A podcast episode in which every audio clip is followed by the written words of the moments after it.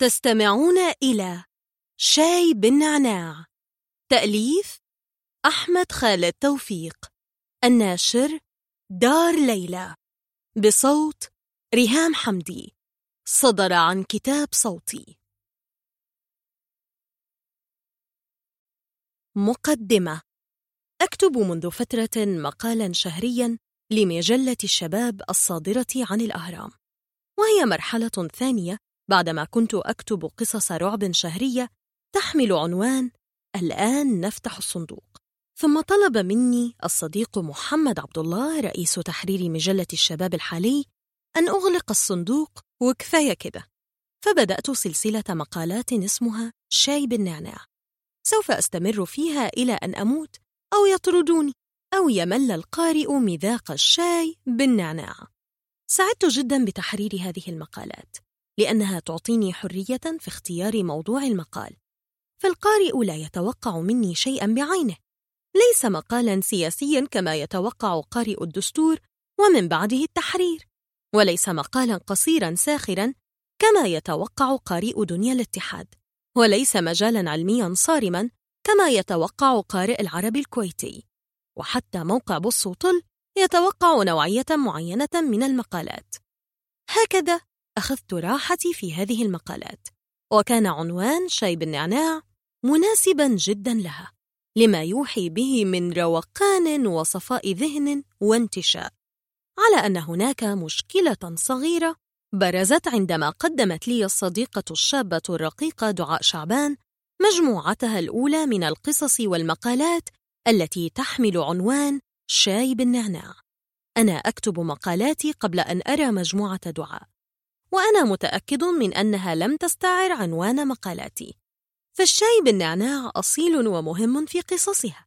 لهذا أعتبر ما حدث توارد خواطر.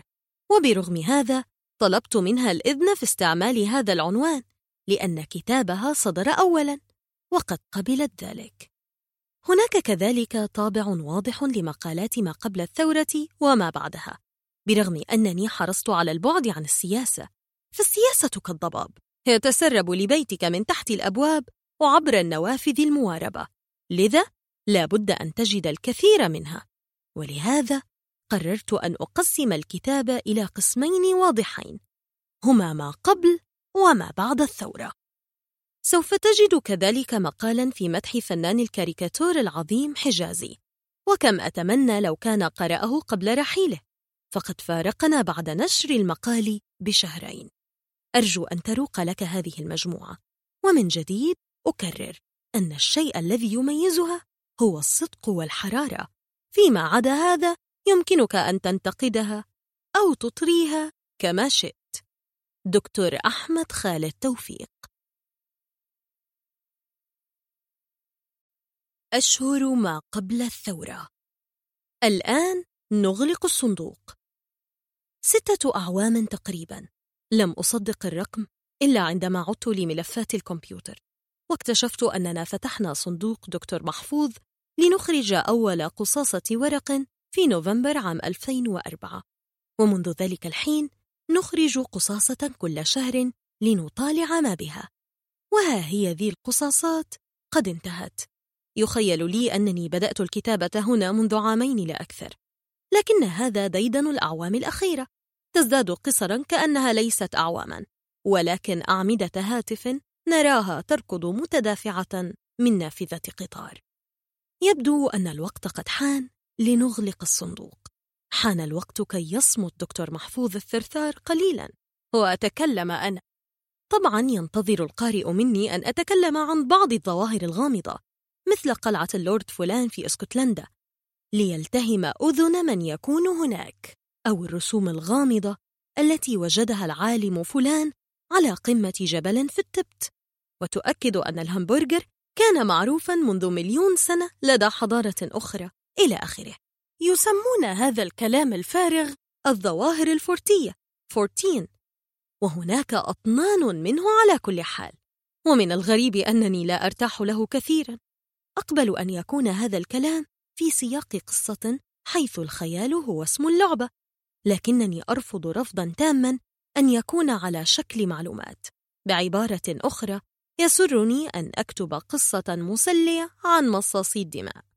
لكني أرفض أن أكتب مقالا عن مصاصي الدماء وطريقة قتلهم وكيف تميزهم عن سواهم. دعنا من الكونتسة التي تلتهم الأذان إذن ولنتكلم في شيء آخر اليوم على الأقل. فقط تعال وأعد لنا كوبا من الشاي الثقيل ليحلو الكلام. ألا يوجد عندكم أي نوع من البسكويت أو الكيك هنا؟ لا؟ يا للبخل. اليوم سوف أعود بك إلى أوائل السبعينات من القرن الماضي. على الأرجح كنت أنت في علم الغيب وقتها. أما أنا فكنت طفلاً في المدرسة الابتدائية نهما للمعرفة بطريقة غير عادية. نباتا ينمو متأهبا لأن يمتص كل قطرة يقابلها. حتى لو كانت قطرة عرق. في هذه الفترة تشكل وعيي للأبد وقرأت أول ما قرأت من مجلات بعينين متسعتين. طبعا لم أكن أستوعب معظم ما أطالعه لكنني لا أنساه أبدا. كانت تلك الفترة أعواما صاخبة بحق. الشباب ثائر في العالم كله لأنه يشعر أن الكبار أوغاد منافقون متحجرون. حرب فيتنام مشتعلة. وقد بدأت تكلف أمريكا أرواحا ومالا أكثر من اللازم وبدأ الناس في أمريكا يتساءلون لماذا يقوم البيض الذين سرقوا أرض الحمر بإرسال السود ليقتلوا الصفر في الجانب الآخر من العالم؟ الشباب الأمريكي يهجر بيته ليلبس القمصان المشجرة ويمشي حافياً ويتعاطى عقار الهلوسة ويعيش في الشوارع البيتلز عادوا من التبت وقد اعتنقوا البوذية كل شيء مشجر وزاهي الألوان أو ما يطلقون عليه psychedelic وفي هذا الوقت بالذات عام 1969 أقام الهيبيز مهرجانهم الأضخم والأشهر وودستوك في واشنطن. لابد أنك سمعت أغنية حرية التي كانت زهرة ذلك المهرجان. أعتقد أن هذه الفترة أثرت بشدة في كاتبنا النشيط محمود قاسم. وله رواية جميلة اسمها شارلستون عن تلك الحقبة تصفها بأمانة ودقة. في هذه الفترة بالذات عرفت الساحة الثقافية نوعاً فريداً من المخلوقات. هم الكتاب والصحفيون والرسامون الذين يسافرون للخارج عشر مرات في العام على حساب الجريدة التي يعملون فيها طبعاً. كان من السهل أن تعرف هؤلاء المثقفين من شكلهم. بالشارب طراز جنكيز خان المتدلي على جانبي الفم. والشعر الذي يتدلى على الكتفين والسجائر الأجنبية والمعطف الذي يحرص المثقف على أن يلتقط به بعض الصور لنفسه في ميدان ترافلغار أو سان ماركو أو أي ميدان يغطيه الحمام. بعد هذا يكتب فلا يحاول استيعاب قيم العمل والنظام والعلم في الحضارة الغربية. فقط هناك دائما تلك القصة الحمضانة عن الكاميرا التي نسيها في الأتوبيس وعاد ليجدها حيث هي بعد عشرة أيام. أو عن قشر اللب الذي ألقاه في الشارع هل هناك لب في باريس؟ ثم نظر خلفه فوجد رجل الشرطة يمشي خلفه من أول الشارع وقد جمعه كله في قبضته ثم قال له Don't do that هل رجال شرطة باريس يتفهمون بالإنجليزية؟ الآن جاء دور المظاهر السطحية للحضارة الأوروبية المظاهر التي تبهره جدا ويوشك على البكاء تأثرا وهو يحكيها لنا مع نغمة أنا شفت وانت لأ. الحرية الجنسية ومحلات البورنو وأنواع النبيذ والفكر الوجودي والملاهي الليلية وما يحدث في الشوارع بينما المارة لا يتدخلون إلى آخره. هذا الأخ لا يرى من الفكر الوجودي سوى فتاة تلبس شبشبا تنفث سحابة كثيفة من الدخان وهي تنظر للسماء. وأمامها كأس مترعة ومستعدة أن تذهب مع أي واحد إلى أي مكان في أي لحظة. لماذا؟ لأنها وجودية طبعا يا أخي. تقريبا كان هذا ما يكتبه كل واحد منهم. ثم يكتب في انبهار عن فيلم إباحي جديد تراه لندن وباريس. ليقول لنا إنه يناقش أزمة العصر والإنسان. دائما أزمة العصر والإنسان. حتى أصبت بحساسية من هذه العبارة. وأرشحها لتكون من أنواع الارتكارية المعروفة. لا بد من الكلام عن حرب فيتنام كذلك ليبدو الأمر عميقا. رأيت فيلما لبنانيا تم تصويره في تلك الفترة فلم أجد مشهدا واحدا أقبل أن يراني أحد وأنا أشاهده لكن في منتصف الفيلم يظهر رجل عجوز يحمل كأسا ويقتاد البطلة إلى جدار علق عليه بعض صور حرب فيتنام ليقول لها في عمق حرب فيتنام يا سلام! بهذه العبارة البلهاء صار الفيلم عميقا وصار يناقش أزمة العصر والإنسان. في ذلك العصر اشتهر كلود ليلوش جدا بفيلمه الأول رجل وامرأة وهو فيلم لا بأس به وفيه مجموعة طريفة من التقنيات الجديدة. أضف لهذا اللحن الجبار الذي يعرفه الجميع والذي لو استعملته لحنا تصويريا لزجاجة زيت تموين لصارت قطعة من الفن الرفيع. بعد هذا قدم ليلوش حشدا من الأفلام. حول فيها رجل وامرأة إلى جورب يقلبه بألف طريقة ممكنة ويحاول بيعه من جديد. في فيلم متأخر اسمه رجل آخر امرأة أخرى يقول في بدايته إن كل القصص قصة واحدة في النهاية. علق الناقد الجميل سامي السلموني على هذه العبارة قائلا ليلوش يخبرنا منذ البداية أنه عدم المؤاخذة لا ينوي أن يقول شيئا. هكذا تبين لنا في وقت متأخر أن ليلوش بائع ترام يجيد الفرنسية لا أكثر. ثمة عبقري آخر هو جان لوك جوداغ الذي يستحيل فهم لقطة من أفلامه. هو كان محبوبا جدا وقتها. أفلام كثيرة جدا عبارة عن كلام فارغ اشتهرت في تلك الفترة ولمعتها أقلام هؤلاء النقاد طويلي الشعر. منها الفيلم السخيف المتحذلق التانجو الأخير في باريس. كان على بطلة الفيلم ماريا شنايدر أن تنتظر ثلاثين عاما لتقول المخرج برتولوشي مريض نفسيا ومنحرف لم يكن يريد سوى استغلالي جنسيا بكل طريقة ممكنة. نفس الكلام ينطبق على السخف المسمى سدوم ونقطة زابريسكي طبعا كانت هذه الأفلام من المقدسات في ذلك الوقت لأنها تعبر عن أزمة العصر والإنسان. لم يكن بوسعنا السفر لرؤيتها في الخارج واليوم أرى هذه الأفلام عن طريق الكمبيوتر فيصيبني الذهول. هل كان هناك وقتها من يحب هذا الهراء حقا؟ كان هناك فيلم شهير لأندي وارهول عبقري مجنون آخر يصور ناطحة السحاب إمباير ستيت في لقطة ثابتة لمدة ست ساعات. ولما تساءلت عن مبرر هذا الجنون قالوا لي إن المخرج يرمز بهذا إلى أزمة العصر والإنسان. فيما بعد عرفت أن بعض هؤلاء السادة المثقفين كانوا يقومون بجولات مطولة في حانات باريس ولندن ويكتسبون خبرة ممتازة في التمييز بين نبيذ شيانتي والنبيذ البرجوني والجولات في شارع سان دينيس في باريس ثم يجلسون بسرعة ليكتبوا أي شيء. أحيانا يضيعون وقتهم في نشاطات أخرى. هناك ناقدة سينمائية شهيرة كانت تكتب عن مهرجان كان كل سنة. ثم عرفت من زميل لها أنها كانت تقضي فترة المهرجان كلها في التسوق من شارع الشانزليزيه. ثم تهرع إلى كان قبل انتهاء المهرجان لتجمع النشرات الخاصة بالأفلام المعروضة من استندات الشركات. تكتب منها في مصر تقريرها الذي سينشر في المجلة. وكالعادة تشرح لنا كيف أن هذه الأفلام تناقش أزمة العصر والإنسان. تذكرت دعابة الأب المصري الذي أرسل ولده إلى فرنسا لدراسة الطب. ثم ذهب ليزوره بعد أعوام. راح الفتى الفخور يشرح لأبيه كل ركن في باريس. هذا هو بار كذا. هذا هو مرقص كذا. هذا هو ملهى كذا. في النهاية توقفا أمام بناية فاخرة عتيقة الشكل. فسأل الأب ابنه عن اسمها. لم يعرف الفتى. اتجها إلى شخص مار يسألانه عن هذه البناية فأخبرهما أنها كلية طب باريس. الرسامون كذلك كانوا يذهبون هناك ليمرحوا ثم يجلسون في مكاتبهم ليرسموا سكتشات سريعة لعشاق جالسين في حدائق عامة وقد أحاط بهم الحمام أو فتيات يجلسن بالميكروجيب حول موائد دائرية في مقاه مفتوحة أو متسول يقلد شارلي شابلن. كان بوسعهم أن يرسموا هذا كله وهم في مكاتبهم في مصر بالطبع.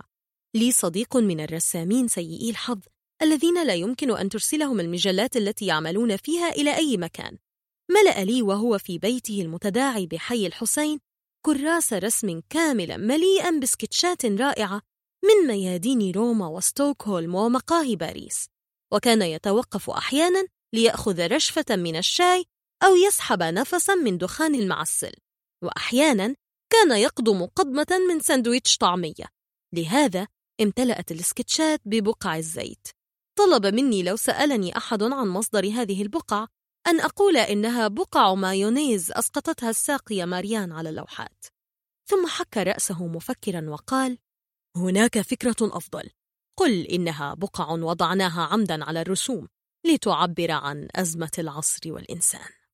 نعم برغم أن الحياة تسوء وتزداد تعقيدا فإن من حسن حظنا أن موضة أزمة العصر والإنسان هذه قد انتهت.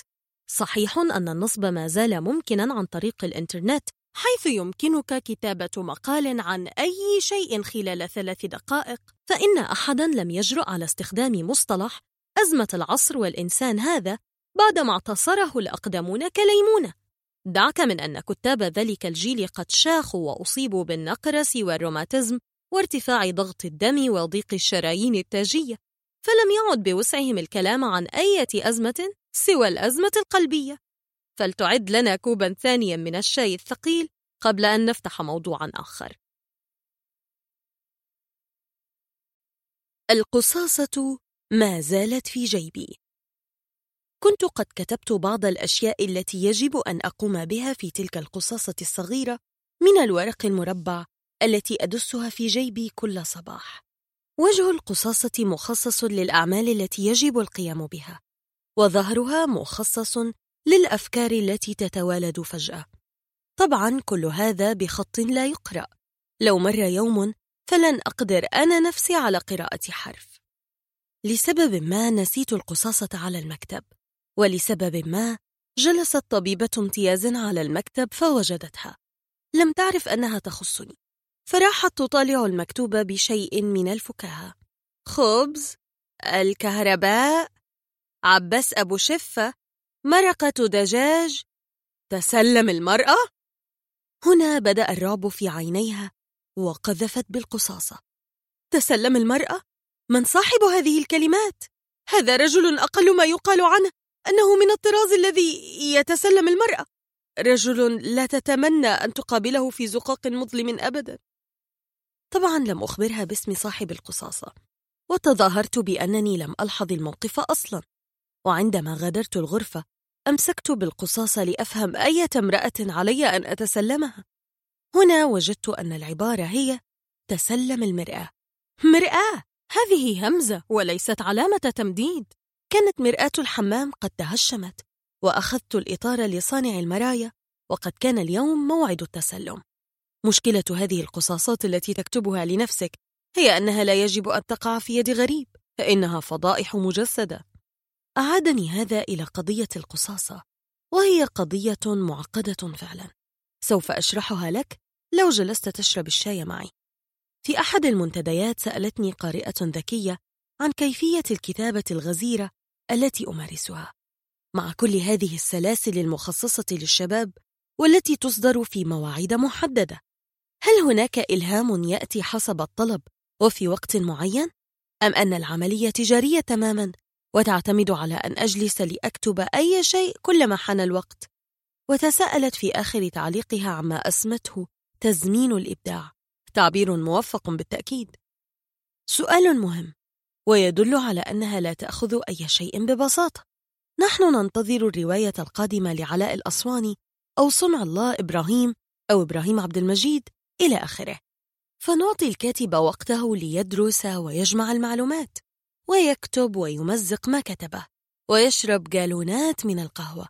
ربما ننتظر عاما أو خمسة أعوام. لا مشكلة فليأخذ وقته. لكنك ستصاب بدهشة بالغة. لو قيل لك إن جمال الغيطاني مثلا ملتزم برواية كل ستة أشهر. عندها لن تبتلع الأمر تماما. إن ستيفن كينغ في رأيي من أغزر الكتاب العالميين إنتاجا. لدرجة أن الناشر اضطر لأن يصدر بعض أعماله باسم مستعار هو ريتشارد باكمان لأن السوق لا يتسع لكل كتابات هذا الشلال وبرغم هذا لم يلتزم ستيفن كينغ بموعد محدد لصدور أعماله. أوضح نموذج لظاهرة الإنتاج في مواعيد محددة هذه هي أغاثا كريستي التي كانت ملتزمة برواية كل عام. على كل حال أغاثا لها خلطة تعرف أسرارها. اللورد ثاكري قتل في مكتبه ويصل بوارو ليستجوب الجميع ثم يكتشف أن الممرضة هي القاتلة. يمكنها أن تجري تنويعات للأبد لدرجة أن بوارو نفسه صار القاتل ذات مرة. ديكنز كان يكتب قصصه مسلسلة للصحف. حلقة بحلقة. كان يلعب نفس دور المؤلف الذي يكتب حلقة من المسلسل قبل التصوير بنصف ساعة. وهو يشرب الشاي الكشري في البوفيه. وذات مرة وجدوا أن المساحة المخصصة لقصة ديفيد كوبرفيلد أكبر مما قدمه لهم. من ثم جلس في المطبعة بسرعة وكتب عشرين صفحة. نعم عشرين صفحة. لكن نتيجة هذه الكتابة حسب الطلب هي أوليفر تويست وديفيد كوبرفيلد وأوقات عصيبة وتوقعات عظمى و و. لهذه الطريقة عيبها كذلك.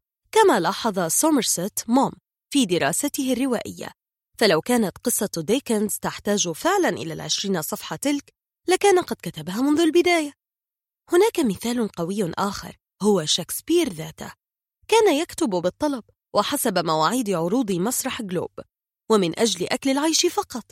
وبرغم هذا إبداعاته تتحدث عن نفسها. أي أن الرجل كان يكتشف أنه مفلس فيجلس ليكتب هاملت ثم ينتهي المال فيجلس ليكتب مكبث وهكذا. أعتقد أنه كون حاسة الموهبة وقت الحاجة لها التي سأتكلم عنها في هذا المقال. وبالطبع استعمالي لهذه الأسماء الكبيرة للتوضيح فقط ولا يعني أنني أعتبر نفسي منهم. في البداية يكون المرء مزاجيا جدا يكتب عندما تضج الأفكار في رأسه. ويصير البديل عن الكتابة هو الكسرولة على الرأس وتعاطي البروزاك. يكتب المرء كذلك لاستمتاعه الشخصي ولنفسه فقط. إما أن يظل كذلك للأبد ويصير أديبا من الأدباء الذين يكتبون ثلاث أو أربع روايات في حياتهم أو يصير من كتاب السلاسل والمقالات الدورية حيث المطبعة تعوي كجهنم طيلة الوقت طالبة المزيد. لو صارت الأخيرة فإنه على الأرجح يتوصل إلى حل توافقي. لابد أن جميع من يكتبون بانتظام وصلوا إليه. وهو الحل الذي يلجأ له المحترف وشبه المحترف. أن يصير إنجاز القصة خليطا من الإلهام الفني والالتزام بخطة نشر. لا يوجد لدى أحد زر يضغط عليه لكتابة قصة.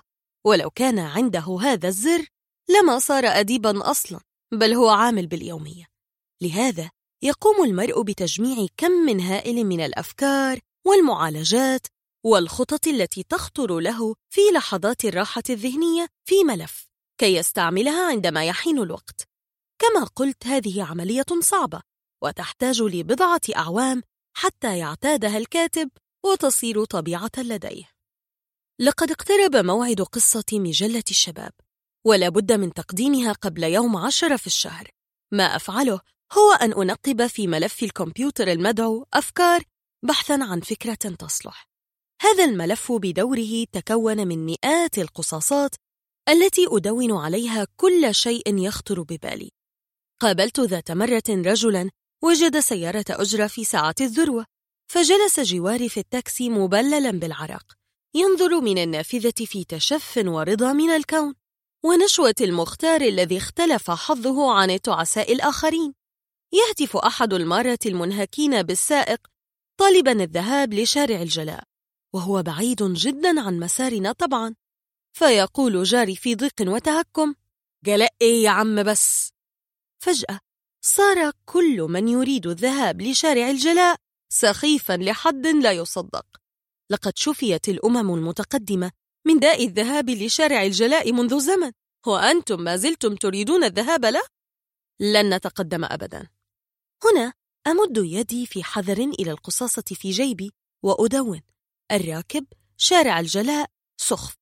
هذا كنز صغير وسوف أعود لأضيف هذه العبارة إلى ملف الأفكار عالما أنني سأستعملها ذات يوم. إنه شخصية جاهزة للاستعمال في قصة أو مقال لا أدري. إن الحياة حبلى بالإلهام خاصة في مصر. النماذج الغريبة تطفو على السطح وتثب في وجهك. ويتباين الأدباء في درجة حساسيتهم لالتقاط هذه النماذج. هناك قصة رائعة ليوسف إدريس استوحاها من مراقبة طالبة تتسلل خلف بناية الكلية وتخرج سيجارة تدخنها في نهم وهو المشهد الذي لا بد أن كثيرين رأوه فلم يفكروا في شيء سوى أن البنات فاسدات الأخلاق. ثمة شخصية رائعة لتشيكوف استوحاها من مدير مكتب بريد يعرفه وقد حدث أن ذهب لذلك المكتب مع الأديب الكبير ماكسيم جوركي. هنا لاحظ جوركي الشخصية وسأل تشيكوف أليس هذا هو الذي استوحيت منه شخصية فلان؟ بدا الخجل على تشيكوف واحمر وجهه كأن هناك من ضبطه متلبسا بفعل فاضح ليس البحث دائما سهلا لأنني أنسى أحيانا معنى ما كتبت من رموز. أو لا أفهم ما راق لي على سبيل المثال سأنقل لك هذه السطور من ملف الأفكار الخاص بي الذي تجاوزت صفحاته 200 صفحة. فن تحويل الهراء إلى نقاط ملموسة. كلام هلامي يصير له رأس وذيل. يبدو الأمر عميقا حقيقيا. رائف ولوحة فتيات أفنيون. أتيليه القاهرة. طبعا لا أفهم حرفا من هذه العبارة. الحياة دائرة مفرغة من التجاهل المتبادل. وماذا بعد؟ ماذا أريد من هذه العبارة التي تتظاهر بالعمق؟ لا أعرف. غرفة الفندق نفسها هي المسخ. تعتقد أنه ما دام لم يبلل فلتر السيجارة فقد قام بما يجب عليه ككائن بشري. استعملتها فعلا في مقال. البريد الإلكتروني للشيطان. لا يمكن أن يسمحوا بتعليقهم على المشانق. من هم؟ لا أفهم. حرب الكواكب. أناكين يا عم أنا دماغي متكلفة. غالبا سخرية من التعقيد الشديد لسلسلة حرب الكواكب. السائق يخالف كل قاعدة مرورية. مقطورة منحنى رغبة في تدمير الركاب. حتى أيقنت أن عيالي تيتموا. أين الرادار؟ لا تتفاءل بالشر. نحن مستهترون. ليس الطريق سيئا. هل التفويل يسبب الحوادث؟ تربية مرورية دينية. كتبت هذه الفكرة في مقال طويل فعلا. الأذكياء الذين يصلون لنمطهم بسهولة. الريفي الظريف. لا أفهم. هذا الألم الشديد في صدري. هل هذا هو اليوم؟ الفتاة والبخور. أتمنى لو فهمت المقصود. الكلب مرتاب. يعرف شيئا. تبدو نواة دائمة لكل قصة رعب في التاريخ. هكذا تتراكم الأفكار في الملف. وعندما يقترب موعد القصة أنقب فيه عن فكرة تصلح.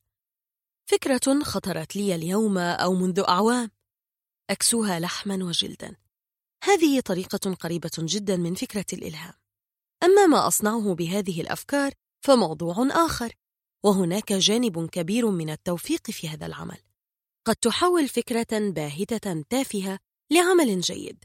وقد تجد فكرة رائعة لكنك تحولها لعمل سخيف ممل. وقد تحول فكرة سخيفة باهتة لعمل أشد سخفا وبهتانا. على كل حال هناك علامات لا تدحض على أن القصة جيدة. واحد أنتظر موعد الكتابة الليلي في لهفة وأتمنى الخلاص من المضايقات اليومية لأتفرغ لها. اثنان الشعور بأن القصة تكتب نفسها. أو أنني مجرد قلم في يد عملاقة ولا دور لي. ثلاثة الشعور بكراهية لشخصية أو التعلق بشخصية. لو لم تأتي علامة من هذه العلامات أدرك أن القصة ستكون متوسطة أو أقل من المتوسط ولا حول ولا قوة إلا بالله.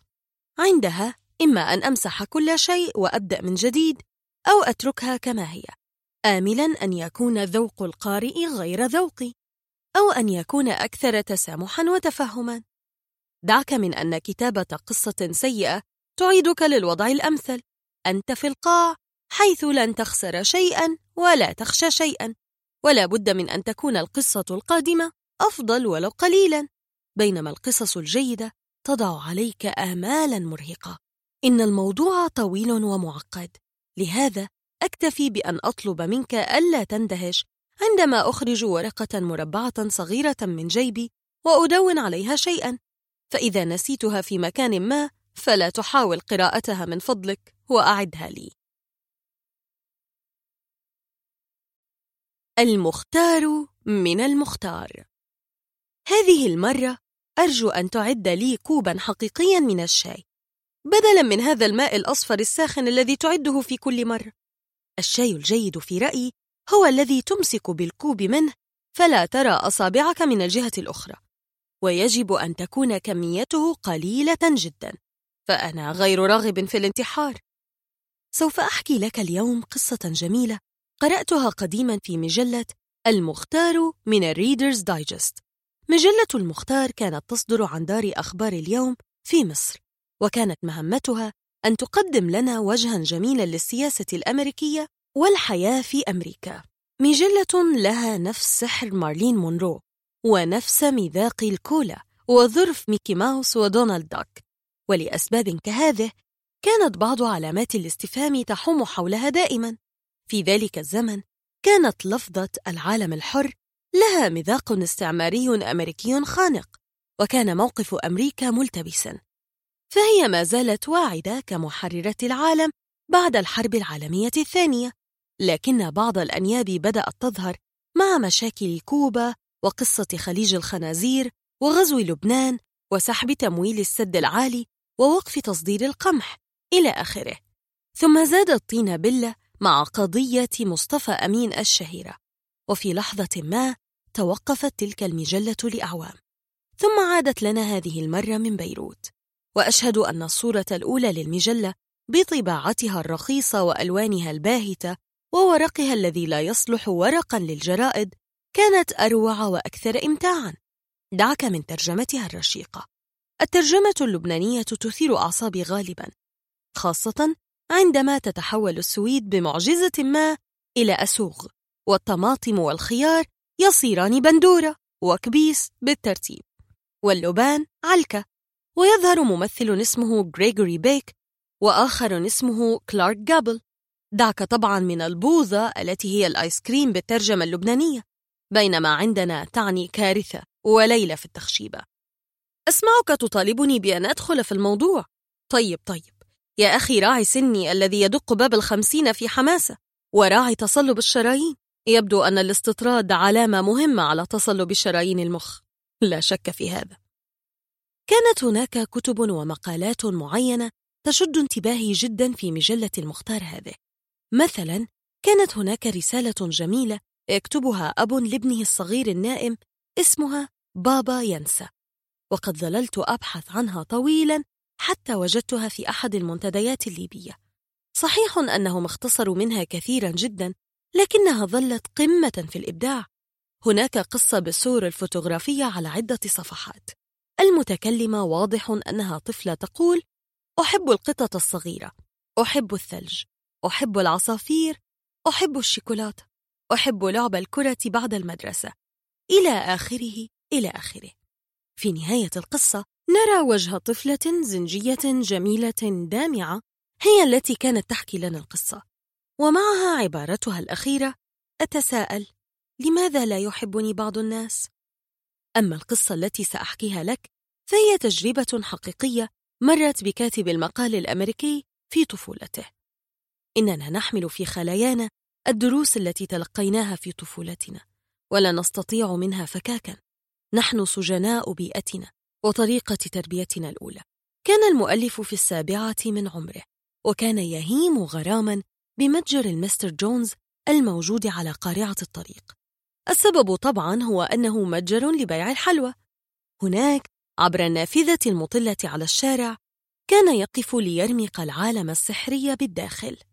قطع الجاتو المكسوة بالشيكولاتة والكريم وقد غرست فيها أعلام صغيرة أو أعواد تثبت عليها الفواكه المسكرة. التفاح المكسو بالسكر تماثيل مختلفة من الشوكولاتة وقلعة شيدت منها تقف فوق جبل من الكريمة. عشرات الأنواع من حلوى النعناع التي تذوب في الفم تاركة نارا لها نشوة لم يكن يملك قط المال اللازم لشراء ما يريد فهو من أسرة فقيرة وهو يعرف أن أسعار هذه الأنواع من الحلوى يفوق قدراته إلى أن جاء اليوم الذي ادخر فيه ما يكفي. اقتحم المحل فدق الجرس الصغير المعلق بالباب.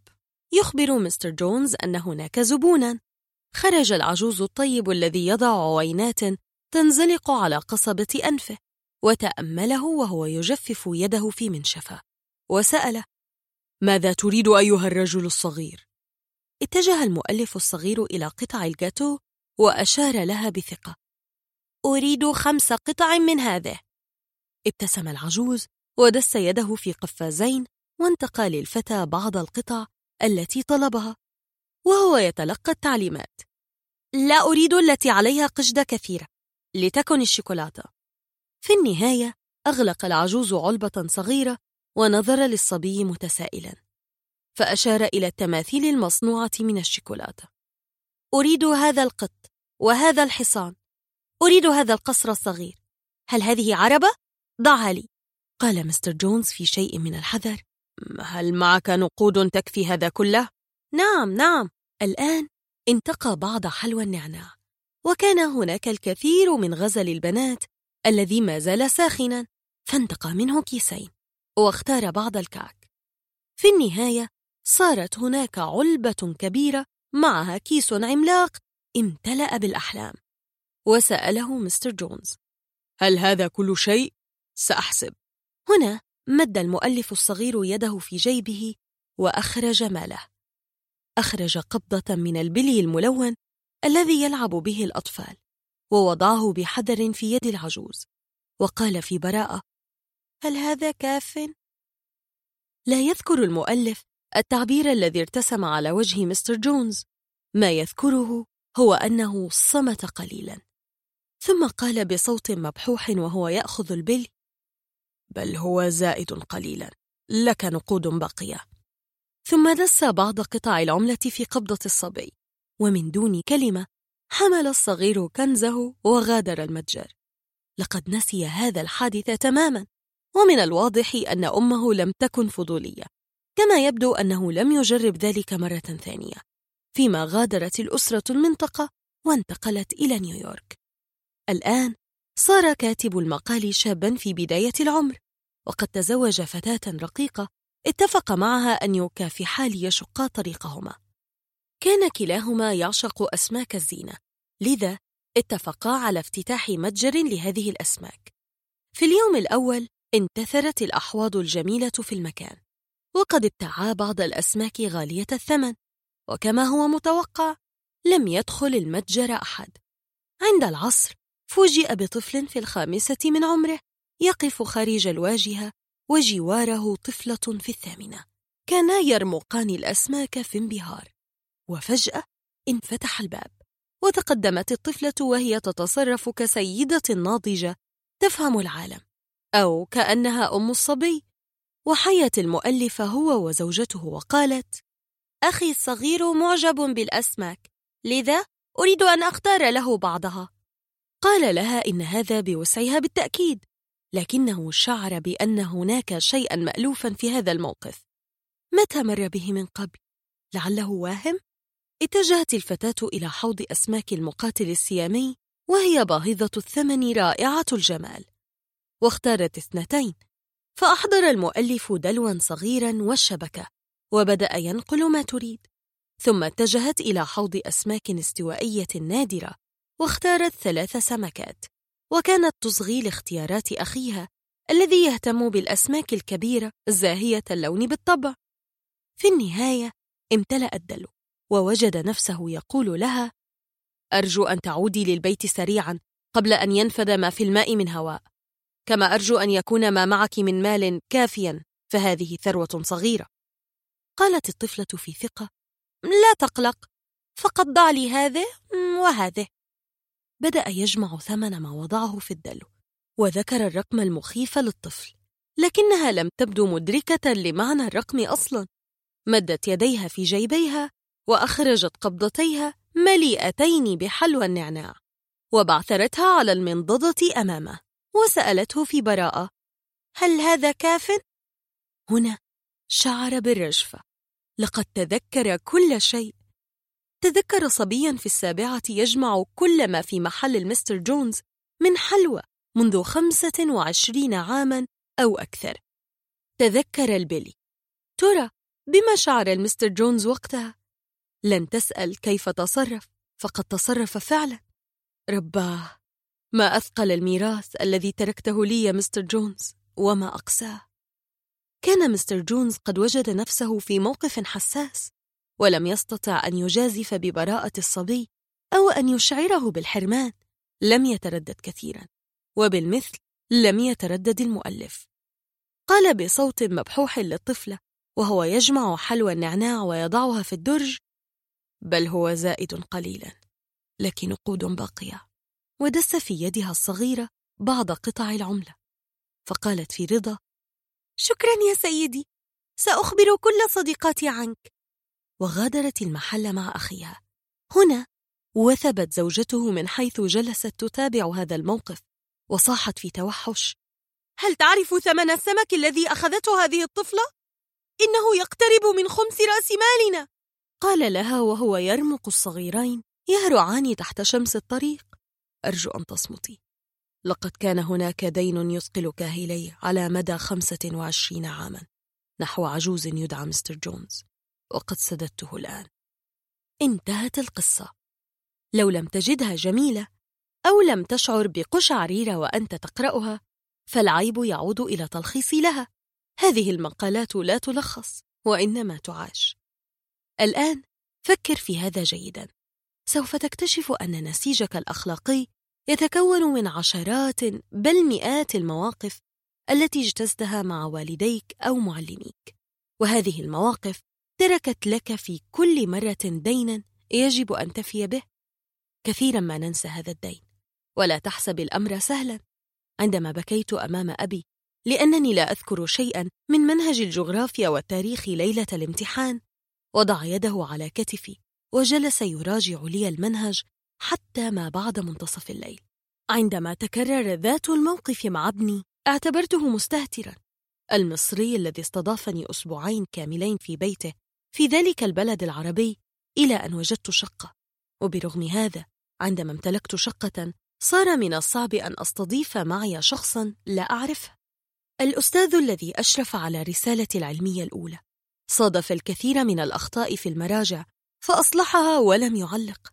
بينما انفجرت أنا غيظا عندما رأيت أخطاء المراجع في أول رسالة أشرف عليها في حياتي. لكني أحاول أن أتصرف مثل الأستاذ الأول. أحاول. ميراث لا ينقطع. وما ستفعله بمن هم أصغر منك سوف يكررونه مع من هم أصغر منهم عندما يكبرون. بل ربما يكررونه معك أنت. هل بدأت أتحذلق وأتفلسف؟ يبدو أن شايك هذا من نوع غير نقي. لم أسمع عن شاي يلعب بالرؤوس لكن هذه هي الحقيقة. أقترح أن تعد لنا كوبا آخر وتنسى الموضوع. سأجد لك موضوعا أفضل. السلموني يتكلم. نعم سوف أتكلم اليوم عن الناقد السينمائي الجميل سامي السلموني سين سين الذي توفي في مثل هذا الشهر عام 1991 أنا لم أقابل سين سين قط لكني تبادلت معه مراسلات عدة في خطابات مطولة كان يكتبها بخطه الأنيق ويرسلها مسجلة لعنواني في طنطا. وهو درس في التواضع لن أنساه أبدا.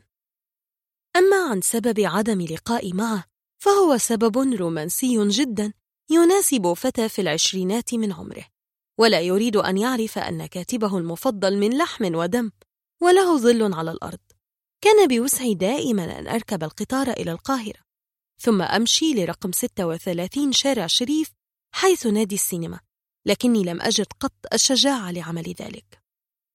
كنت أعتبر سامي السلموني موجودا للأبد فهو كائن سينمائي لا يمرض ولا يموت. مثله مثل تلك الأطياف الشفافة على شرائط السيلوليت. ثم فتحت الصحف ذلك اليوم الحزين من شهر يوليو عام 1991 لأجد الأستاذ أحمد بهجت ينعي الفارس الذي رحل. عرفت أنني أخطأت التقدير وضيعت فرصتي الأخيرة للقاء هذا الرجل. الذي تربيت على كل كلمة كتبها. في آخر خطاب لي قال أحرضك على أن تحترف الكتابة لكني لست مسؤولا عن النتائج. أنا نفذت هذا التحريض يا أستاذ سامي وها أنا ذا أقدم لك هذا المقال فهل سيروق لك؟ الناقد السيء ليس إلا مقدما للأفلام بينما الناقد الجيد معلم ومفكر وفنان متخصص. هذه هي كلمات جون سيمون في كتابه العقيدة السينمائية. وقد ظللت أتذكر هذا التعريف طويلا كلما تعلق الأمر بسامي السلموني. إن كتاباته لم تكن نقدا سينمائيا فحسب بل هي خليط من الأدب الساخر والفلسفة والفهم المتكامل للحياة. ما زلت أرى أنك تتعلم الكثير عن الأدب من مقالات هيكل السياسية ومقالات جلال أمين الاقتصادية. ومقالات سامي السلموني السينمائية. تخرج سامي السلموني في المعهد العالي للسينما وحصل على دراسات عليا في الإخراج عام 1973 علاوة على ليسانس أداب قسم صحافة أي أنه صحفي سينمائي أو سينمائي صحفي. بالإضافة لهذا كان نموذجا للصعلوك البوهيمي الحقيقي الذي لا يعرف متى ولا كيف يأكل. ولا أين يبيت ليلته؟ وبالطبع هو لم يتزوج برغم حبه المجنون للأطفال. إن حكاياته طويلة مع الشقة الآيلة للسقوط التي كان يقيم فيها.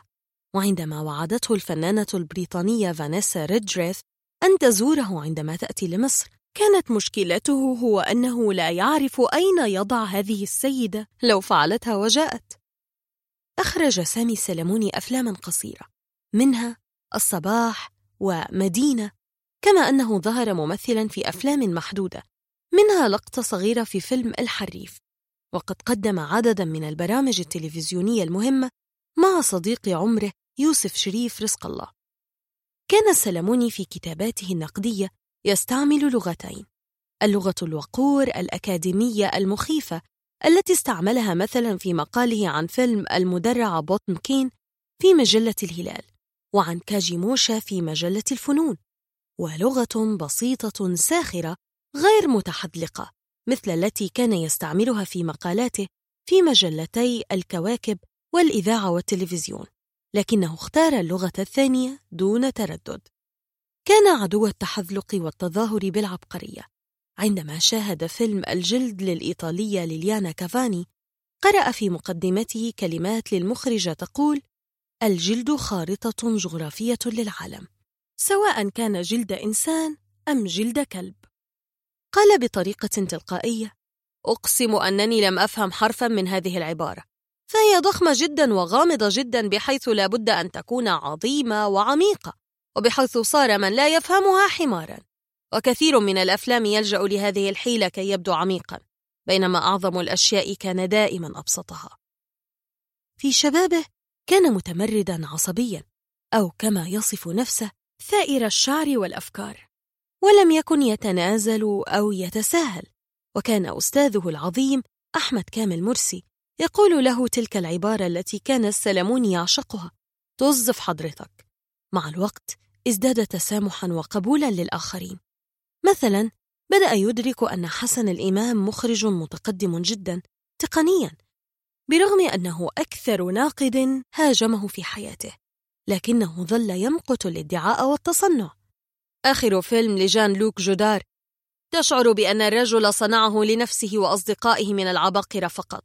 وجودار يقول في المؤتمر الصحفي ليست لدي مخيلة. لقد تخيل كارتر والخميني كثيرا. بينما فيليني وروسليني نظرا للأشياء الحبلى بالمعاني. هذا كلام كبير جدا بس أنا مش فاهمه. سامي السلموني كان طفلا مندهشا يعشق السينما بجنون ولا يفهم قواعد تلك اللعبة المسماة بالحياة ولم يبرع فيها قط. كتب كثيرا جدا لكنه مع الوقت بدأ يعتقد أن الكتابة لا تغير شيئا وأنه أصغر من أن يخلق السينما التي يحلم بها. لعل السبب الأهم أن هذا صاحب أعوام الانفتاح الأولى وقد رصد بحساسية تغيرات المجتمع المصري العجيبة. رأى الجمهور الذي بدأ يسيطر على السينما في ذلك الوقت ففشلت أفلام عظيمة مثل روكي وجوليا وامرأة غير متزوجة. وكتب يقول المأساة أن المشاهد المصري لم تعد تعنيه أية جوائز في العالم ما لم تحقق له الأفلام مواصفاته هو الخاصة في السلطنة. مسألة مثل التوظيف الدرامي للإضاءة التي نثرثر بها نحن النقاد تبدو مضحكة جدا بالنسبة لجمهور اعتاد نور الكباريه الساطع. في ذلك الوقت قتل بلطجي عجوز الشاب عمرو عز العرب حفيد جمال عبد الناصر في مشاجرة بسبب خروج السيارة من الجراج. المثير هو أن العجوز وهو رجل أعمال كذلك كان يحمل سكينا في سيارته أغمدها في بطن الشاب. رأى السلموني في هذا الحادث ما هو أكبر. رأى عصرا يذبح عصرا آخر. لقد صار هؤلاء في كل مكان. لهم فتحة صدر الطرزانات ولهم نفس الملامح ويستمعون لنفس المطرب وفي عيونهم صفاقة من شبع بعد جوع.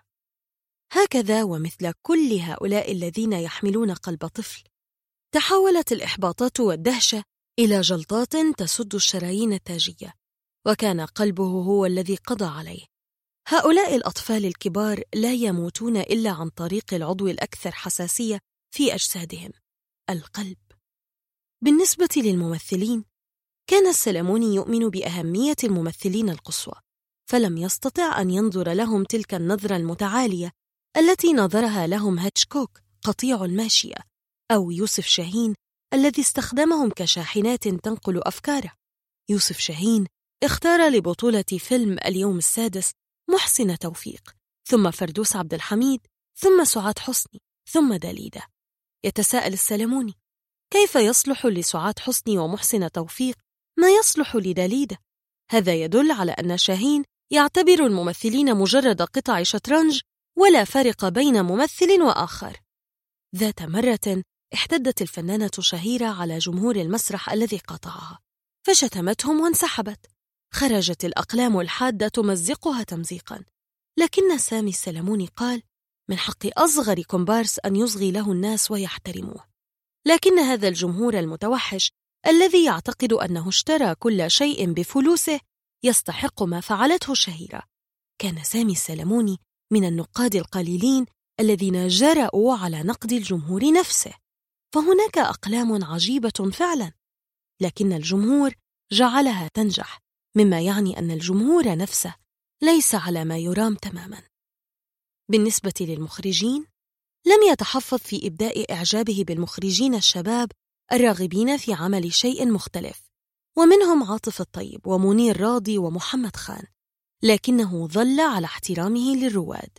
بالنسبة ليوسف شاهين كان يعتبره مخرجا عبقريا بحق لكن يجب أن يبتعد عن السيناريو نهائيا.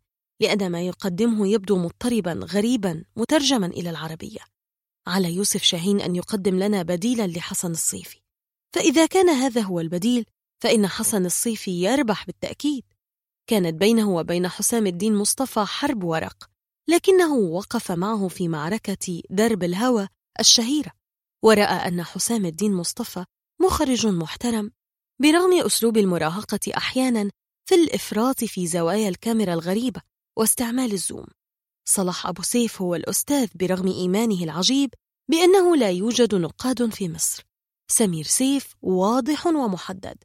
إنه يؤمن أن سينما الأكشن الأمريكية هي السينما الحقيقية ومهمة الفيلم هي الإمتاع دون أن نحمله أي أعباء أخرى. إنه صادق وينفذ ما يؤمن به بشكل محترم. الصهيونية. لم يخلط السلموني قط بين اليهودية والصهيونية. وكان أول من حذر مبكرا من تسلل الإسرائيليين إلى التلفزيون المصري مثلما ظهر مناحم جولان صاحب شركة كونان في برنامج زوم الذي تقدمه سلمى الشماع. واعترف بأنه تعلم الكثير عن سينما اليهود من كتابات أحمد رأفت بهجت التي علمته معنى أن يكون اسم البطلة سارة أو هانا والبطل روبن أو ديفيد. ينقل لنا ما قاله شارلي شابلن اليهودي لو كان ينبغي أن نقيم وطنا ليهود العالم في فلسطين فعلينا أن ننقل كل كاثوليكيي العالم إلى فلسطين. على الأمم المتحدة ألا تسمح بإقامة دول عنصرية لأقليات. ولأسباب كهذه لم يستطع قط أن يبتلع العبقري وودي آلن الذي يقحم يهوديته بدون مناسبة في كل أفلامه. الرقابة. كانت له صدامات كثيرة مع الرقيبة الحديدية نعيمة حمدي التي قالت في حوار لها إنها مع التطبيع قلبا وقالبا وقالت في حوار آخر إن ثورة يوليو انتزعت ثروات علية القوم لكنه برغم كل شيء لم يستطع أن يرفض الرقابة بقلب مستريح كدأب المثقفين وذلك عندما استدعاه مدير الرقابة سامي الزقزوق لعرض خاص لفيلم رائع هو القمر تحفة بيرتولوشي الفيلم ساحر الجمال. لكنه يحكي عن علاقة عاطفية بين أم وابنها. بعدما رأى الفيلم شعر بأنه عاجز فعلا عن اتهام الرقابة بضيق الأفق. هناك مشاهد لا يمكن أن نسمح للمشاهد بأن يراها. إن المتفرج يعامل بتقاليد رقابية صارمة طيلة العام. ثم نأتي في المهرجانات لنفاجئه بلقطات تذهب عقله دون مراعاة للظروف التربوية والاجتماعية لهذا المشاهد. وعندما رأى الفيلم الإسباني المراهقات قال الفيلم ينتهي بنصيحة بلهاء للبنات ألا يفعلن هذا؟ بعدما علمهن لمدة تسعين دقيقة كيف يفعلن هذا؟ يطالب بأن تتساهل الرقابة مع الأفلام المحترمة العميقة خاصة السياسية منها. أما حذف اللقطات الفاحشة فمسألة يمكن أن يفهمها. المعارك. معارك سامي السلموني الصحفية تستحق كتابا كاملا خاصة معركته مع مخرج إيراني غامض كاد يصبح ظاهرة سينمائية لفترة. هو فريد فتح الله منوجهري الذي قدم فيلمين في غاية الرداءة لكنهما نالا تسهيلات تصوير وإنتاج غير عادية في مصر. بالطبع اتهمه المخرج الإيراني بأنه شيوعي واتهمه بأنه يشاهد الأفلام وهو نائم. رد السلموني بأن منى جهري يخرج الأفلام وهو نائم. هناك معارك كثيرة مع حسام الدين مصطفى وإن اعترف له بأنه متحضر. لم يرسل بلطجية لضربي أو يجعل راقصة تحدد لي موعدا للقائها كما فعل مخرجون آخرون. كانت هناك معارك عنيفة مع غرفة صناعة السينما التي تبعث للخارج بمجموعة معينة من النقاد. بينما تتجاهل السلموني ورفاقه تماما. وفي سبتمبر 1981 وجد نفسه ضمن المبعدين في مذبحة سبتمبر الشهيرة. بالطبع كان الكثيرون قد تطوعوا في تقاريرهم السرية باتهامه بالشيوعية وهي التهمة الجاهزة ضد أي متمرد مختلف يقول كلاما لا يفهمونه. تراثه. ترك السلموني الكثير من المقالات المتناثرة التي تشكل مرجعا مهما لحقبة سينمائية كاملة. وأعتقد بلا فخر أن عندي أكمل مجموعة منها. بعضها من مجلة الإذاعة والتلفزيون وبعضها من مجلة الكواكب أو الفنون أو الهلال. وجدت أن الأستاذ يعقوب وهبي قام بجمع مجموعة الأفلام العربية في أربعة مجلدات ممتازة صادرة عن الهيئة العامة لقصور الثقافة. وكان رئيس التحرير هو أحمد الحضري. لكن لم يقم أحد على قدر علمي بجمع ما كتبه السلموني عن السينما الغربية وهو تراث ثمين جدا بدوره. فماذا كتب بقلمه الساحر عن إيتي وحرب الكواكب والفك المفترس إلى آخره؟ هذا هو العرض الذي أقدمه لأية جهة ترغب في إصدار هذا الكتاب. المهم صدقوني إن سين سين يستحق هذا وأكثر. إذا وبلد العميان. إذا استطعت أن تحتفظ بعقلك بينما كل من حولك قد فقدوا عقولهم ويلومونك على ذلك. إذا استطعت أن تثق بنفسك بينما الناس تشك فيك. وبرغم هذا تسمح لهم بأن يشكوا. إذا استطعت الانتظار فلا تتعب. فإذا ما خدعك الآخرون لا تلجأ للكذب. إذا كرهك الناس فلم تدع الكراهية تتغلب عليك. وبرغم هذا لا تبدو راضيا عن نفسك أو تتكلم بحكمة أكثر من اللازم.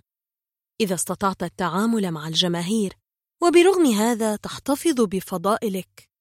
وإذا مشيت مع الملوك وبرغم هذا لا تفقد فهمك للناس. إذا لم يستطع خصومك ولا أصدقاؤك أن يؤذوك إذا كنت تهتم بالناس جميعا لكن لا تهتم بأحد أكثر من اللازم. فلك الأرض وكل ما فيها وما هو أهم؟ ستكون رجلا يا بني. كل من درس الشعر الإنجليزي يوما يعرف هذه القصيدة. بالطبع هذا مقطع منها ولربما هو يكرهها لدرجة الجنون من كثرة تكرارها. قصيدة إذا للأديب البريطاني الشهير ريديارد كابلينغ.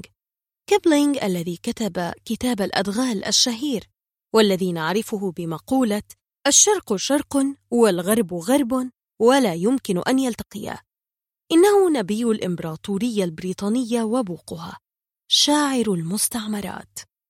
مستر جون بول شخصيا. برغم هذا تظل القصيدة من أجمل ما قرأت. المشكلة أنها تضع شروطا عسيرة جدا لتكون رجلا حقيقيا. أعتقد أن من يحقق شروط كيبلينغ المعقدة يستحق أن يكون بطلا من أبطال الملاحم وليس مجرد رجل. عندما أقرأ هذه القصيدة أتذكر على الفور قصة قصيرة رائعة لكاتب بريطاني آخر هو رائد الخيال العلمي اتش جي ويلز القصة بدورها من تلك القصص اللعينة التي تطارد دارسي اللغة الإنجليزية في كل مكان. وقد تأكدت من كتاب قديم في مكتبتي أنها كانت مقررة على أبي في المدرسة. لو لم تكن قد قرأت بلد العميان فإنني أرجو أن تفسح لي صدرك قليلا. كتبت هذه القصة عام 1904 وتحكي عن مجموعة من المهاجرين من بيرو فروا من طغيان الإسبان. ثم حدثت انهيارات صخرية في جبال الإنديز فعزلت هؤلاء القوم في واد غامض. انتشر بينهم نوع غامض من التهاب العيون أصابهم جميعا بالعمى وقد فسروا ذلك بانتشار الخطايا بينهم. هكذا لم يزر أحد هؤلاء القوم ولم يغادروا واديهم قط لكنهم ورثوا أبناءهم العمى جيلا بعد جيل. هنا يظهر بطل قصتنا نيونز.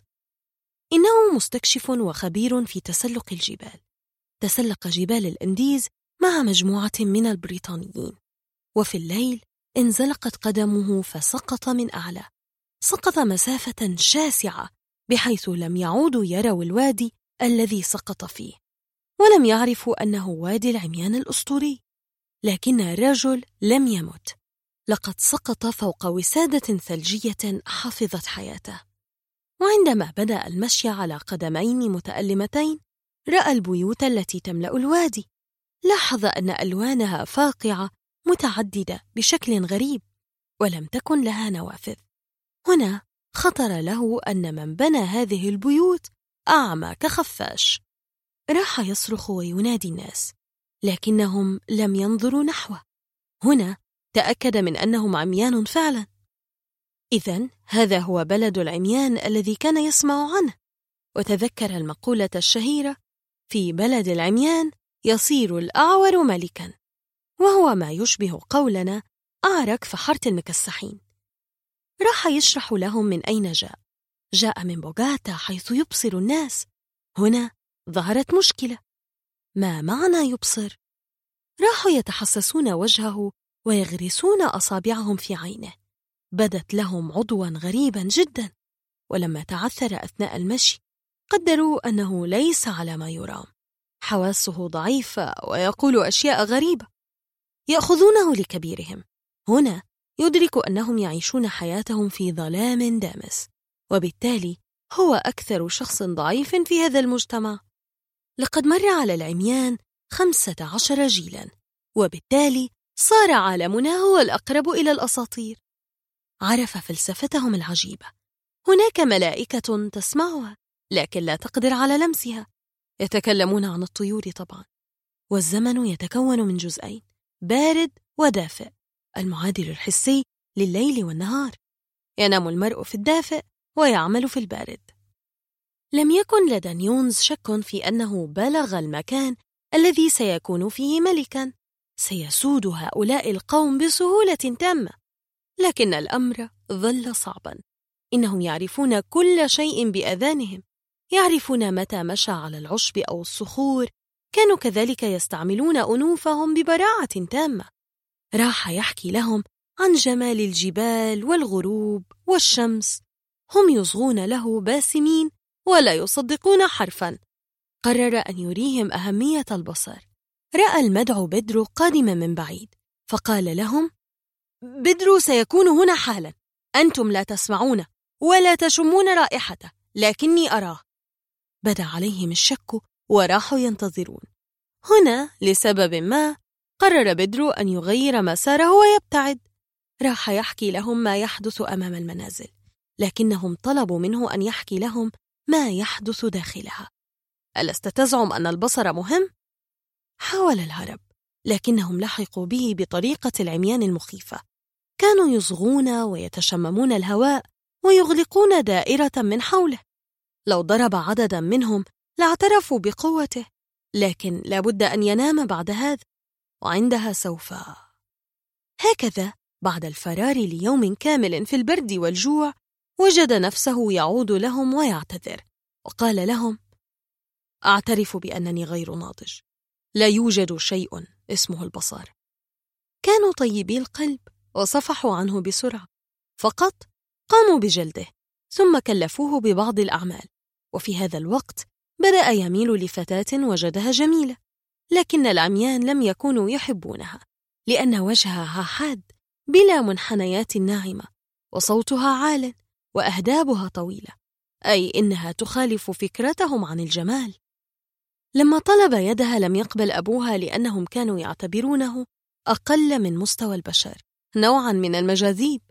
لكن الفتاة كانت تميل لنيونز فعلا ووجد الأب نفسه في مشكلة. لذا طلب رأي الحكماء. كان رأي الحكماء قاطعا. الفتى عنده شيئان غريبان منتفخان يسميهما العينين. جفناه يتحركان وعليهما أهداب. وهذا العضو المريض قد أتلف مخه. لابد من إزالة هذا العضو الغريب ليسترد الفتى عقله. بالتالي يمكنه أن يتزوج الفتاة بالطبع ملأ الفتى الدنيا صراخا. لن يضحي بعينيه بأي ثمن. بعد قليل ارتمت الفتاة على صدره وبكت وهمست. ليتك تقبل ليتك تقبل. هكذا صار العمى شرطا ليرتفع المرء من مرتبة الانحطاط ليصير مواطنا كاملا. وقد قبل نيونز أخيرا وبدأ آخر أيامه مع حاسة البصر. خرج ليرى العالم للمرة الأخيرة. هنا رأى الفجر يغمر الوادي بلونه الساحر. أدرك أن حياته هنا لطخة آثمة. الأنهار والغابات والأزرق في السماء والنجوم. كيف يفقد هذا كله من أجل فتاة؟ كيف ولماذا أقنعوه أن البصر شيء لا قيمة له؟ برغم أن هذا خطأ؟ اتجه إلى حاجز الجبال حيث توجد مدخنة حجرية تتجه لأعلى وقرر أن يتسلق. عندما غربت الشمس كان بعيدا جدا عن بلد العميان. نزفت كفاه وتمزقت ثيابه لكنه كان يبتسم. رفع عينيه وراح يرمق النجوم. انتهت قصة بلد العميان بشكل ما أرى أنها ترتبط بقصيدة إذا هناك لحظة تدرك فيها أن الخطأ يسود وينتشر من حولك وفي لحظة كهذه يصير القابض على المنطق والصواب كالقابض على الجمر. تشعر بالغربة والاختلاف ولربما يعتبرونك مجنونا أو على شيء من العته الأدهى أن لديك فضائل لكنهم لا يرون فيها أي قيمة. بعد قليل تأتي اللحظة التي تقرر فيها أن تتخلى عن عينيك لتصير كالآخرين هذه اللحظة آتية ولا ريب فلا تشك فيها. لكن لو كنت محظوظا لرأيت الفجر وقتها وعرفت فداحة ما ستفقده. أذكر عندما كنت في الوحدة الريفية أن الرشوة والتقارير الطبية المزورة كانت أسلوب حياة وكان كل العاملين مندهشين من ذلك الطبيب المخبول الذي يرفض أن يتقاضى مالا مقابل أشياء كهذه كنت أتذكر قصيدة إذا وقصة بلد العميان وأقرر أن أصمد أكثر. أصمد عالما أن أول رشوة أتقاضاها ستكون هي لحظة انتزاع عيني. سوف تكون حياتي أسهل في بلد العميان بعد هذا وسأصير مواطنا محترما عندهم. أفلت بمعجزة من بلد العميان هذا لأجد الأمر يتكرر. لحسن الحظ مع أمور أقل فداحة من الرشوة. ولكن الهزيمة فيها تترك مذاقا مريرا في الفم برغم كل شيء. حتى على مستوى التفاهات يمكن أن تجد الأمور صعبة. تفاهات مثل منع أطفالك من التهام أكياس البطاطس المقلية لأنها تحتوي مادة أكريلاميد المسرطنة. هذا شيء فشلت فيه تماما. لأن حركة المجتمع والدعاية والوجدان العام أقوى مني. تفاهات مثل التمسك بالمدرسة وعدم إعطائهم دروسا خصوصية. تكتشف مع الوقت أنه لا توجد مدرسة بل ناد كبير تدفع له اشتراكا سنويا. ولا يتم تدريس أي شيء فيه على الإطلاق. تكتشف أنك لن تستطيع أن تختلف عن باقي الآباء وأن أي درجة ينقصها الأولاد بعد هذا ستكون أنت المسؤول عنها لأنك صدقت كيبلينغ وفي النهاية يجد المرء نفسه يقود سيارته في بلاهة متجها من مركز الدروس الخصوصية هذا إلى ذاك. أنت في الدائرة لا يمكنك أن تختلف. وماذا عن الهاتف الجوال الذي كنت تعتبره طريقة عبقرية لامتصاص مال المصريين؟ هناك عظماء لم يقتنوا الجوال قط من وزن الدكتور جلال أمين وصنع الله إبراهيم فلماذا لا تقلدهم؟ لكنك في النهاية اضطررت للتنازل. في النهاية مضيت على خط السكة الحديد الذي رسمه المجتمع واقتنيت الجوال. تفاهات مثل كتابة دكتور قبل اسمك لم تكن تريد هذا. وأنت تعرف أن الوحيد المسموح له بكتابة دكتور قبل اسمه في أعلى المقال هو من حصل على دكتوراه في تخصص المقال. ثم هل قرأت من قبل عن دكتور تشيكوف أو دكتور سومرت مام؟ لكن الكل يفعل ذلك حتى يصير تنازلك عنه نوعا من الإهانة الذاتية. دعك من أنك حاصل على دكتوراه في الطب. إذا فلنضع حرف دال مثل الآخرين. ينطبق الأمر على أمور لا حصر لها. فقط تذكرت الأشياء القابلة للذكر. يبدو أن ضعف الذاكرة جعلني أنسى قصيدة إذا وقصة بلد العميان. يقول الحديث الشريف لا يكن أحدكم إمعة يقول أنا مع الناس إن أحسن الناس أحسنت. وإن أساءوا أسأت. ولكن وطنوا أنفسكم إن أحسن الناس أن تحسنوا. وإن أساءوا أن تجتنبوا إساءتهم. وهذا بالتأكيد يلخص ببلاغة كل شيء قلته. إعلانات حتى الممات. الآن تعال نشرب الشاي وننعم بنعمة الصمت. نحن نتكلم طيلة اليوم ولا نعطي أنفسنا فرصة واحدة للسماع أو تكوين آراء. عندما ننصت فلأننا نرتب ما سنقول في الجملة التالية. إن مسرحية الخراتيت ليونسكو تلخص كل شيء لكن ليس هذا موضوعنا على كل حال. أحب الشاي الذي تعده. رديء جدا لدرجة أنه جيد كما يقول الغربيون. يبدو أنني سأخرق الصمت الآن. كنت أشاهد مجموعة من الإعلانات في التلفزيون منذ قليل فخطر لي أن فن الإعلان عندنا تطور جدا لكنه لم يتحرك خطوة واضحة في طريق فهم سيكولوجية المشتري نفسها. بعض الإعلانات مستفز وبعضها مخجل وبعضها يحاول مجاراة العصر إلى درجة أنك لا تفهم حرفا مما يقال. بعض الإعلانات جميل فعلا لكن الإعلان ينتهي دون أن تعرف عن أي شيء يتحدث. كانت أولى تجاربي في طفولتي مع فن الإعلان هي مع الباعة الذين ينادون على بضاعتهم بطريقة حرفية منغمة. فيصير من المستحيل أن تعي حرفا مما يقولون. مثلا كان هناك ذلك الرجل النحيل الأسمر الذي يقف جوار مدرستي وينادي بأعلى عقيرته شيها دوغ دوغ. أما بضاعته فشيء مغطى لا يمكن أن تعرف كنها. ربما هو ضفادع محمرة أو ثعابين مقلية أو ألغام دبابات من الحرب العالمية الثانية. ظل الفضول يغلبني خاصة أنني لا أجرؤ على الاقتراب لسؤاله عما يبيع ولم أرى في حياتي من يشتري منه قط. فيبدو أن كل الأطفال لا يعرفون ما يبيع. في النهاية جرؤ أحدنا على أن يقترب ويكشف الغطاء. عندها اكتشف أنه يبيع نوعا من الحلوى وعبارة شيه دوغ دوغ ليست سوى فيها بندق. منغمة وممطوطة وملوية بحيث صار من المستحيل أن تعرف ما تقول. وطبعا لم يكن فيها بندق. تعلمت أن الكذب والجعجعة جزء مهم من الدعاية. بائع آخر كان يقف تحت شرفتنا كل عصر ويصرخ. هي أوه!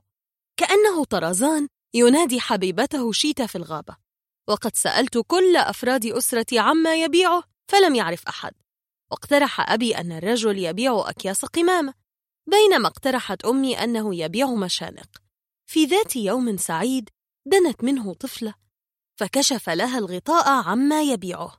كان يبيع الزبادي لكن لا تسأل من فضلك عن علاقة الزبادي بالهي أوه يبدو أن الصيحة أهم عنده من البيع ويعتبرها إهانة أن يصيح بصوت واضح النبرات زبادي! كان هذا درسي الأول عن الدعاية التي تجعلك لا تشتري شيئا. بدأت إعلانات التلفزيون تكتسب شعبية في طفولتي كانت تعتبر من الفقرات المهمة في التلفزيون التي تجتمع لها الأسرة وتشعر بالدفء. هل قلت فقرة؟ طبعا لأن إعلانات ذلك الزمان لم تكن تؤمن بالوقت. الإعلان يأخذ راحته تماما كأنه فيلم قصير. لت وعجن وقصة وذروة. كان هناك إعلان شهير عن شهادات الاستثمار. الفايدة متزايدة. عرفت فيما بعد أنه محاولة الإغراء الأولى لثنائي أحمد فؤاد نجم والشيخ إمام المتمرد كي يصير برجوازيا ويمشي مع التيار. يرى نجم أنه نجا وأنقذ الشيخ إمام بمعجزة من هذا الشرك. لا أذكر كل الإعلانات وقتها ولو تذكرتها فلن أكتبها هنا لأن معظم هذه السلع ما زال موجودا. لكني مثلا أحتفظ بمودة خاصة لصوت عبد العزيز محمود المليء بالشجن وهو يقول أنا الميلامين جامد ومتين. لا يذكر أحد متى ولا كيف عرفنا الشاب الظاهرة طارق نور الذي غير وجه الإعلان في مصر للأبد. هذا الشاب كان له بالتأكيد ارتباط قوي بالبرنامج الأوروبي وله فكر غربي كامل. قرر طارق نور أن ينتج إعلانات غربية بالكامل على أرض مصر وبالاستعانة بالأجانب الموجودين في مصر. هكذا ظهرت إعلانات مبهرة غريبة علينا. مثل إعلان مزيل العرق الشهير الذي يدور حول رجل إيطالي يشك في زوجته التي تدوي ضحكاتها من الطابق العلوي. يهرع هناك مصمما على قتلها فيكتشف أنها تمزح مع مزيل العرق. ثم تفتق ذهن طارق نور عن أن الفتاة الغربية تبدو أجمل إذا لبست ملاية لف. وهكذا ولدت إعلانات مثل واحد اتنين تلاتة حجب لك عربية. لا ننكر أنها كانت إعلانات ذكية أعتقد كذلك أن طارق نور هو أول من كرس مبدأ أن الفتاة المصرية السمراء ذات العينين السوداوين ليست جميلة ولا غزالا ولا حاجة كما نقنع أنفسنا بل هي بيئة. هناك فتاة واحدة جميلة هي الخواجاية ذات الشعر الأصفر والعينين الزرقاوين. ويا سلام لو كانت تتكلم بعض العربية المكسرة. هذا قبل أن يسود مبدأ أن هناك طريقة حياة واحدة تستحق الكفاح من أجلها. هي الحياة الأمريكية.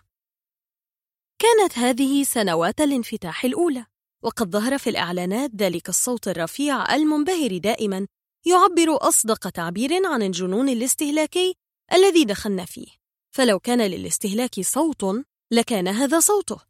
إلحق نفسك وفر فلوسك انسف جدد اشتري الآن. أما زالت معك نقود هي لك من أحمق. هذا بالطبع مع الجرأة اللغوية الحب من أول قطمة للمرة الأولى تكتب قضمة بهذه الطريقة.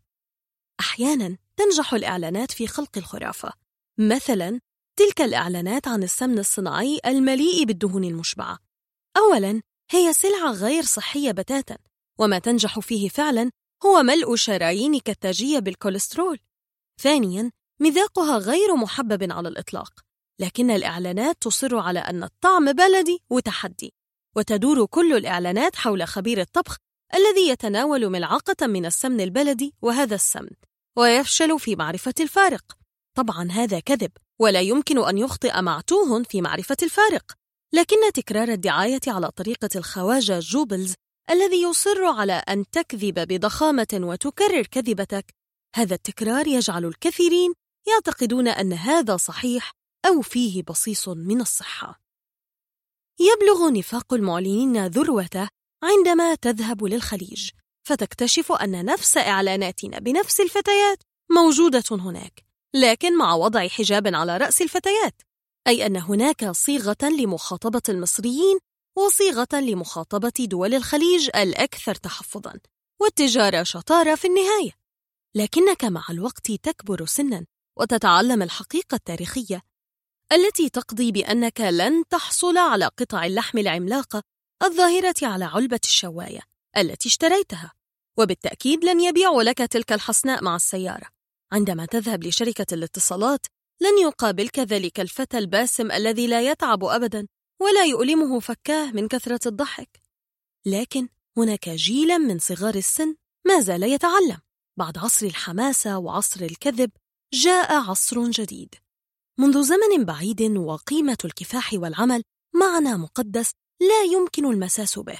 لكن إعلانات التلفزيون منذ أعوام اخترقت هذا التابو ببساطة. المهندس عباس كافح في تعمير الصحراء عشرين سنة حتى صار شيخا أصلع مهدما واشترى سيارة مرسيدس. يا له من أحمق. بينما الولد الروش فلان اتصل برقم هاتفي من 0900 وعلى الفور حصل على نفس السيارة. هكذا في ثوان سخر الإعلام من قيم الكفاح ومن تعمير الصحراء ومن كل شيء. لم تعد هناك قيمة في العالم إلا الروشنة والاتصالات. بدأ الأمر على استحياء مع بداية الانفتاح في أوائل الثمانينيات عندما سمح التلفزيون لمظاهرة شعبية بأن تظهر على شاشته. هؤلاء ناس حملوا قلوبهم على أيديهم وودعوا أطفالهم من أجل القضية الوحيدة التي تهم ومن أجلها نضحي بكل مرتخص وغال المياه المعدنية. بعدها رأينا مع هشام سليم كيف أن شرائح البطاطس المقلية هي العامل الوحيد الذي يجمع طبقات الشعب وكل فئاته. وظهر أحمد السقا الذي يضغط عليه الزبانية ويعذبونه وهو مربوط في قبو مخيف لكنه مصر على الهتاف من أجل قضيته المياه الغازية. ويوشك أن يقول والله لأموتن عليها. المجال الثاني الذي خرقت فيه الإعلانات التابو هو مجال الدين. لم ترحم الإعلانات ظاهرة التدين هذه وقررت أنها مفيدة جدا. لقد انتهى عصر صوت محمد الطوخي الوقور المتهدج الذي يقول وهبة الجزء عشرة جنيهات هناك إعلان جذاب يسمع فيه الشباب أغنية دينية من الموبايل. فيتركون لعب السكواش نشاط الشباب المصري المعتاد ليلبوا النداء. وهكذا تصل الرسالة. اشتروا خطوط الموبايل الجديدة وأعطوني مالكم كي ننعم جميعا بلذة الإيمان ومستقبل باهر في حب مصر. الصيحة الأحدث في الإعلانات هي الإعلان الذي لا علاقة له بشيء على الإطلاق. غرابة لمجرد الغرابة. اشتهرت شركة بنيتون للملابس الجاهزة بهذه الإعلانات العجيبة التي أثارت جدلاً. فتارة تقدم لك بألوان ممتازة رجلاً يلتهم سمك القرش جسده الممزق. وتارة تقدم محتضرا يحيط به أفراد الأسرة الباكون. وتارة صورة رضيع ملوث بالدم. مع عبارة صغيرة تقول؟ الألوان المتحدة من بنيتون. لابد أن الموضوع خضع لدراسة نفسية مدققة لكن بصراحة لا أفهم معلوماتي أن الإعلان يجب أن يكون جميلا ولا يكون ضربة بالمطرقة على الرأس لتتذكر للأبد مثلا أنت تشاهد تلك الحملة الخاصة بوديع وتهامي به ولا ننكر أنها ظريفة وأننا نشاهدها في استمتاع لكن ماذا تريد قوله؟ هل أن الأفلام العربية أسوأ من الأجنبية؟ إذا لماذا تتهمون القناة التي أنتم فيها بتقديم أفلام رديئة؟ ولماذا التلميح الوقح في عبارة أفلام عربي أم الأجنبي الذي فهمه كل طفل؟ هناك إعلانات غريبة كذلك حول القناة التي تتحدى الملل ولا تفهم عن أي شيء تدور بالضبط هل القناة هي ذلك الفتى السمج المترهل؟ إذا بئس الدعاية الغرض كما هو واضح هو التهريج لا أكثر واستعراض الموديلات الفاتنات. الإعلانات تخطت حاجز الجرأة بالفعل من ناحية الثياب والتلميحات. تقول الخبيرة النفسية داليا الشيمي في موقعها عين على بكرة هي كارثة بكل المقاييس. فلو أعتدنا الأمور لهذه الدرجة فسوف نجد إعلانات قادمة خلال سنوات قليلة داخل حجرات النوم دون الحاجة للإيحاءات أو الإشارات. على طراز أفلام عربي أم الأجنبي. فكثير من الأشياء مثل الكرامة والشرف والفضيلة وغيرها تماماً مثل الثوب المصنوع من الصوف. إن سحبت منه غرزة تحول إلى خيوط لا تستر عورة ولا تصلح لتكون لباسا يحمي الإنسان. وكالعادة أنا لا أؤمن بوجود مخطط لهدم الشباب. افتراض وجود مخطط يوحي بأن هناك عقلا مدبرا لكن الإعلانات في مصر لا تتحرك وفق أي شيء سوى العشوائية كمستعمرة نمل مذعورة. وغدا سوف نرى التابو الجديد الذي سوف تخرقه الإعلانات لو كان لنا عمر. هذا الشاي أسوأ من المعتاد. ماذا؟ هل صدقت الإعلانات الكاذبة وأبتعت هذا النوع بالذات؟ هلم اسكبه وأعد لنا كوبين آخرين. لهواة الكاتاكوم فقط. أنذرك منذ البداية أن هذا المقال مخصص للمهتمين بالكاتاكوم وعشاقه. فإذا لم تكن من عشاق الكاتاكوم فإنك لن تحب هذا المقال. لا بد أن تشعر بالغيظ عندما تقرأ عن أو ترى آثار البلاد الأخرى وتتذكر ما لدينا في مصر من آثار. إن مصر تعج بالآثار بشكل لا يوصف. وقد صدق من قال إن التراب الذي نمشي عليه هو طبقة رقيقة فوق بقايا أمم لا حصر لها لاحظ المغامر الإيطالي بيلزوني أن المومياوات كثيرة جدا لدرجة أن النوبيين كانوا يستخدمونها كوقود رخيص متوافر لإشعال النار بدلاً من الخشب. صديق لي زار معبد الأكروبوليس في اليونان متوقعاً أن يرى معجزة. يقول إنه رأى عموداً حجرياً مهشماً يستند على عمودين بينما السياح يشهقون انبهاراً. شعر بخجل من نفسه لأنه لا يشعر بشيء. فراح يشهق مثلهم مردداً. واو غريس! واو! وكان رأيه أنه لو رأى واحد من هؤلاء الكرنك أو معبد الدير البحري لمات فورا من الذهول. كل أنواع الآثار موجودة عندنا تقريبا. ولا يحضرني مثال في هذه اللحظة لبلد آخر يضم آثارا فرعونية ويونانية وقبطية وإسلامية ورومانية بهذه الكثافة. حتى معطف روميل ومدرعات الفيلق الأفريقي المحترقة عندنا. يا أخي حتى متحف محمد محمود خليل أقرب للوفر صغير. لماذا لا نرى هذه الأشياء؟ هناك خلل كامن فيما يتلخص في تعبير الشيخ البعيد سر باتع. لهذا ينفق المرء ثروة ليرى الأكروبوليس ولا يذهب إلى المتحف المصري في ميدان التحرير. دعك من أن السياحة الداخلية مكلفة فعلا حيث يمكنك أن ترى تركيا بتكلفة أقل من تكلفة زيارة الأقصر وأسوان. وهناك إهمال واضح في الإعلان عن هذه الكنوز وتنظيم الرحلة لها. كنت قد قرأت كثيرا عن الكاتاكوم catacombs أو السراديب المعقدة التي يحفظون فيها عظام الموتى مع وضعها على أشكال زخرفية غالبا. وهناك فيلم رعب شهير بهذا الاسم. لهذا كان أول مكان قررت أن أزوره في باريس هو الكاتاكوم الخاص بها. ولم أعرف أن هناك كاتاكوم مهما جدا في كوم الشقافة بالإسكندرية. أي أن زيارته لن تكلفني سوى ثمن تذكرة القطار إلى الإسكندرية والتاكسي إلى جنوب حي مينا البصل. هذه هي المشكلة كما قلت. إن كاتاكوم باريس بالذات له ذكريات مهمة. المقاومة الفرنسية كانت تتوارى في هذه الممرات المخيفة المعقدة. تحاول التقاط صوت الجنرال ديغول من المنفى عبر أجهزة الراديو. وفوق رجال المقاومة المتوارين كانت جنازير الدبابات الألمانية تمشي عبر مونبارناس فترج الجدران. بلاط المعجزات مكان يتكرر في الأدب الفرنسي. مكان هذا البلاط كان في الكاتاكوم. المكان الذي يحيا في الليل حيث اللصوص والقتلة والمهربون هم الملوك. كما تذكرك الكاتاكوم بأجواء فيكتور هيوغو في البؤساء دعك من أن معظم القصص التي تظهر جماعة نورانية تجعل اجتماعهم يتم في هذه الأقبية. الوصول إلى الكاتاكوم كان شاقا فعلا، لأن عددا لا بأس به من الفرنسيين لا يعرفون بوجوده، ربما لأن الاسم الذي يعرفونه هو l'ossuaire municipal، أي العظامة الأميرية.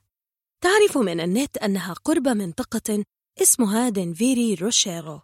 هكذا تكون السياسة المثلى أن تذهب هناك بالمترو وتسأل أولاد الحلال. اكتشفت أن هناك طابورا طويلا من السياح يقفون جميعا بانتظار الدخول. يبدو أن قاعدة الشيخ البعيد تتكرر مع الفرنسيين كذلك لأنهم لا يزورون هذا المكان بينما يزوره الأجانب. ولعل الفرنسيين يسافرون لمصر ليروا مقابر كوم الشقافة عندنا. إنهم يسمحون لمجموعات مكونة من 200 زائر بالنزول.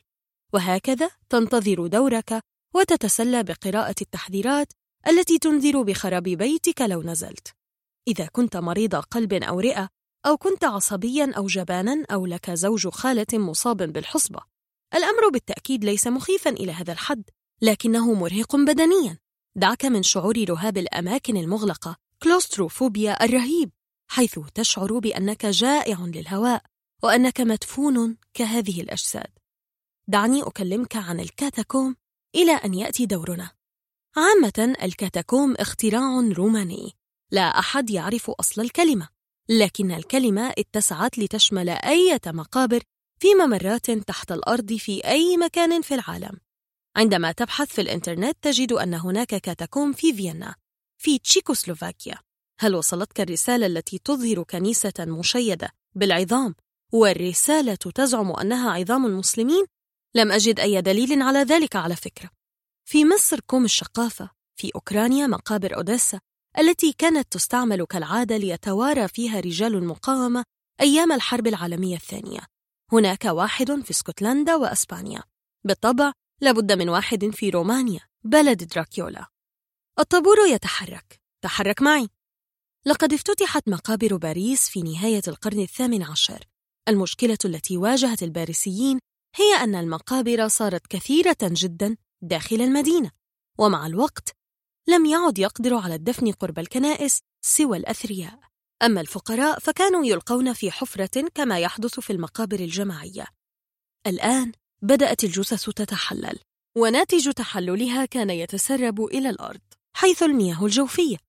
آسف لأنني أثير اشمئزازك لكن النتيجة هي أن باريس صارت تشرب ناتج تحلل الموتى وكانوا يخرجون العظام بعد فترة كافية ليضعوها في عضامة لكن هذا لم يكن كافيا. هنا خطرت لرئيس الشرطة فكرة أن يتم نقل الموتى إلى أنفاق المناجم خارج المدينة وهكذا تم اختيار هذا المكان وبدأ نقل العظام هناك. لابد أنه كان مشهدا دراميا مخيفا مهيبا. عندما كانت عربة الموتى المغطاة بالأسود تتحرك في الظلام بينما يحيط بها القساوسة الذين ينشدون ألحانا جنائزية. وهذا الموكب يتكرر يوميا لعدة أعوام. هناك ينزل العمال بالعظام إلى تلك الآبار العميقة ويرصونها في أشكال شبه هندسية. يقال إن هناك ستة ملايين جثة تحت باريس في هذه الأنفاق. الآن نحن عند الباب بعد انتظار طال ساعة ونصف. هذا الترقب يوتر أعصابي فعلا. الطقوس التي تمهد للحدث توحي بالتوجس. نبدأ النزول. هذه درجات حجرية متعبة جدا جدا. تشعر بشعور الصخرة التي تسقط في بئر عميقة بلا قرار. المفترض أنك الآن صرت على عمق عشرين مترا تحت الأرض لكنك تشعر بأنك توشك على الخروج في الصين. الآن تبدأ المشي وسط ممرات شبه مظلمة كشافات خافتة على الجانبين وسقف منخفض تتساقط منه قطرات الماء وبوابات حديدية موصدة على الجانبين يستحيل أن ترى ما خلفها. هذه تقود لأجزاء أخرى من الشبكة وقد أغلقتها البلدية لأن السياح يمشون من هنا ويضلون طريقهم. ممنوع استخدام الفلاش في التصوير لكنك تكتشف أن الجميع يستخدمون الفلاش. هكذا تفعل مثلهم. تلتقط بعض الصور لهذا الظلام وتأمل أن تراها فيما بعد على مهل لتعرف ما كان يكمن في الظلام بالضبط. هناك رسوم تحمل طابع القرن الثامن عشر على الجدران تحكي قصة إنشاء هذه الأنفاق. الرسوم نفسها مخيفة لا صوت سوى صوت خافت للمياه تتدفق فوق رأسك. أين الآخرون؟ الحقيقة أنك وحدك تماما. ولا تعرف متى حدث هذا.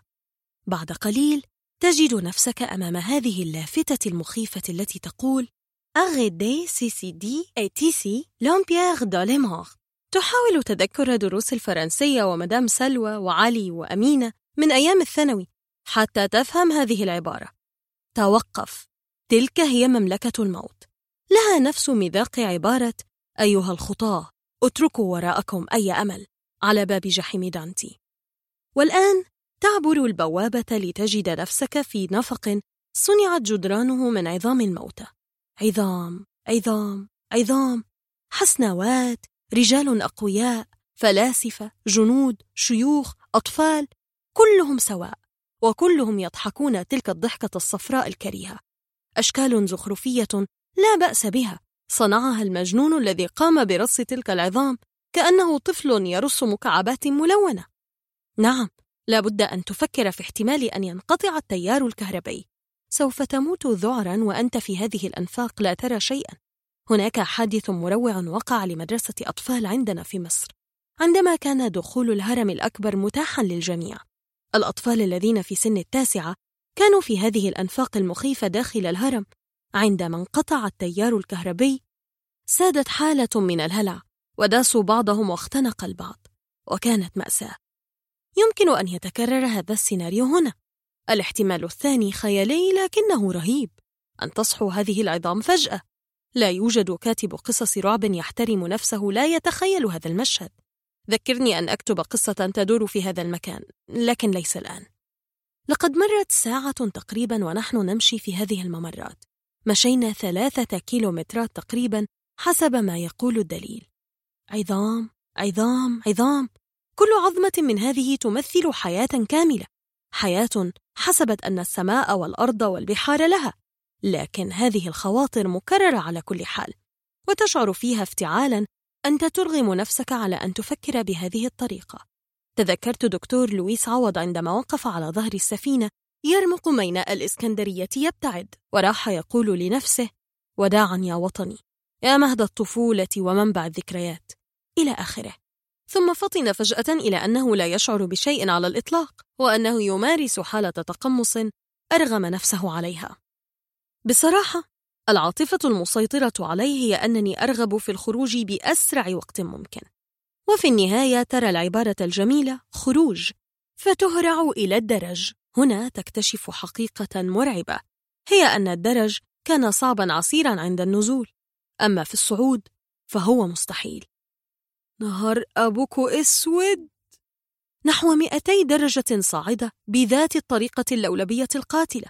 قدماك واهنتان والجاذبية تشدك بعنف وصدرك يضيق. المفاجأة الأسوأ هي أن الأمر يشبه البئر فعلا. يعني لا يمكن الجلوس على الأرض لالتقاط الأنفاس. أريد أن أموت لكن لا توجد مساحة تسمح لك بالموت. هنا فقط تدرك معنى التحذيرات الكثيرة التي قرأتها لمرضى القلب. لا أحد يغادر هذه الأنفاق. لا أحد. لا شك في أن هذه العظام التي رأيتها هي عظام الصياح الحمقى الذين سبقوك. لا تعرف كيف تمر هذه اللحظات ولا كيف صعدت. لكنك فجأة ترى نور النهار وتدرك أنك ما زلت حيا. هذا الشارع الواسع هو حي مونبرناس لقد عدنا لعالم الأحياء. لقد زرنا الكاتاكوم معا. أرجو أن تكون قد أحببت هذه الزيارة. نتكلم الآن عن كاتاكوم كوم الشقافة التي لم أرها بعد. معظم مقابر العصر الروماني في الإسكندرية موجودة في الحفانة الغربية ومقبرة كوم الشقافة تقع جنوب حي منيا البصل. المعلومات على شبكة الإنترنت تقول إنها نموذج مثير على اختلاط الفنين الفرعوني والروماني وقد عثر عليها بالصدفة عام 1900 لا يوجد ما يدل على ثقافة مسيحية فيها بل من الجلي أنها كانت مقابر وثنية منذ أنشئت حتى توقف استعمالها في القرن الرابع الميلادي. الدرجات تهبط بك إلى عمق عشرة أمتار. لكن عند الصعود راعى الرومان أولاد الحلال أن الصاعد يكون مرهقا استنفد ما لديه من طاقة لذا جعلوا المنحدر شبه أفقي. يبدو أنني سأزور هذه المقبرة بالتأكيد. ومن يدري. ربما أكتب تجربتي معها هنا وربما أصحبك معي. فقط لو تأكدت من أنك تحب الكاتاكوم فعلا. فواتير وحلبسة وميكروباص. مصر تشهد الكثير من التغيرات في هذه الأيام ومعظمها تغيرات أسطورية يصعب تصديقها. لو عدت بذاكرتك إلى ثلاثة أشهر مضت لتتذكر ما كان يقال وما كنا نحلم به. لفهمت كم أن الوضع الراهن غريب. لو تخيلت منذ ثلاثة أشهر أن مبارك وولديه يمثلون للمحاكمة وكذلك العدل وصفوة الشريف وكل لجنة السياسات تقريبا لاتهمك الناس بالهلوسة. ولو تخيلت صفحة واحدة مما صار يكتب في الصحف الحكومية أو يقال في وسائل الإعلام لبدا لك أننا نعيش فصول أحد أفلام الخيال العلمي. ثلاثة أشهر فقط حدث فيها الكثير وتم تفكيك جهاز الدولة بالكامل.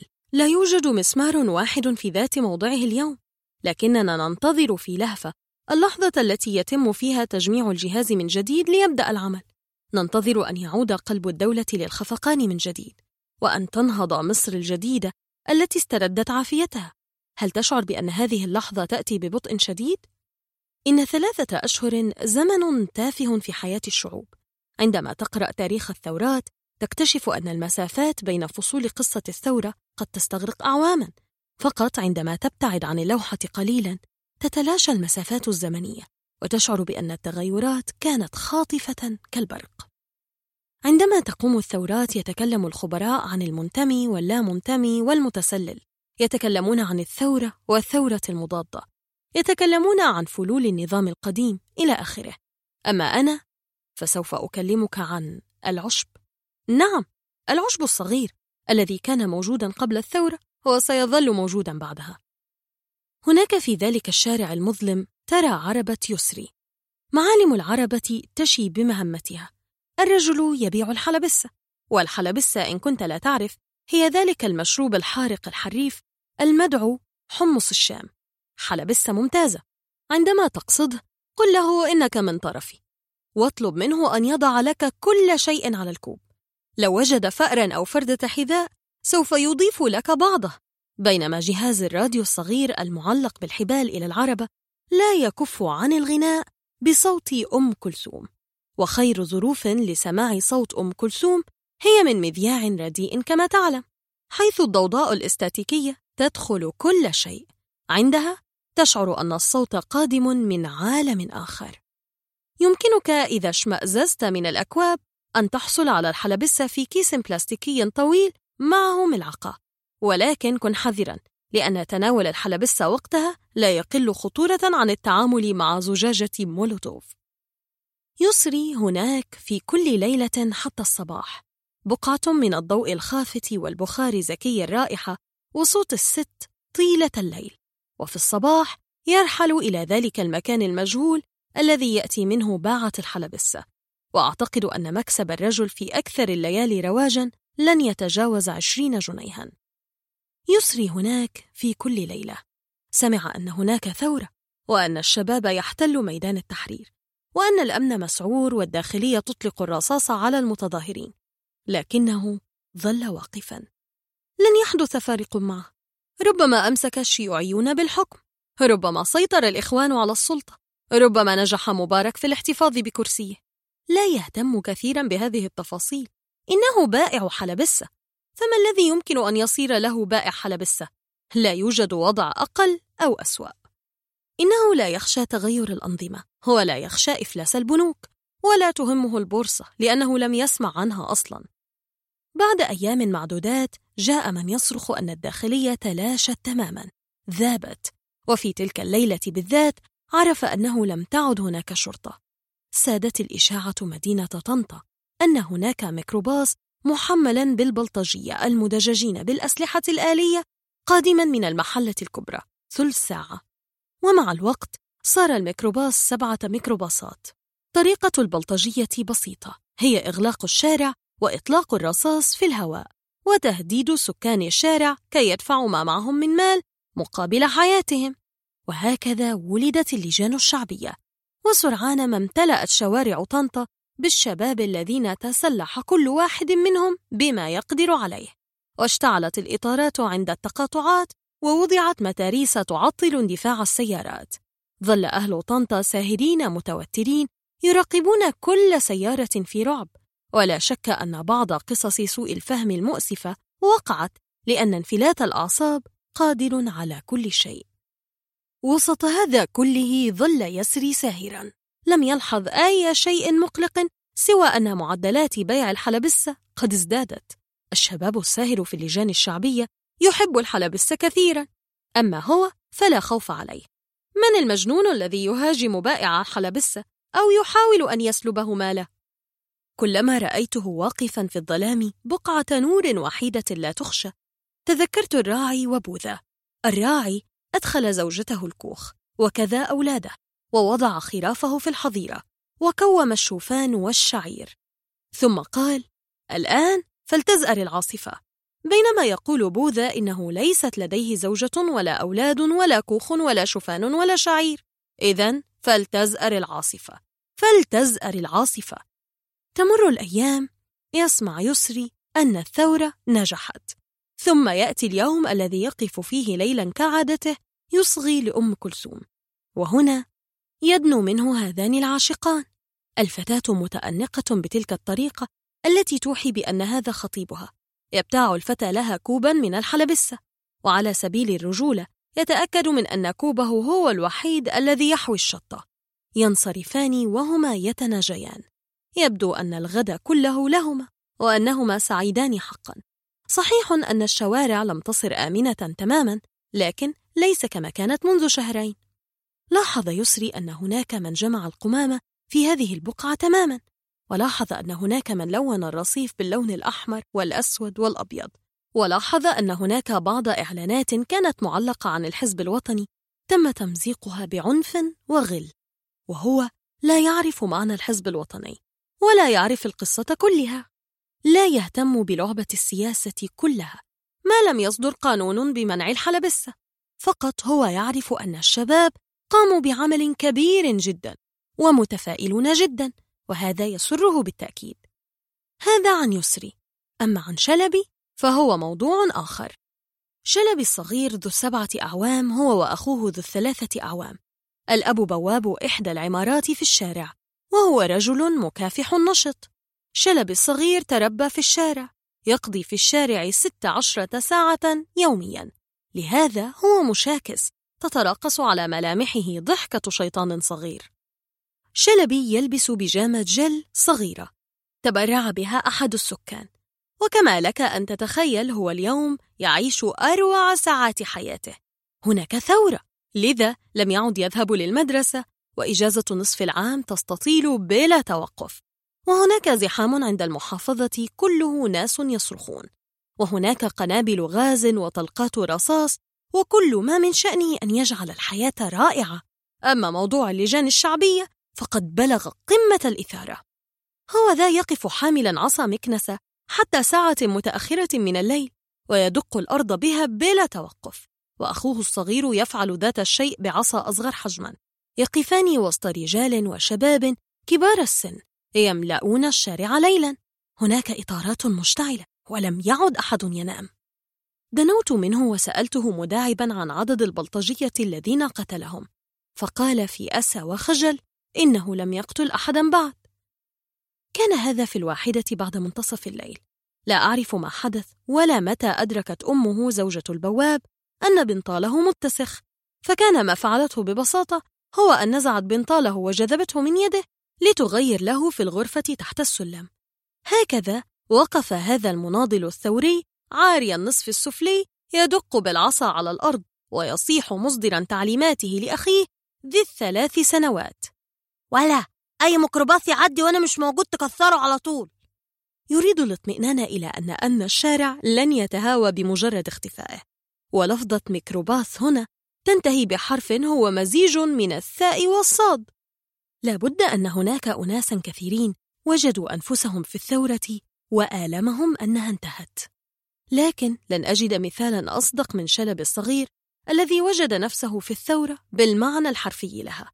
ولا شك أن يوم عودته للمدرسة كان أسوأ يوم في حياته. نترك شلبي ونتكلم عن المحصل المتحمس. في تلك الأيام تلاشت الدولة تماما. لم تعد هناك شرطة. لا مصارف لا مصالح حكومية لا شيء. والسبب هو أن النظام يعاقب الشعب الذي ثار ضده. أنتم غير راضين بحكمي؟ إذا جربوا الحياة من دون دولة. لا توجد دولة. هناك خطر أن يأتي يوم لا تجد فيه طعاما ولا ماء ولا كهرباء.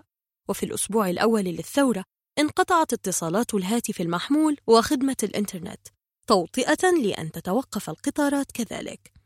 وسط هذا كله كنت أرى هذا الشاب المتحمس الذي يحمل دفترا ومجموعة من الإيصالات ويدور على البيوت. لا يحتاج لأن يضع بطاقة كي تعرف أنه محصل. محصل كهرباء أو ماء أو غاز طبيعي. تشتعل الشوارع وتسمع عن حريق في شارع كذا وأن المتظاهرين يحرقون بناية كذا وأن دبابات الجيش تتحرك في المنطقة الفلانية. الشوارع خالية من الناس. لكن الأخ المتحمس يمشي وحده في الشارع بحثا عن عنوان آخر لا يخاف ولا يجري ولا يهمد من يصدر له التعليمات؟ من يدفع له راتبه؟ لو كان محصلا فلأية جهة يسلم الأموال التي يحصلها؟ ومن يدفع له إذا كانت جيوب الناس خاوية أصلا؟ كنت أشعر بالنحس فعلا من دون دولة يمكنك أن تسطو على من تريد ويمكنك أن تمشي بسيارتك عكس الاتجاه في أي شارع. ويمكنك أن تتجاهل إشارات المرور تماما. ويمكنك أن تتناسى سداد فاتورة الهاتف. حتى دفاتر مخالفات المرور أحرقها المتظاهرون. لكن يشاء حظي العاثر أن الموظف الوحيد الباقي على حاله وحماسه في مصر كلها هو محصل وهذا المحصل يعمل في شارعنا. أدركت أن هذا الرجل أكبر من الواقع ذاته. إنه بطل من الأساطير الإغريقية الكاتب المصري الجالس القرفصاء الذي يمثل البيروقراطية المصرية العتيدة. إنه آلة بدأت العمل وانكسر الزر الذي يوقفها فلن تتوقف أبدا. سوف يحصل إلى أن يموت وليس لديه خيار آخر. انطلقت أركض هاربا منه بينما هو يناديني في إلحاح يثب فوق الحجارة والمجاري التي طفحت والرصيف المهشم ما اسمك يا أستاذ؟ لابد أن عندي فاتورة لك. انتظر يا أستاذ. سجن الديابة ورق. أحاول أن أبتعد بك عن السياسة بعض الوقت لكن هذا مستحيل. السياسة في هذه الأيام تتسلل من تحت الأبواب وعبر خصاص النافذة ومن تحت الملاءة. أول ما تبدأ به يومك وآخر ما تنهيه به. هناك 85 مليون سياسي محنك في شوارع مصر وكل واحد لديه رأي. آراء تبدأ بأمثال هيكل وهويدي وتنتهي بسائق التاكسي الذي يبدأ وينهي كل عبارة ب يا باشمهندس حتى بائعة الخضر على الناصية أخبرتني وهي تدس الهاتف الجوال تحت الطرحة لتتفرغ يداها لتقشير الكوسة صارحتني بأن التعديلات الدستورية غير كافية. هكذا قررت أن أتكلم في السياسة لكنها ليست سياسة بالضبط. اعتبرها ذكريات. أيام الحيرة الأولى في الكلية والتقلب في محيط الأفكار والبحث المنهك عن حقيقتك. أنت تعرف من أنت لكنك تجهل تماما ما أنت.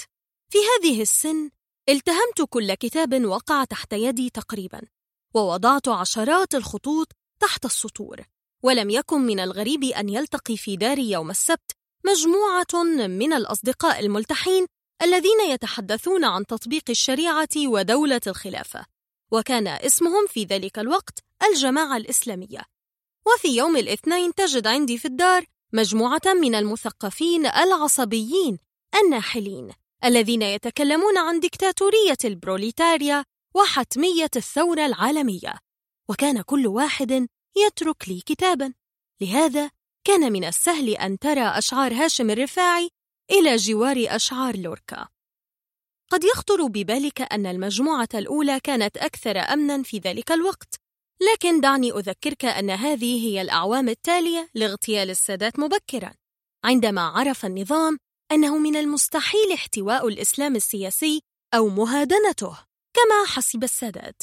وبالفعل دخل عدد كبير من المشايخ السجون ومع الوقت صارت اللحية جريمة أمن دولة في حد ذاتها. لكن النظام كذلك ظل يخشى الشيوعيين والناصريين. صحيح أنه لا يفهم حرفا بما يقولونه لكنه يراهم مريبين بما يكفي. كان لنا ذلك الصديق الذي يمكن تلخيصه بعبارة واحدة مناضل ماركسي. حماسه لا ينتهي. ولا يكف عن الكلام والجدال. أعتقد أنه اعتقل بعدد شعرات رأسه. وقد صارحته أكثر من مرة بأنه يجد معدنه وجوه الطبيعي في الاعتقال والحجز وأمن الدولة. هذه دعابة لم يفهمها قط على كل حال. ولم يكن مستعدا لقبول كلام هيكل حول أن التنظيمات الماركسية لم ولن يكون لها مستقبل في العالم العربي أبدا. أقرضني ذات مرة شريط الكاسيت هذا فسمعته وانبهرت.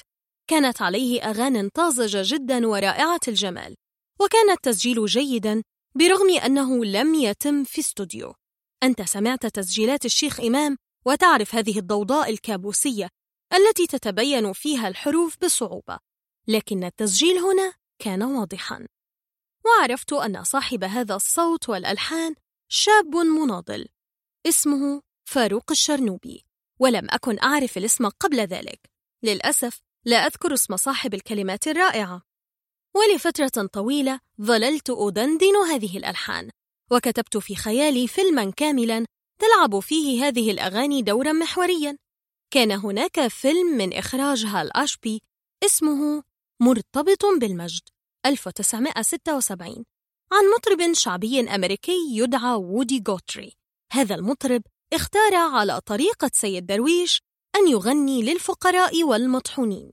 ينام معهم في العراء أو في عربات قطار البضاعة ويأكل ما يأكلون. وقد رفض كل فرصة ليصير مطربا ثريا شهيرا.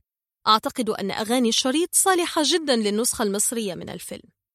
بعد فترة أخبرني صديقي المتحمس أن فاروق الشرنوبي سيقدم حفلا في حزب التجمع بطنطا ليلة الخميس القادم. طبعا كان لابد أن أذهب. لم أخبر أبي لأنه كان يعتبر حزب التجمع مزودا بعجلات.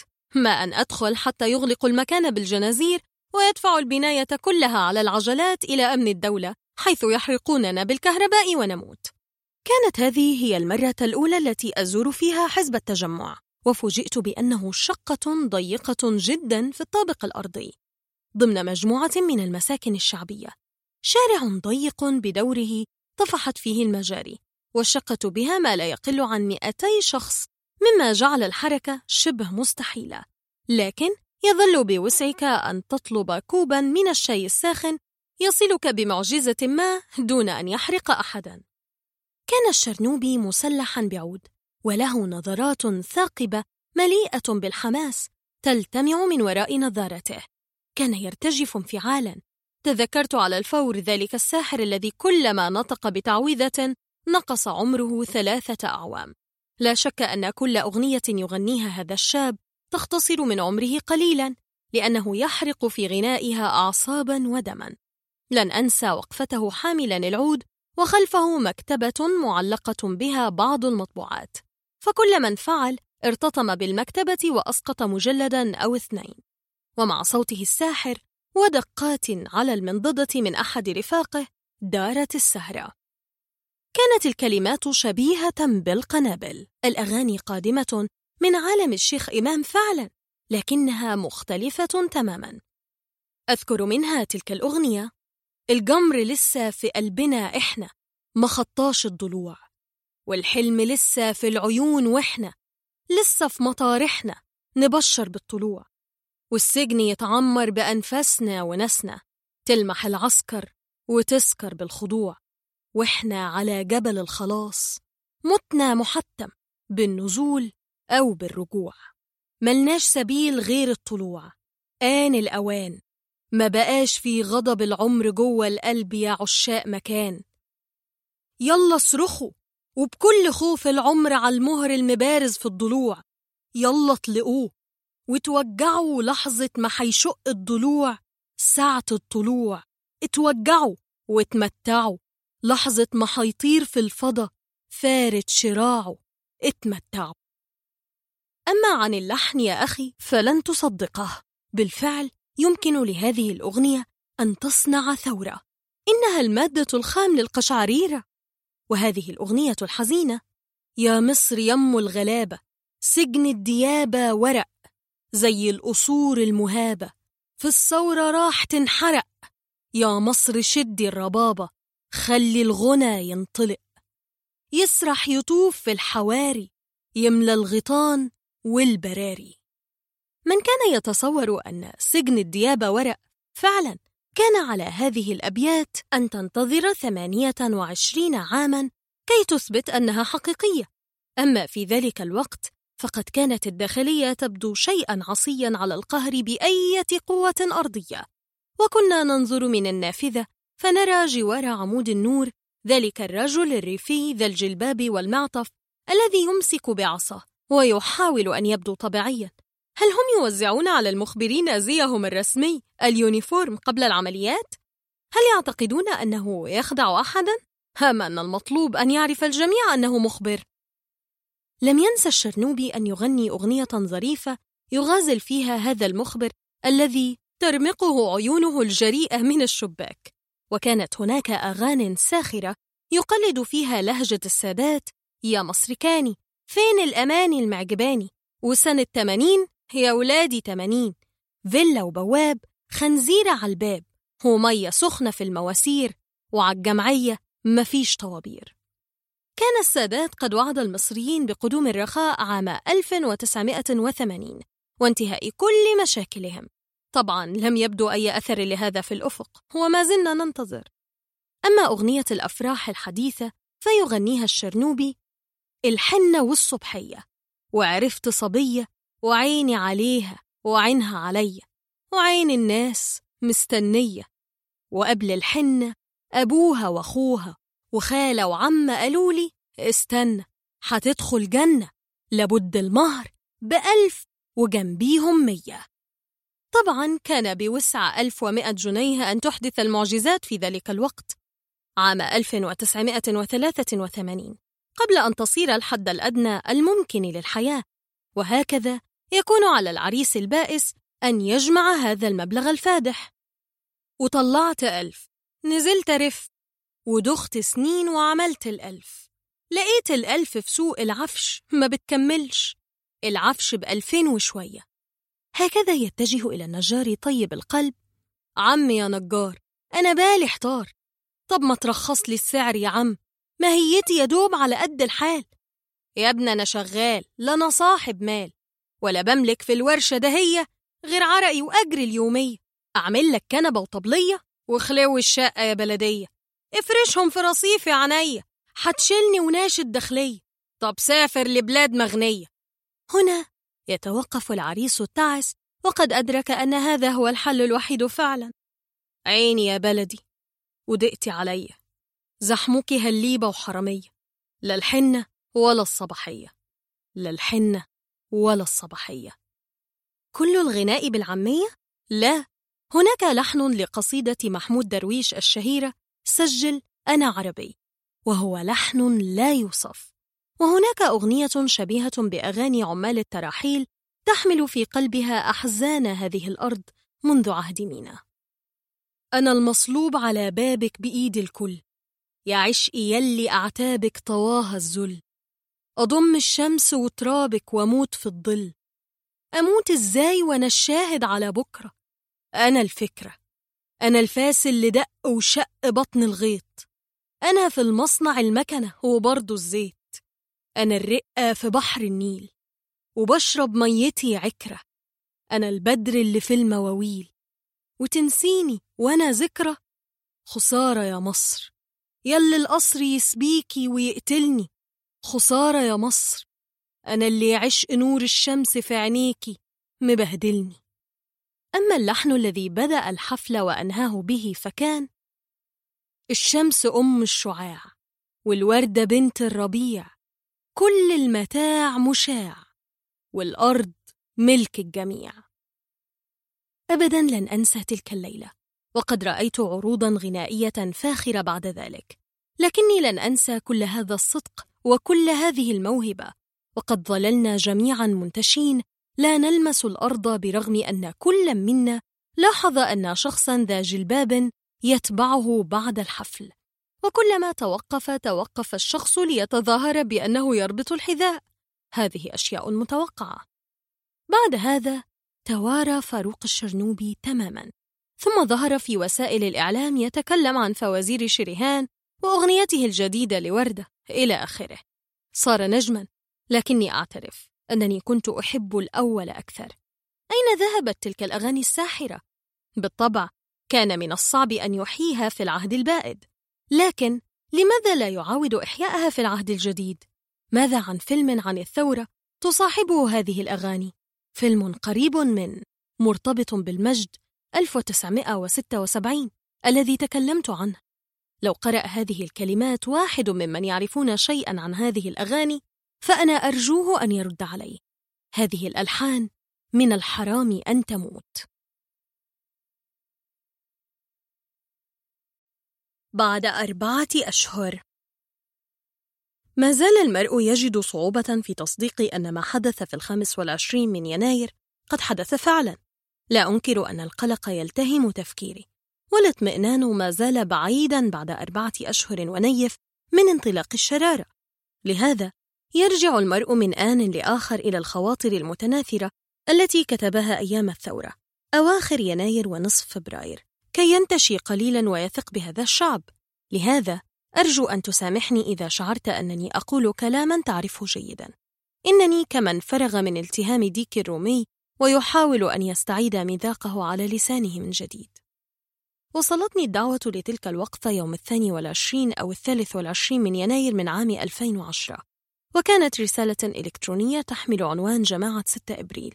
في السادس من إبريل كانت أول بروفا لثورة شبيهة منذ أعوام. وقد أحدثت قدرا معقولا من النجاح لكن الأمن المصري قد قهر الشرارة سريعا وكانت هناك نسبة عالية من العيون المفقوءة بسبب الرصاص المطاطي. منذ ذلك الحين أتلقى بانتظام دعوات لوقفات احتجاجية من تلك الجماعة وهي غالبا تكون في حدود 200 شخص يهتفون في مثلث الرعب الأمني الواقع عند نقابة الصحفيين محاطين بألوف مؤلفة من جند الأمن المركزي بثيابهم السود وعصيهم وصيحاتهم المرعبة. توقعت أن الأمر لن يتجاوز هذه الحدود وجاء يوم الخامس والعشرين من يناير الذي يوافق عيد الشرطة ولم نسمع شيئا. في الصباح كانت هناك بضع قلاقل في لبنان استحوذت على اهتمام قناة الجزيرة. وعند الظهيرة بدأت المظاهرات تتشكل في ميدان التحرير وميدان عبد المنعم رياض وعدد من المدن المصرية. هنا أصابني الذهول لم أتصور قط حجم ولا اتساع هذه المظاهرات حتى أنه عند السابعة مساء بدأ أن الأمور تفلت من الدولة تماما. لقد تم احتلال ميدان التحرير بالمعنى الحرفي ومعه مدينة المحل الكبرى المعقل الصناعي الأخطر في الدلتا ومدينتي كفر الشيخ والسويس وكانت المواجهات الأمنية عنيفة إلى درجة لا توصف. لكن بدأ أن المتظاهرين شديدو الثبات. رفعت سماعة الهاتف وبصوت متحشرج قلت لصديق لي أعتقد أن الأمر أفلت من النظام. سوف يحتاج إلى الجيش. راح يضحك ساخرا مني. قال لي إن الدولة في مصر عتيقة عريقة في القمع ولا يمكن أن تزعزعها مظاهرات خمس ساعات لكني لمحت علامات النهاية بشكل ما. ما أراه يختلف عن أي ذكرى سابقة. باستثناء الثامن عشر والتاسع عشر من يناير عام 1977 التي أطلق عليها مظاهرات الخبز وأطلق عليها السادات انتفاضة الحرمية. تتزايد الأمور والحشد. وفي يوم الجمعة التالي الموافق الثامن والعشرين من يناير جاءت الدعوة للتظاهر بعد صلاة الجمعة وجلسنا نستمع إلى خطبة الجمعة. طالت جدا جدا. وكان كلها كلام عن عدم شرعية الخروج على الحاكم وحرمانية التظاهر. إلى آخره. تبادلنا النظرات. ورأينا كثيرين من المصلين يلبسون حذاءهم ويغادرون المسجد دون أن يكملوا الخطبة. هذه الخطبة لم يكتبها الإمام قطعا بل كتبها مراد بيه أو أشرف بيه ضابط أمن الدولة في مكتبه. وقد تكررت الظاهرة في كل مسجد في كل مدن مصر تقريبا. بعد نجاح الثورة راح نفس الإمام يطري الثوار ويهنئنا على أننا صرنا قادرين على الكلام بلا خوف. في ذلك اليوم حدث أغرب شيء في العالم. توقفت الهواتف المحمولة عن العمل وتوقفت شبكة الإنترنت تماما. عمى إلكتروني ورقمي كامل وضعونا فيه حتى أننا عدنا للماضي مئة عام. لقد قرر النظام إنه ما دام الاتصال بين الشباب يتم عبر الإنترنت وعبر الهاتف المحمول إذا فالويل لهما. أما عن قناة الجزيرة فتلاشت من أجهزة التلفزيون وبدأ أن الحرب الإلكترونية في ذروتها. تتلاشى الجزيرة فيتم البحث عنها ثم تتلاشى من جديد إلى آخره. قناة سي إن إن ترينا ما يحدث في شوارع القاهرة مع تعليق يقول الحقيقة أن مصر لم تعرف قط يوما كهذا. ومصطفى الفقي على قناة الجزيرة يتساءل في دهشة أين الرئيس مبارك؟ لقد حان وقت ظهوره. فجأة صار منا وليس منهم. التلفزيون المصري وقنواته الفضائية يرسم لنا قاهرة مليئة بالورود ونيلا هادئا صافيا. لا أعتقد أن هناك حكومة قد بلغت هذا الحد من قمع المعلومات من قبل. أما من يتصل بالمحمول طلبا للغوث أو الإسعاف فله الله. لكن بدا بوضوح أن النظام لم يعد يبالي بصورته أمام العالم أو يدعي أنه متحضر. وكان هذا اليوم من أعنف أيام الثورة. على أنه انتهى نهاية محتومة. هي أن الأمن تراجع تماما وقد أنهى آخر ما عنده. ونزع الضباط ثيابهم وفروا من سخط الجماهير. وعند السابعة مساء كان الأمن قد ذاب تماما واستعان بقوات الجيش. كنت أقل زوجتي بالسيارة لنبجيتها في المستشفى. فلم أستطع أن أفتح عيني من رائحة الغاز المسيل للدموع برغم أن شارع البحر كان خاليا من الناس تماما. فقد انتقل الزحام لمواضع أخرى من المدينة. ومن بعيد كنت أسمع صوت الرصاص والانفجارات الصادرة من تدمير قسم أول وقسم ثاني بطنطا على أيدي البلطجية. مبارك يظهر في ساعة متأخرة بعد ثلاثة أيام من الأحداث. ليلقي خطابا لا قيمة له تقريبا. وكما يقولون متأخرا جدا قليلا جدا. كل ردود أفعاله متأخرة وبطيئة. وفي كل مرة يتصرف ككاتب قصص بوليسية يحاول أن يقدم للقارئ آخر شيء يتوقعه في كل خطاب. الغباء الأمني. ذلك المزيج الفريد من الشراسة والغباء الذي لا تجده إلا لدى الضباع كان المتظاهرون يسجدون لله خلف إمامهم عندما تقدمت مصفحة الأمن وراحت ترشهم بالماء بلا توقف. أدرك كثيرون القيمة الرمزية للمشهد وانضموا للساجدين الذين واصلوا الصلاة غير مبالين بسيل الماء. لو أن أبا لهب أو شارون كان في القاهرة لما جرؤ على تجاوز هذا الخط الأحمر لكن الحقيقة هي أن الأمن كان قد فقد أعصابه تماما ولم يعد يحاول أن يرسم ابتسامة متحضرة وسوف يظل هذا المشهد خالدا لأنه قد تم تصويره. ترى عربات الأمن تندفع وسط صفوف المتظاهرين لتسحق عشرات منهم وترى ذلك الشاب الذي يقف بلا سلاح أمام القناصة فيلوح بذراعيه في حركة مسرحية جديرة بقصص ماكسيم جوركي. للأسف لم يكن القناصة من قراء ماكسيم جوركي وقد أطلقوا عليه طلقة واحدة أردته صريعا وسط صراخ النسوة اللاتي صورن المشهد. هذا الموقف جدير وحده بأن يشعل ثورة.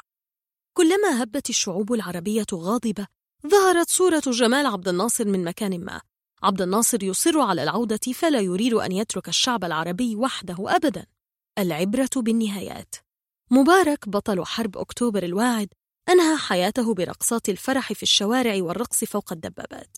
وعبارات التهاني يتبادلها 85 مليون مصري لرحيله. لشد ما تتألم النفس إذ ترى ما وصل له هذا الرجل بسبب التعالي واحتقار شعبه والالتصاق بكرسي الحكم وابنه جمال. وكل المليارديرات الذين ترك لهم بلدا بحجم مصر كي يتسلوا بإدارته. أبدا لن يتذكر أحد حسني مبارك بحرب أكتوبر بعد اليوم. سوف يتذكرون أنه الرجل الذي كاد يحرق مصر وكاد يشعل فيها الحرب الأهلية لمجرد أن يبقى يوما آخر. كانت السياسة واضحة. إما أن أستمر في الحكم أو أسلمكم مصر محروقة على طريق نيرون. وما زالت هذه السياسة قائمة. بدأ هذا واضحا في عبارة أنا أو الفوضى التي كررها في خطابه وكان التنفيذ على الأرض جليا. لقد انسحبت الشرطة تماما من الشوارع.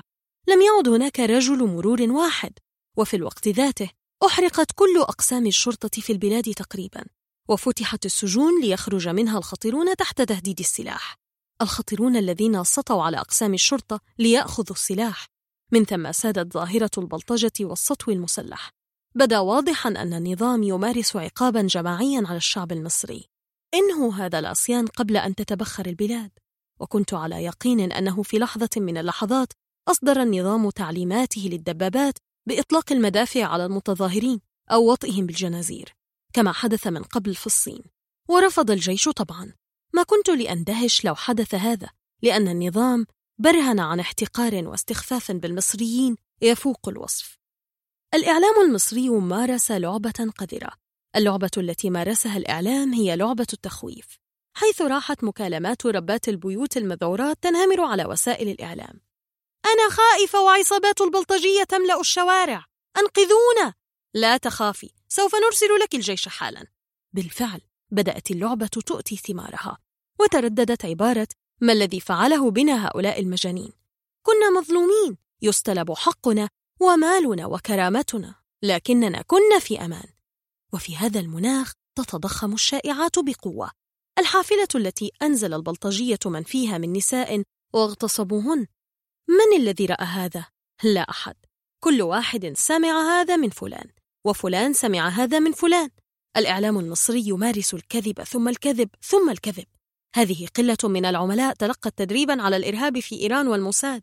وتنهمر المكالمات ليقسم كل من يتصل أن هناك عملاء يتكلمون بالإنجليزية يملؤون ميدان التحرير وهم يوزعون على كل شاب يهتف ضد مبارك عشرين يورو ووجبة كنتاكي. وفي المجتمع المصري سادت دعابة تسمية الكشري والفول باسم كنتاكي. البقاء في السلطة ستة أشهر أخرى لم يكن لمجرد الحفاظ على كرامة الرئيس أو تسليم البلاد في سلام كما قال مبارك. وإلا فماذا يستطيع عمله في ستة أشهر؟ مما لم يستطع عمله في ثلاثين عاما. لا شك أن المطلوب كان فترة تسمح للحيتان بترتيب أمورهم وإخراج ما تبقى من أموال لهم في البلاد وإخفاء آثار جرائمهم. لقد انكشف جزء من المجرور ففاحت روائح عطنة. لكن غطاء المجرور ظل يخفي الكثير. وقد كانوا حريصين على إبقاء الغطاء فترة أخرى. عندما يصلني خطاب ملهوف من سوريا وخطابات ملهوفة من تونس ومن السعودية ومن ومن وعندما أجد أن فرحتهم حقيقية برحيل الطاغية حتى لا أوشك أن أرى الدمع في عيونهم فليقل من يريد ما يريد لكن الوحدة العربية حقيقية وحدة اللغة والجغرافيا والتاريخ المشترك. بعدما علمونا لبضعة عقود أن هذا وهم صنعته الحكومات الشمولية العتيقة. دعك من التهاني للشعب المصري من كندا وكوريا والنرويج وفرنسا و و.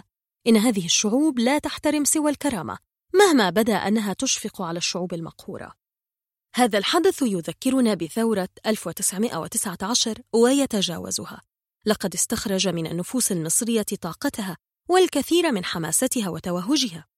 كما قال أحد الشباب لقد عرفنا الطريق لميدان التحرير هو سوف نعود كل ما اقتضى الأمر. إن الدكتاتور القادم لا وجود له. أو سيفكر كثيرا جدا قبل أن يظلم شعبه. إن الغد صعب والتحديات جمة لكنك على الأقل من يصنعه وليس لجنة السياسات. ويريدون أن يضيعوا هذه السيمفونية العذبة الجميلة في مظاهرات طائفية وفئوية حمقاء. ونغرق بين ضيق أفق البعض والمؤامرات التي اجتمعت عليها ذئاب الحزب الوطني التي دفعت الملايين لتدخل المجلس ثم وجدت نفسها في الشارع والمتسلقون الذين جاءوا من فراغ. وذئاب أمن الدولة التي تملك الوسيلة والرغبة في تدمير كل شيء. ودول تمثل أعداءنا ودول تمثل الرجعية. يجب أن نلزم الحذر ولا نضيع كل شيء. يجب أن نتماسك ونؤجل المصالح الذاتية بعض الوقت. يجب أن نعمل ونتفهم ونتسامح. وإلا فنحن نخون تلك الأيام القدسية. نخون كل شهيد لقي ربه من أجلنا. شفرة التواريخ. عندما تقرأ هذا المقال في بداية شهر مارس لو أحيانا الله فلا يمكنني بالضبط معرفة ظروف البلد وقتها. حفظ الله مصر وأخرجها من هذا المنعطف الضيق الذي نمشي فيه اليوم. أذكر أنني كتبت يوم الثامن عشر من يناير في أحد مواقع الإنترنت عن فيلم أمريكي. ونشر المقال يوم الثامن والعشرين من يناير بينما النيران في كل مكان. حتى أن أحد القراء أصيب بذهول لأنني رائق المزاج إلى هذا الحد. وبنفس الطريقة أجريت لقاء تلفزيونيا مع اللامع بلال فضل وكانت النتيجة أن اللقاء أذيع يوم الحادي والثلاثين من يناير. هكذا فوجئ الناس برجل متخلف عقليا يتكلم عن تجربته في كتابة أدب الرعب بينما نار الثورة تتعالى في وسط القاهرة. لا أعرف كيف ستكون الظروف عندما تقرأ أنت هذا المقال. فسامحني قليلا. وتذكر أنني أكتب هذه الكلمات قبل قراءتك لها بعشرين يوما. لكني على الأقل أعرف الآن أننا سنكون قد تخلصنا من سيناريو التمديد والتوريث ولجنة السياسات والحزب الوطني. ولربما تكون ملفات الفساد قد فتحت وعرفنا الكثير. كان لي صديق اعتاد أن يتنبأ بسيناريوهات الغد الكابوسية. فكان يقول لي عندئذ ستجد الدبابات في ميدان الساعة. باعتبار هذا أسوأ ما يمكن أن تصل له الأمور. ميدان الساعة هو أهم ميدان في طنطا بالمناسبة واليوم هناك عدة دبابات تقف فيه أي أن أسوأ كوابيسه تحقق. لكننا نحمد الله أنها ليست دبابات معادية بل هي دباباتنا جاءت لحمايتنا وكما ثبت مؤخرا لحماية مصر كلها. انتهى شهر فبراير وقد كنت أحمل لفبراير كراهية خاصة. لا ليس لنفس أسباب الأطباء المعروفة؟ إذ يقل عملهم فيه جدا ويطلقون عليه فؤراير. ولكن لأنه الشهر الذي توفيت فيه أمي في السبعينيات وتوفي أبي في التسعينيات. ويبدو أنني أنوي الموت فيه كذلك لأنه يحمل دائما وعكة صحية لي. والطريف أنها وعكة صحية متجددة في كل مرة أي أن المرض ذاته لا يتكرر مرتين. اليوم جاء فبراير بذكرى باسمة لأول مرة. عندما لم تنم مصر ورقص شبابها في الشوارع انتصر فريقنا القومي من الشباب على الطغيان. مباراة طويلة استغرقت ثمانية عشر يوما. وكلفتنا الكثير من الدماء والشباب اليانع وساعات الخوف والخسائر الاقتصادية. وحتى معقل الحضارة ذاته في المتحف المصري جرح وخسر بعض القطع لكن الثمن كان يستحق. استعادة حريتك التي استلبت ثلاثين عاما تستحق. من الغريب أن الشعب المصري استرد حريته في ذات اليوم الذي استرد فيه الشعب الإيراني حريته من طغيان الشاه عام 1979 نفس اليوم الحادي عشر من فبراير وانفصل 32 عاما بين الثورتين. مصادفة غريبة أليس كذلك؟ لم يفر مبارك لكن الشاه فر إلى مصر. وكان مصابا بالسرطان الليمفاوي الذي تفاقم حتى لفظ أنفاسه الأخيرة في مستشفى المعادي. من ضمن المصادفات الغريبة كانت وفاة الفريق سعد الدين الشاذلي في نفس يوم نجاح الثورة أي أن أحد قادة حرب أكتوبر كان يرحل وسط جحافل الشعب الغاضبة بعدما دمر ذكراه تماما. فلن يذكر عنه العالم سوى أنه الرجل الذي كاد يحرق بلده وشعبه كي يبقى بضعة أيام أخرى يرتب فيها أمواله. في الوقت ذاته كان قائد آخر من قادة حرب أكتوبر يرحل إلى الفردوس بإذن الله. تصحبه دموع حارة وزغاريد أطلقها الشعب لأنه اعتبره شهيدا بإذن الله. الشعب الذي لم ينسى ولن ينسى للشاذلي أنه صاحب خطة العبور وأنه ظلم في حياته بقسوة وهو القائد الوحيد الذي لم يكرم بين رجال أكتوبر بسبب خلافه مع أنور السادات. لعبة التواريخ الغريبة تعلن عن نفسها. لا أعرف إن كنت الوحيد الذي لاحظ هذا أم لا لكن شهر فبراير يحمل كذلك ذكرى قاسية لحادثين مروعين يصعب نسيانهما.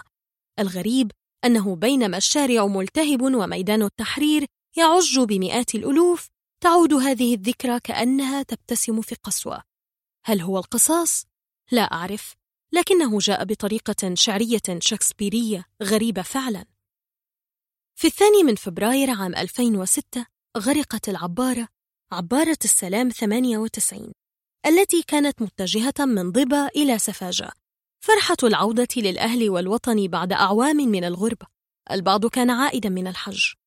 العبارة كانت شركة السلام قد اشترتها من إيطاليا عام 1998 وقد تم تدشينها عام 1970 وقضت معظم شبابها في المياه الإيطالية. كان سبب غرق العبارة هو حريق نشب في المحركات وانتشر بسرعة وكانت في هذا الوقت قريبة من مدينة الغردقة. حاول البحارة إطفاء الحريق عن طريق نزح الماء من البحر بالمضخات ولكن المضخات التي كانت تطرد الماء للبحر ثانية لم تكن تعمل. فالنتيجة هي أن الماء تزايد داخل العبارة وانقلبت. كان غرق العبارة عرضا مذهلا للإهمال والتلفيق خاصة أن أوراق الفحص وشروط السلامة مكتملة لكن هذا كان مجرد حبر على ورق. تلقت غرفة عمليات الإنقاذ في اسكتلندا استغاثة العبارة وأبلغت مصر بها لكن الشركة المالكة لم تخطر السلطات قبل مرور ست ساعات ثمينة. لابد أن المشهد كان شنيعا جديرا برواية لورد جيم أو فيلم التيتانيك والناس تتمنى وصول النجاة وتتأرجح بين الأمل فاليأس. ونحن نعرف أن المشهد المأساوي انتهى بغرق 1200 واحد انتشلتهم فرقاطات مصرية مع سفينة حربية بريطانية وطائرة استطلاع أمريكية. كشفت التحقيقات عن حقائق مرعبة يعرفها كل المصريين. القبطان فر في قارب وحده وبعض معاونيه وترك الركاب لمصيرهم. وقد تم التحقيق في القضية لمدة عامين وانتهى بالحكم الذي وجده أقارب الضحايا تافها لدرجة لا تصدق. بينما كان الحكم يصدر كان مالك العبارة ممدوح إسماعيل وولده قد غادرا مصر عبر صالة كبار الزوار وفرا إلى لندن. ولعل هذا من أهم مسامير نعش النظام السابق. لأن الناس لم تستطع أن تنسى. لماذا لم يتم منع ممدوح إسماعيل من الهرب؟ وشاعت في المجتمع المصري مقولة إنك إذا قتلت واحدا تعدم أما إذا قتلت ألفا فأنت تغادر مصر من صالة كبار الزوار لتعيش عيشة الملوك في لندن. على كل حال صدر حكم المحكمة بتبرئة إسماعيل وولده وآخرين. وجدير بالذكر أن عبارة أخرى لهم هي فخر السلام 95 غرقت قبل هذا بعام في حادث تصادم وتوفي شخصان وجرح أربعون شخصا. ممدوح إسماعيل قد حفر اسمه بقوة على النصب التذكاري لأعداء الشعب المصري وصار من ضمن أسماء كثيرة يكرهها رجل الشارع فعلا. هل شاءت الأقدار أن يتم الانتقام لأرواح هؤلاء الضحايا في نفس الشهر بعد خمسة أعوام من وفاتهم؟ لا أستطيع أن أقول هذا. في العشرين من فبراير عام 2002 احترق قطار الصعيد. هذه قصة قاسية أخرى. جعلت الكل يؤمن أن هذه الحكومة منحوسة. لكن هذه القصة تختلف نوعا ما عن الموت في البحر غرقا أو طعما لأسماك القرش. هذه الميتة أكثر شناعة. ببساطة أنت مسجون في عربة قطار مندفع. والنيران تشتعل في كل شيء. فلا تجد سبيلا للفرار من الباب. تتجه للنافذة وتتمسك بها لكنها مدعمة بالقضبان. هكذا ليس أمامك سوى انتظار النيران. أعتقد أن الله كان رحيما. فمات أكثر هؤلاء بالصدمة العصبية قبل أن تمسهم النار. بدأت القصة في ذلك اليوم الأسود عندما كان ذلك القطار متجها من القاهرة إلى أسوان. الساعات الأولى من يوم العشرين من فبراير والكل نائم منهك.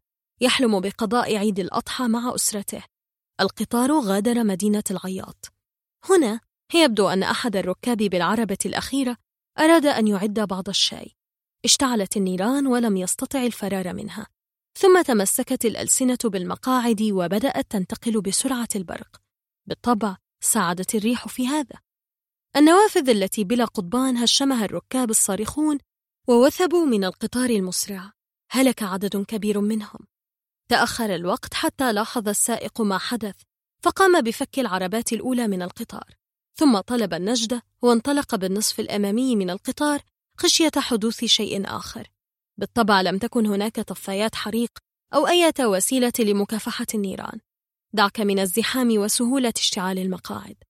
خلال نصف ساعة انتقل فريق طبي لمكان الحادث ومعه تسعون عربة إسعاف وستون عربة إطفاء. أو هذا ما قاله دكتور عاطف عبيد رئيس الوزراء وقتها.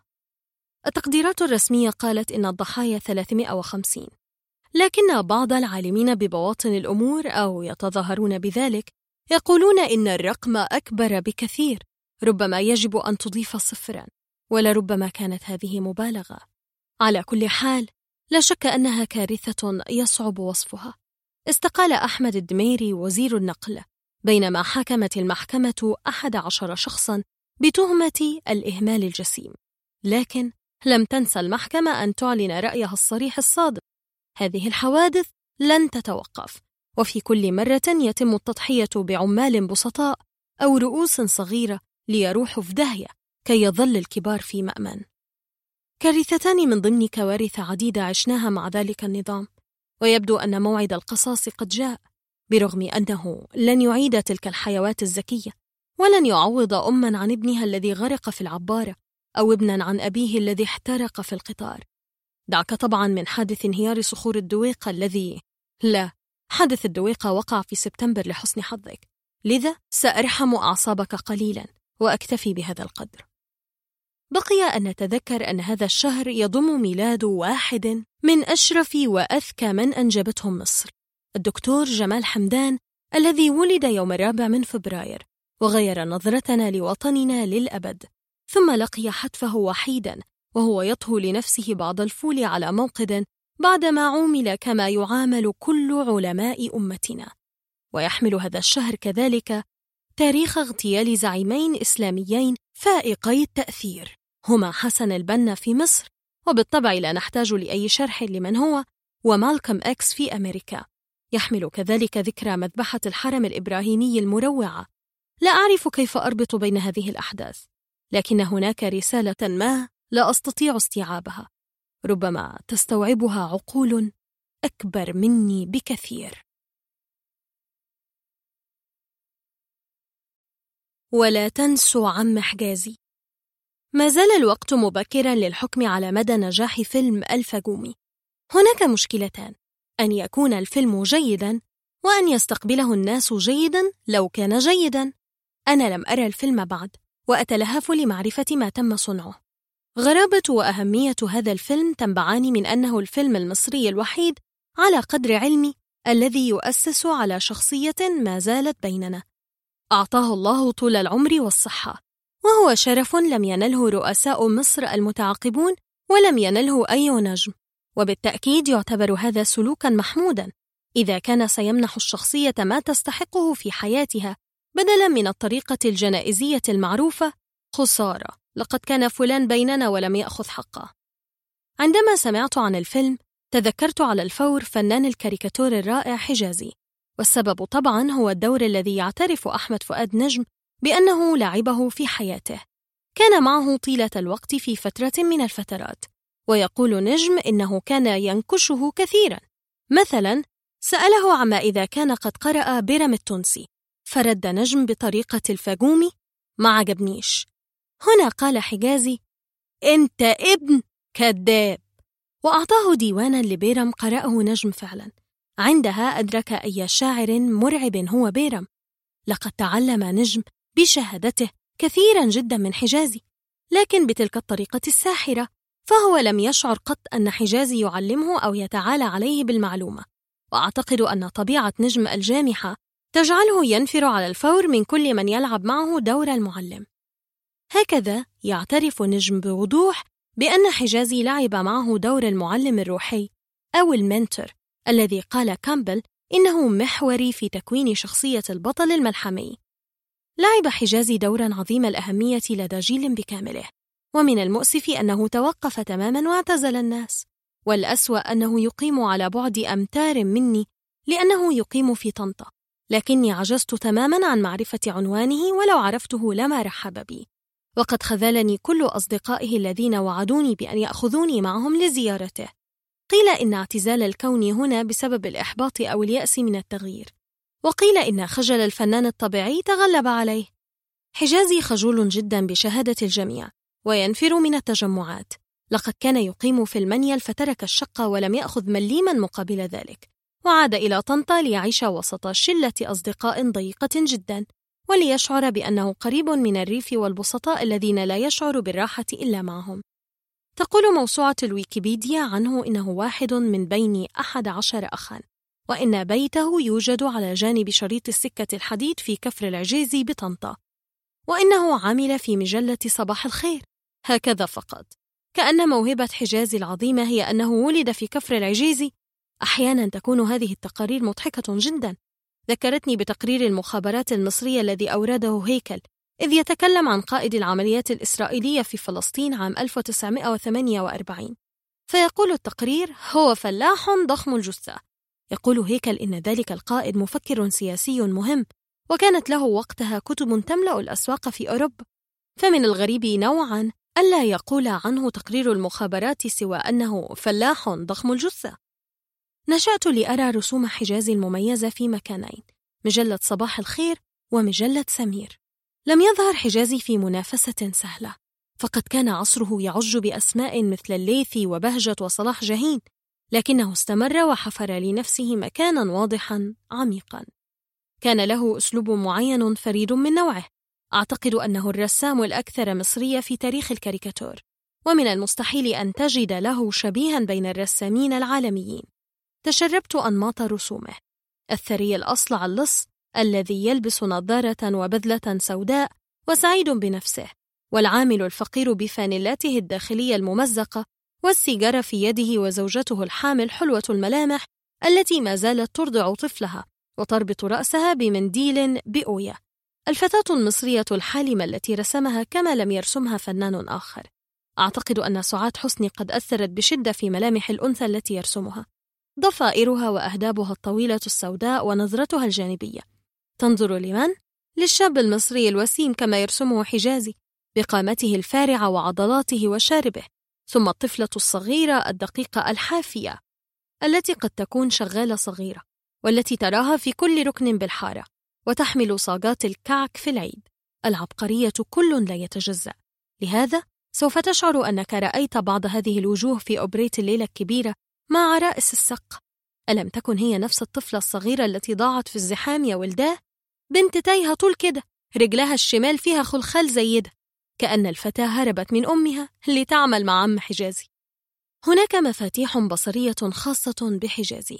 المدفع له شكل معين وعلى طريقة المصريين القدماء يظهر المدفع والمسدس في وضع profile بينما ترى الفوهة كاملة الاستدارة كأنها في وضع face. المآدب وأوراك الدجاج والسمك في الأطباق كلها رموز بصرية حتى أوراق العملة لها طريقة بصرية مألوفة. وعندما يريد أن يوحي لك بالإفراط في الزخرفة فإنه يصنع ذلك بخطوط مرهقة فعلا. هو في كل هذا لا يقلد أي رسام عالمي. وأعتقد أن فناننا الجميل عمرو سليم جاء من نفس المقلع الذي جاء منه حجازي. الكل في عوالم حجازي لهم مظهر لذيذ. حتى الأشرار أنفسهم لا تملك إلا الابتسام عندما تراهم. لكن انحيازه للفقراء واضح جدا. هناك كاريكاتور شهير له يظهر عربة كارو بها بعض الفلاحين يرقصون ويطبلون في مرح زائد. بينما تمر جوارهم سيارة فاخرة يجلس بها مجموعة من الأثرياء مكفهري الوجوه وفتاة قبيحة تنظر من النافذة مشيرة للفقراء قائلة بابا الناس دي شكلها مبسوط أكتر مننا ليه؟ كل رسم لحجازي يحمل فكرة تبقى معك فهو بالتأكيد لا ينتمي بتاتا لمدرسة الكاريكاتور السطحي الذي يتكلم عن الحموات والزوجة الشرسة والمشاكل اليومية التافهة لكن رسومه كذلك ممتعة ومبهجة جدا طلاوة لا شك فيها خاصة عندما يكون مزاجه رائقا ويستعمل الألوان. مصري بفظاعة مصري حتى النخاع.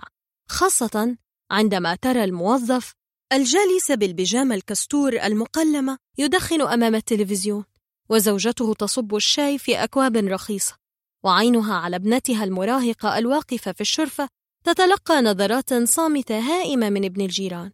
لو أردنا فنانا واحدا نعرضه على الغربيين ليعبر عن الكاريكاتور المصري فأنا أرشح حجازي أولا. وإن كنت أعتقد أن المشاهد الغربي لن يتذوقه جيدا. إن تذوق حجازي بشكل كامل يحتاج إلى أن تكون قد شممت رائحة طشة الملوخية وعانيت أعاصير النار في معدتك بسبب الفول والطعمية. وتعرف ما هو المغات وما هي زفة المطاهر ومذاق الذرة المشوية دون نزع قشرتها. لم يرى أحد حجازي وهو يرسم ولم يعرف أحد طقوس الرسم عنده لأنه كان يذهب مبكرا جدا لمجلة صباح الخير وينهي كل شيء قبل أن يأتي أحد وهي سمة عامة لدى هؤلاء الموهوبين.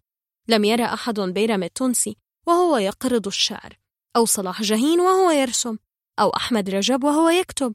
لم يكن حجازي ممن يظهرون في البرامج التلفزيونية ليرسموا. كان حجازي يقدم في مجلة سمير قصص تنابلة الصبيان وهي قصص ما زالت تثير دهشتي. هناك قدر غير عادي من التنبؤ بما سيحدث في مصر. كتبت منذ أعوام عن هذه القصص قائلاً الكبار كعادتهم ينظرون لما يطالعه أطفالهم على أنه شغل عيال. من هذه الثغرة تسلل حجازي وألف ورسم أجرأ قصص يمكن تصورها. لابد أن رجل المخابرات كان يقضي يومه في تعذيب الإخوان والشيوعيين وينقب بالميكروسكوب في كل مطبوعة وجريدة ثم يشتري مجلة سمير في طريق العودة ليقرأها أطفاله غير عالم أنها تحوي قصص تنابلة الصبيان لحجازي لقد كان الانفتاح في علم الغيب ولم تكن هوجة الأطعمة الفاسدة ولا الغش الصناعي قد بدأت وما أذكره على حد علمي أن الشرطة كانت في خدمة الشعب وقتها قبل أن يصير الشعب في خدمة الشرطة. لكن عمنا حجازي يقدم لنا ثلاثة أطفال كسولين شديدي البدانة والخبث هم تنابلة الصبيان. هؤلاء الأطفال القادمون من بلاد السلطان يلعبون بالاقتصاد المصري لعبا لقد استعملوا علب البلوبيف المصنع في الغرب وغيروا الورقة اللاصقة عليه ليبيعوه على أنه منتج مصري مئة في المئة. وزارة الصناعة تهلل والإعلام يصفق والمذيعات البلهوات يجرين معهن اللقاءات. لقد صاروا من أقطاب الصناعة في مصر وهم نصابون لا أكثر. الأدهى أنهم يتفقون مع نشال مشهور هو علي عليوة ليسرح رجاله لسرقة رواتب موظفي شركتهم أول الشهر. وهكذا يدور المال دورته ويتمكنون من دفع الرواتب أول كل شهر. يقرر الموظفون ركوب سيارات أجرة لتفادي النشل. هنا تتبدى سخرية حجازي عندما نكتشف أن قوانين الشركة تحتم على الموظفين العودة بالأتوبيس. واحد فقط يكتشف المهزلة هو سمير نفسه. يحاول فتح التنابلة ويوزع المنشورات ضدهم فيعتقل وتحاكمه محكمة أمن الدولة ويلقى به في السجن. وفي النهاية يفر التنابلة بما سرقوه إلى الخارج. هذه النهاية اضطرت دار الهلال لتغييرها في الألبوم الذي أصدرته للقصة في عهد السادات. هناك قصة أخرى لتنابلة الصبيان تحكي كيف تقمص أحدهم دور ضابط والآخر دور وكيل نيابة والآخر دور طبيب وهبطوا على قرية مصرية بريئة ليتحالفوا مع العمدة والبقال الثري حسبوا وينهبوا مواشي الفلاحين مع أغنية تتردد باستمرار هي الهش كده. كل ولاد العز كده. أما ولاد الفلاحين سود ومش قد كده. لاحظ أننا لا نتكلم عن مسرحية لنعمان عاشور بل قصة أطفال مصورة هي للرسام العبقري الخبيث. كل هذا قبل الانفتاح بثمانية أعوام. لكن السبب الذي جعل هذه الأعمال تمر تحت أنف الرقابة هو نفس السبب الذي جعلها تتبخر كأنها لم تكن أنها قصص أطفال. كيف تنبأ حجازي بهذا كله؟ إن حساسيته السياسية مرهفة جدا وأعتقد أنه تعذب بها كثيرا. فقد كان يرى وسط الضباب بوضوح. لم يكن جيل الكبار كله واهنا صامتا. اعتدنا أن نقول هذا تعاطفا مع الشباب ثم انبهارا بالثورة. ولكن في هذا بالتأكيد الكثير من الظلم لأمثال حجازي وغيره من الشرفاء الذين لم يصمتوا لحظة في عهود الظلم. وعندما تكلم دكتور فاروق الباز عن الأجيال الفاشلة السابقة فقد ردت عليه الأستاذة سناء البيسي بحزم في مقال جميل وذكرت أمثلة للذين حاولوا. لم يكن حجازي من المتخاذلين بالتأكيد بل قاتل كثيرا جدا. أعتقد أن حياته كانت سلسلة من المعارك والحروب بلا توقف وفي النهاية هو ممن لم يحصل على شيء.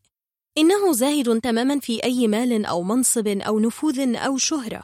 كل لوحة رسمها حجازي كانت ضربة عنيفة قوية سددها لجدار الطغيان والظلم والغباء الإداري. ضربة عنيفة كادت تؤذي ذراعه هو نفسه. عندما انهار الجدار في الخامس والعشرين من يناير فعلينا ألا ننسى الضربات التي ملأته بالشروخ من قبل. نعم لا تنسوا عم حجازي في هذه اللحظات. وأترككم مع لوحة جميلة لا أستطيع نسيانها. عندما تحررت سيناء رسم حجازي مسؤولا منتفخ البطن والأوداج ونظارته سوداء ويدخن السيجار يدخل إلى سيناء. وأمامه يغني مطرب منافق من إياهم على العود حنزرعك مواويل خضرة ونزرعك غناوي نرى فلاحا مصريا أصيلا وزوجته يحملان الفأس والغلق والفلاح يقول بعد إذنكم سيبونا إحنا نزرعها بطريقتنا وما تتعبوش نفسكم. كاريكاتور يلخص كل شيء.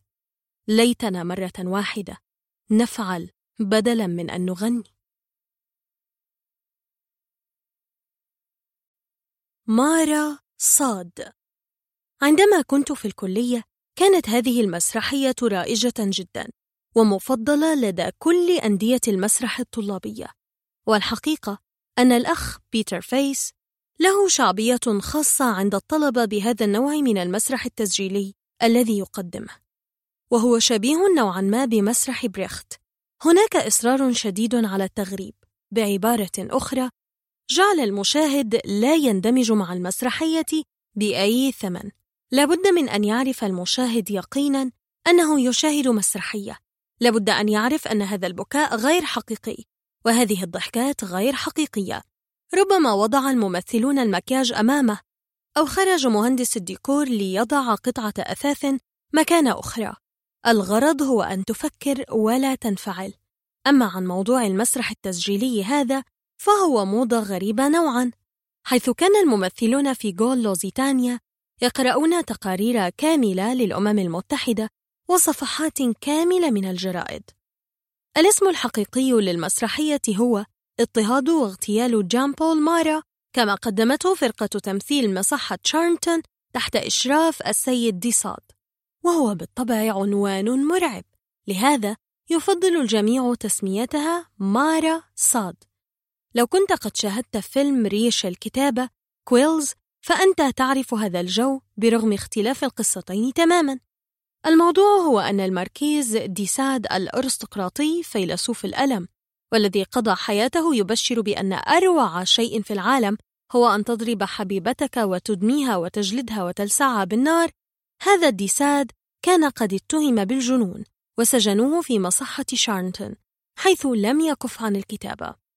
البطل الثاني هو جان بول مارا الذي كان بطل الثورة الفرنسية قبل أن تلتهم الثورة نفسها ويدب الخلاف بين روبسيير ومارا ودانتون. كان مارا في تلك الأعوام يجلس دائما في حوض الاستحمام الشهير المليء بالكبريت بسبب مرض جلدي لعين أصابه وهذا المرض كان يجعله يهرش دائما. مشهد غريب طبعا أن ترى قائد الثورة الفرنسية جالسا يملي قراراته ويوقع أوراقه وهو عار في بانيو. وفي هذا الوقت بالضبط كانت هناك فتاة مجنونة اسمها شارلوت كوردي. اعتقدت أنها جان دارك وأن الله يأمرها بقتل مارا. هكذا اشترت سكينا ممتازة محترمة جدا واتجهت إلى حيث كان مارا يجلس في البانيو فقتلته ليتلوث ماء الحمام بالدم. هذا المشهد موضوع لوحة شهيرة جدا لديفيد موجودة في بروكسل اليوم وأرجو أن تسمح التعقيدات التقنية بعرضها مع هذا المقال. المهم أن عمنا بيتر فايس التقط هذا الخيط الثري وكتب مسرحيته التي خلبت لب الطلاب على مدى عدة عقود. هي ومسرحيته الأخرى أنشودة غول لوزيتانيا. طبعا عندما عرضت المسرحية في الكليات كانت غالبا تحمل أخطاء مسارح قصور الثقافة والأقاليم عامة. بصرف النظر عن الديكور البائس المصنوع من الورق المقوى وصفوف المخبرين وجنود الأمن المركزي الجالسين في الصفوف الأولى.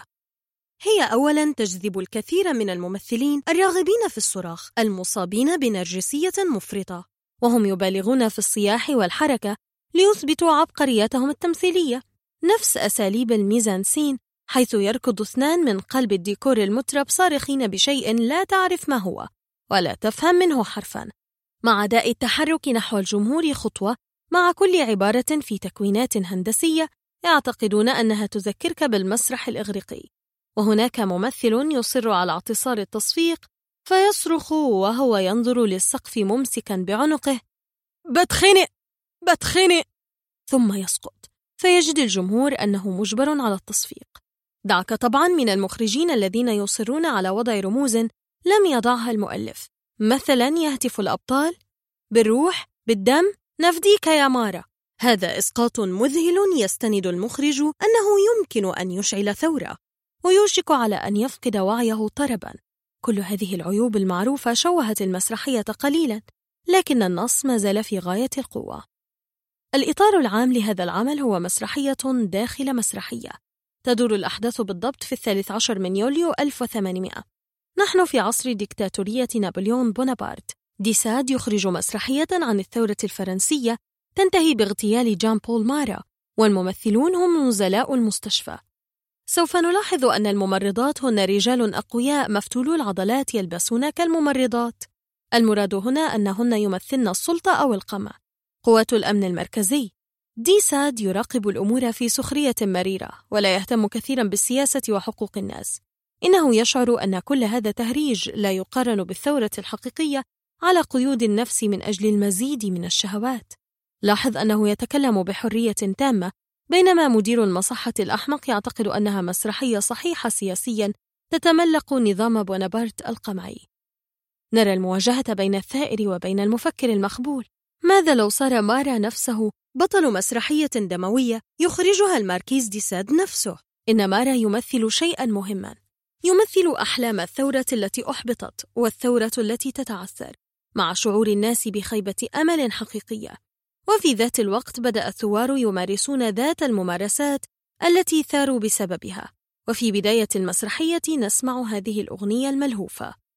مارا فين راحت ثورتنا؟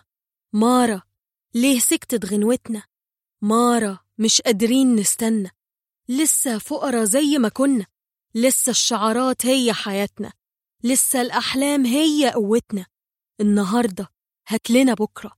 مش قادرين نستنى لبكرة. سبب أن العبارات مسجوعة هو أنني كنت قد شرعت في تحويلها لنص شعري بالعامية أيام الكلية وهي محاولة لم تكتمل قط. إن مارا يشعر بالذنب والمسؤولية الهائلة تجاه هذه الجموع لكنه عاجز عن عمل شيء وفي الوقت نفسه هو يعرف يقينا أنه سيموت لأننا نرى شارلوت كوردي العازمة على قتله من اللحظة الأولى وهي تقول إنني أقتل فردا من أجل أن أنقذ الألوف من أجل أن أحرر الألوف. ديصاد يعتبر نفسه ثائرا هو الآخر لكنه ثائر من نوع خاص ثائر على القيود الأخلاقية التي يضعها المرء لنفسه. وهكذا يتردد بقوة السؤال هل الثورة الحقيقية هي تغيير المجتمع أم تغيير النفس؟ وفي أغنية جميلة فعلا يقول ديصاد لمارا إن الناس رفعت توقعاتها عاليا مع الثورة. هناك الشاعر الذي يبحث عن قصيدة وهناك الترزي الذي يحتاج لخيط وهناك الصياد الذي يريد صنارة وشبكة للصيد. وهناك الزوجة التي تبحث عن زوج فارع الطول وسيم كلهم توقعوا أن الثورة ستجلب لهم صنارة وخيطا وقصيدة وزوجا وسيما. عندما يكتشفون أن الثورة لم تجلب شيئا من هذا وأن صناراتهم مكسورة وخيوطهم مقطوعة وقصائدهم مكسورة الوزن والزوج ما زال في الفراش يغط واللعاب يسيل من فمه يكون غضبهم جهنميا. وبالطبع سوف ينصب على مارا وفي أغنية أخرى يقولون عاوز أفهم مين اللي خدعنا مين بدد دمنا ودموعنا أنا فلاح وسليم النية كل الناس دول ضحكوا عليا قالوا قالوا مليون مرة إحنا خلاص حققنا الثورة الخنازير البرجوازية تشرب خمرة في الفسقية وإحنا نطاطي نبوس الطين.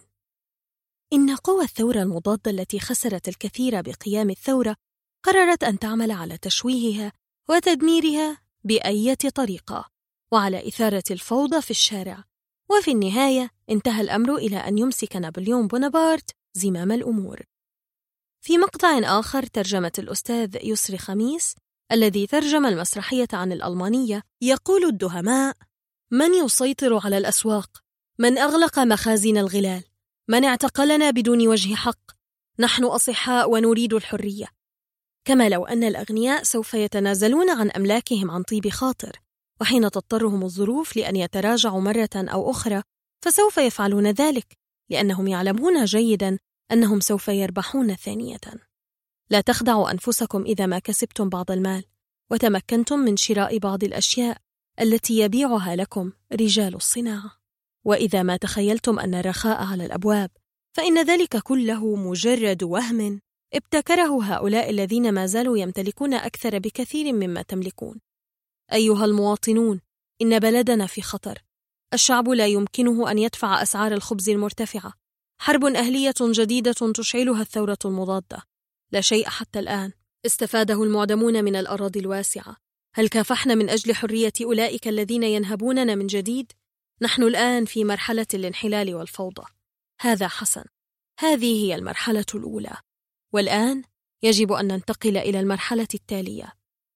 طبعا في نهاية المسرحية تقوم شارلوت كوردي بقتل مارا كما توعدت منذ البداية والمسرحية تعتبره شهيدا ومفكرا اشتراكيا نبيلا لم تمنحه الناس فرصة وبرغم هذا تتعامل معه ببرود شديد وعدم تعاطف على الإطلاق مما يميز المسرح التسجيلي عامة.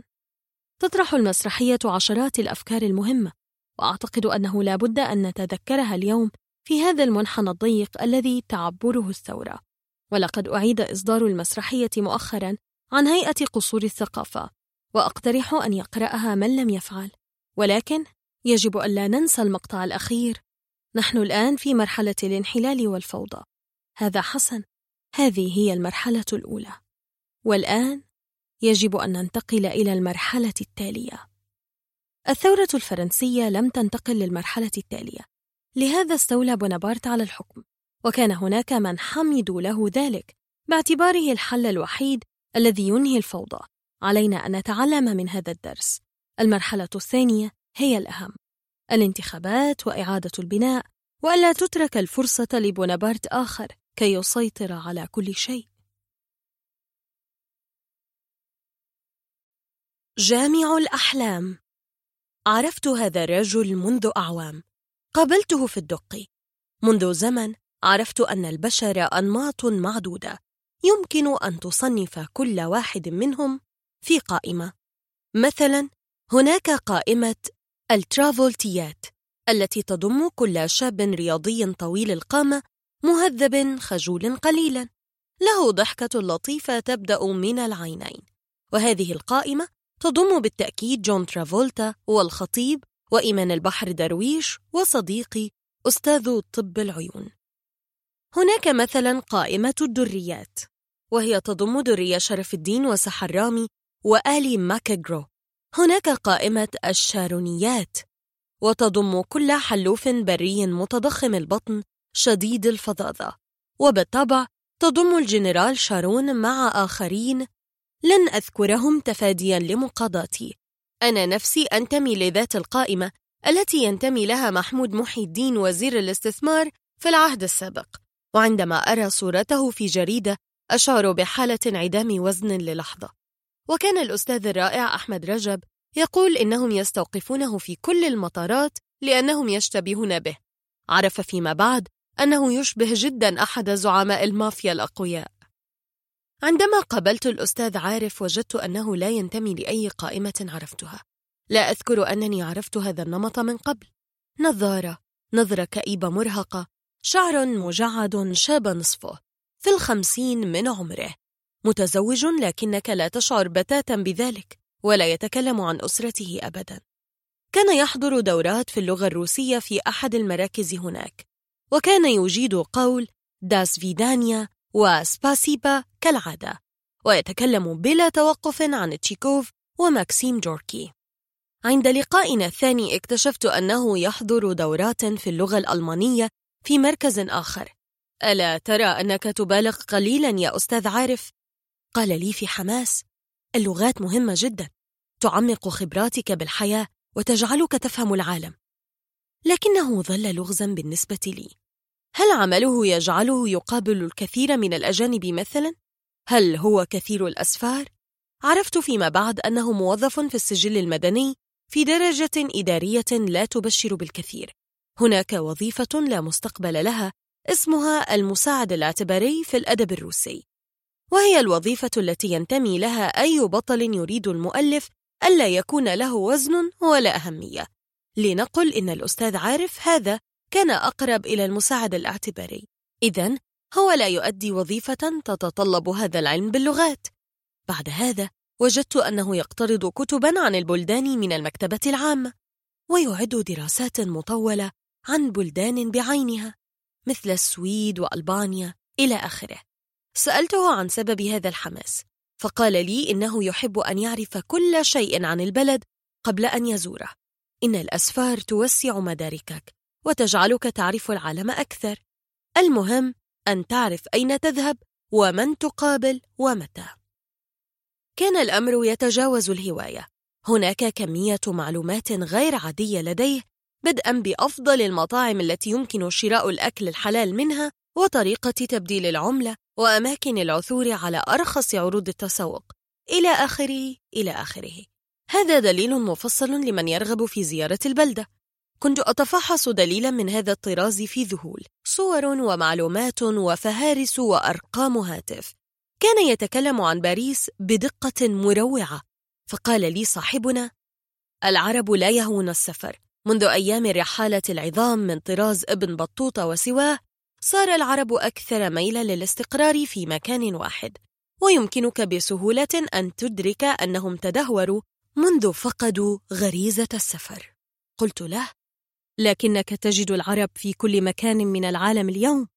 أنت تتحدث عن العرب الذين يذهبون إلى باريس مثلا فلا يرون أي شيء من باريس. يتسوقون في الشانزليزيه طيلة اليوم ثم يهرعون إلى الفندق ليلقوا بحقائب مشترواتهم.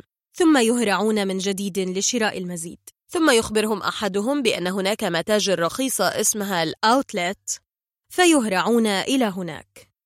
عندما لا يبقى من الوقت إلا يوم يجرون ليلتقطوا صورا لهم بسرعة أمام قوس النصر وبرج إيفل يثبت أن ما اشتروه كان من هناك.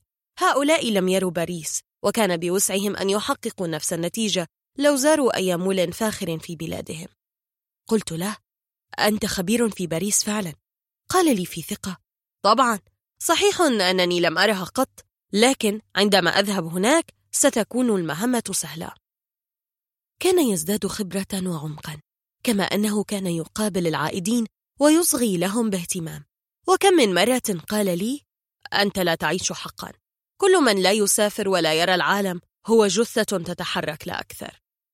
الحقيقة أنني كنت أمقت السفر. يبدو أن جدي كان من تلك الأشجار التي تولد وتشيخ وتموت في ذات المكان.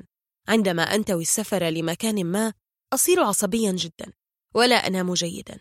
وأتشاجر بسهولة كأنني ذاهب إلى العالم الآخر لا إلى بلد آخر. يتساوى الأمر سواء كنت ذاهبا إلى الصنطة أو تفهن العزب أو النرويج. فإذا جاءت ليلة السفر خيل لك أنها ليلة إعدامي. مع كل هذه العصبية وضيق الخلق. يبدو أن أبي يرحمه الله هو الذي أعطاني هذا الطبع. كان يقول لي إن كل الأماكن تستوي فيما بينها. وإنه يمكن أن أقوم بتغيير لافتة طنطا بلافتة أخرى تقول كوبنهاجن لأكون هناك بلا مجهود. طبعا ليس هذا الكلام صحيحا لكني كنت أعتنقه إلى حد ما. الأستاذ عارف كان يختلف بخبراته المذهلة في البلدان. كان يعرف كيف يصل لمتحف مدام توسو في لندن وبالطبع يعرف كيف يزور المتحف البريطاني. هو لا يحب حياسوه بشكل خاص لنفس الأسباب التي يمقت من أجلها شارع بيغال في باريس وباتايا في تايلاند. هو لا يحب بائعات الهواء كان قادرا على زيارة مسجد آيا صوفيا في إسطنبول ويعرفه شبرا شبرا. مساجد تركيا رائعة الجمال فعلا.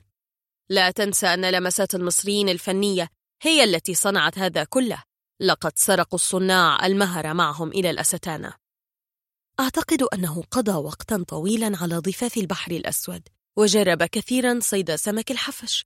فتح السمكة ورأى كيف يتراص الكافيار بالداخل. لكنه بالطبع لا يتذوقه إن طعمه شديد الزفارة ولا بد أن يعالج صناعيا أولا قبل أن يؤكل. سمك الحفش يصنع داخل إيران وروسيا. كان يسعل كثيرا في الأسبوع الماضي بسبب استنشاق فضلات الخفافيش في كهوف أمريكا الجنوبي. عندما تدخل الكهف دون حذر فإنك تستنشق فطر هيستوبلازما الذي يدمر الرئتين تدميرا. عرضت عليه أن أعطيه بعض حقن أمفوتريسين لعلاج داء الهيستوبلازما ثم تذكرت أن هذا كله خيال في خيال. إن شمس منتصف الليل مرهقة للعينين فعلا لذا تؤلمه عيناه مؤخرا. الأسوأ هو أن تمشي لساعات وسط الثلوج في ألاسكا لأنك تصاب بعمى الثلوج. عندما سكنت في شقة الجديدة قبل أن أقوم بتأثيثها كانت كل الجدران بيضاء. أصابني نوع من العته من السير وسط هذا الفراغ الأبيض وشعرت بأن الضباب يغزو كل شيء ويتسرب لعقلي. هناك مشكلة أخرى هي أن تدبر الطعام لكلاب الهاسكي الجوعى. التي تجر زحافتك على الثلج. أنت تعرف أن هذه الكلاب تأكل نفس الكميات التي يأكلها شخص بالغ. عندما تذهب إلى نيوزيلاند فعليك أن تعرف عادات قبائل الماوري. اللحم المشوي تحت التراب الهاكا التي يرقصونها قبل مباريات الرجبي مخيفة جدا على فكرة. من الممتع أن تجرب رحلات الخلاء وأنت في الجزيرة العربية. البحث عن الكمأة ثم العثور على الضب وشيه. سوف تعتاد منظره ومذاقه بعد قليل. إن لحمه لذيذ فعلا. جاءت اللحظة التي سألته فيها عن البلاد التي رآها. لا بد أنه زار بلدا أو اثنين. على الأقل كل مصري أعرفه رأى العراق أو ليبيا أو دول الخليج سواء بحكم العمل أو للقيام بالحج أو العمرة في المملكة العربية السعودية. هنا جاءت آخر إجابة أتوقعها. أنا لم أغادر مصر قط. لم أغادر القاهرة قط. كل هذه المعلومات أعرفها من الكتب. قلت له وقد نفض صبري في النهاية. أرى أنك أعددت نفسك كثيرا جدا جدا. ألا ترى أن الوقت قد حان للسفر لمكان ما؟ نظر لي في عدم فهم فقلت كل المال في العالم لا قيمة له ما لم تنفقه وأنت تملك خبرات عظيمة. في النهاية قال لي في حزن أنا في الخامسة والخمسين من عمري. ولم يعد هناك وقت كاف لرؤية أي شيء أو السفر. ليس عندي مال كاف للسياحة. ثم أن الحقيقة التي أخفيها عن الجميع هي هي وأشح بوجهه في خجل. أنا أخاف ركوب الطائرات جدا. ثم قال وهو يتنهد المطارات مكان مرعب. تخيل نفسك في مكان واسع ممتد تشعر فيه بالضياع. الكل يجري مذعورا وفي كل لحظة يدوي من مكبر الصوت. صوت مفعم بالصدى. لا تفهم منه حرفا واحدا. رسالة تتكرر بالعربية والإنجليزية والفرنسية. وأنت لا تفهمها. يمكنني أن أفهم ما يعني. واسمه إيغورافوبيا وهو نوع مشهور من الذعر. لكنني لن أذكر له اسم هذا المرض حتى لا يقع في ذعر آخر اسمه الذعر من الأسماء اللاتينية المعقدة. هذه هي مأساة الإنسان على كل حال. قد يقضي حياته في جمع المال ثم لا يجد الوقت كي ينفق مليما أو ينفق المال على المستشفيات التي تعالجه من الفشل الكلوي أو السرطان. قد يدخر العواطف وفي ذهنه أن يسكبها عند قدمي امرأة يمنحها كل شيء. في كل مرة يتضح أن المرأة لا تستحق أو هي المرأة الخطأ أو لا يقابلها أبدا. هنا يقوم صاحبي بجمع الخبرات في حماسة وهو لن يستعملها أبدا. لا وقت ولا شجاعة ليستعملها. أن تجمع المعلومات عن البلدان وأنت لا تنوي ركوب الطائرة أبدا. هو نوع من هذا العبث. هنا لاحظت ملامحه بعناية. لم يخطر ببالي أنه ينتمي فعلا لنمط من الأشخاص والوجوه. هذا النمط هو نمطي أنا. هذه هي ملامحي أنا. نمط جامعي الأحلام الذين لا يظفرون بأحلامهم لأنهم يخشون المخاطرة أو يمقتونها. لهذا يقضون الوقت في كتابة الكتب عن أحلامهم تلك. اتصلت بصديقي بعد أيام لأخبره أن عليه أن يستجمع شجاعته ويذهب لمكان ما قبل أن يموت. عرفت أن كلامي أثر فيه كثيرا. لهذا ذهب يجرب الأسفار. هناك قرية صغيرة اسمها كفر الشحاتين جوار القاهرة وقد ذهب هناك ليجرب خبراته بضعة أيام. صحيح أنه لن يجد برج إيفل ولا قوس نصر ولا شلالات نياجرا لكنه على الأقل سيشعر بأنه مسافر لمكان ما. من يدري؟ ربما أحزم حقيبتي وألحق به هناك. لأمضي أياما في السياحة فلا حياة من دون مخاطرة. الطريف في طب الريف. يمر كل طبيب شاب يعمل في الوحدات الصحية الريفية بفترة من الاضطراب ناجمة عن الصعوبات اللغوية التي سنتكلم عنها حالاً، بالإضافة إلى قلة خبرته، واختراقه حاجز العرف والتقاليد أحياناً من دون أن يعرف. مثلاً، كانت أول حالة أقابلها في الريف هي طفلة في السادسة، وكان ما قمت به بسيطاً جداً كما علمونا في طب الأطفال، وهو أنني جعلت الطفلة ترقد وقمت بقياس طولها بالمتر القماشي الذي أحمله. وكانت النتيجة أن الأم وقفت على باب الوحدة وراحت تولول بيقيسوا بنتي بالمزورة! يبدو أنها شعرت بأنني كائن شيطاني جاء من سقر كي يحصد الطفلة وكان هذا أول درس تعلمت منه ألا ألمس هذا المتر القماشي اللعين أبداً.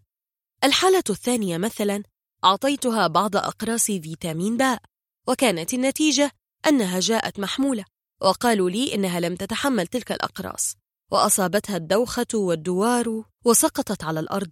مع نظرات شك تقول في صمت إنني طبيب أحمق. نحن نتحدث عن فيتامين باء وليس عقار فانكرستين الذي يعالج السرطان. كان هذا هو الدرس الثاني وهو أن الأقراص لا جدوى منها وقاتلة غالباً. أحيانا تأتيك الترضية بطريقة لا تتوقعها مثل تلك الطفلة الفقيرة الحافية التي قمت بخياطة جرح كبير في جبهتها. والتأم الجرح جيدا.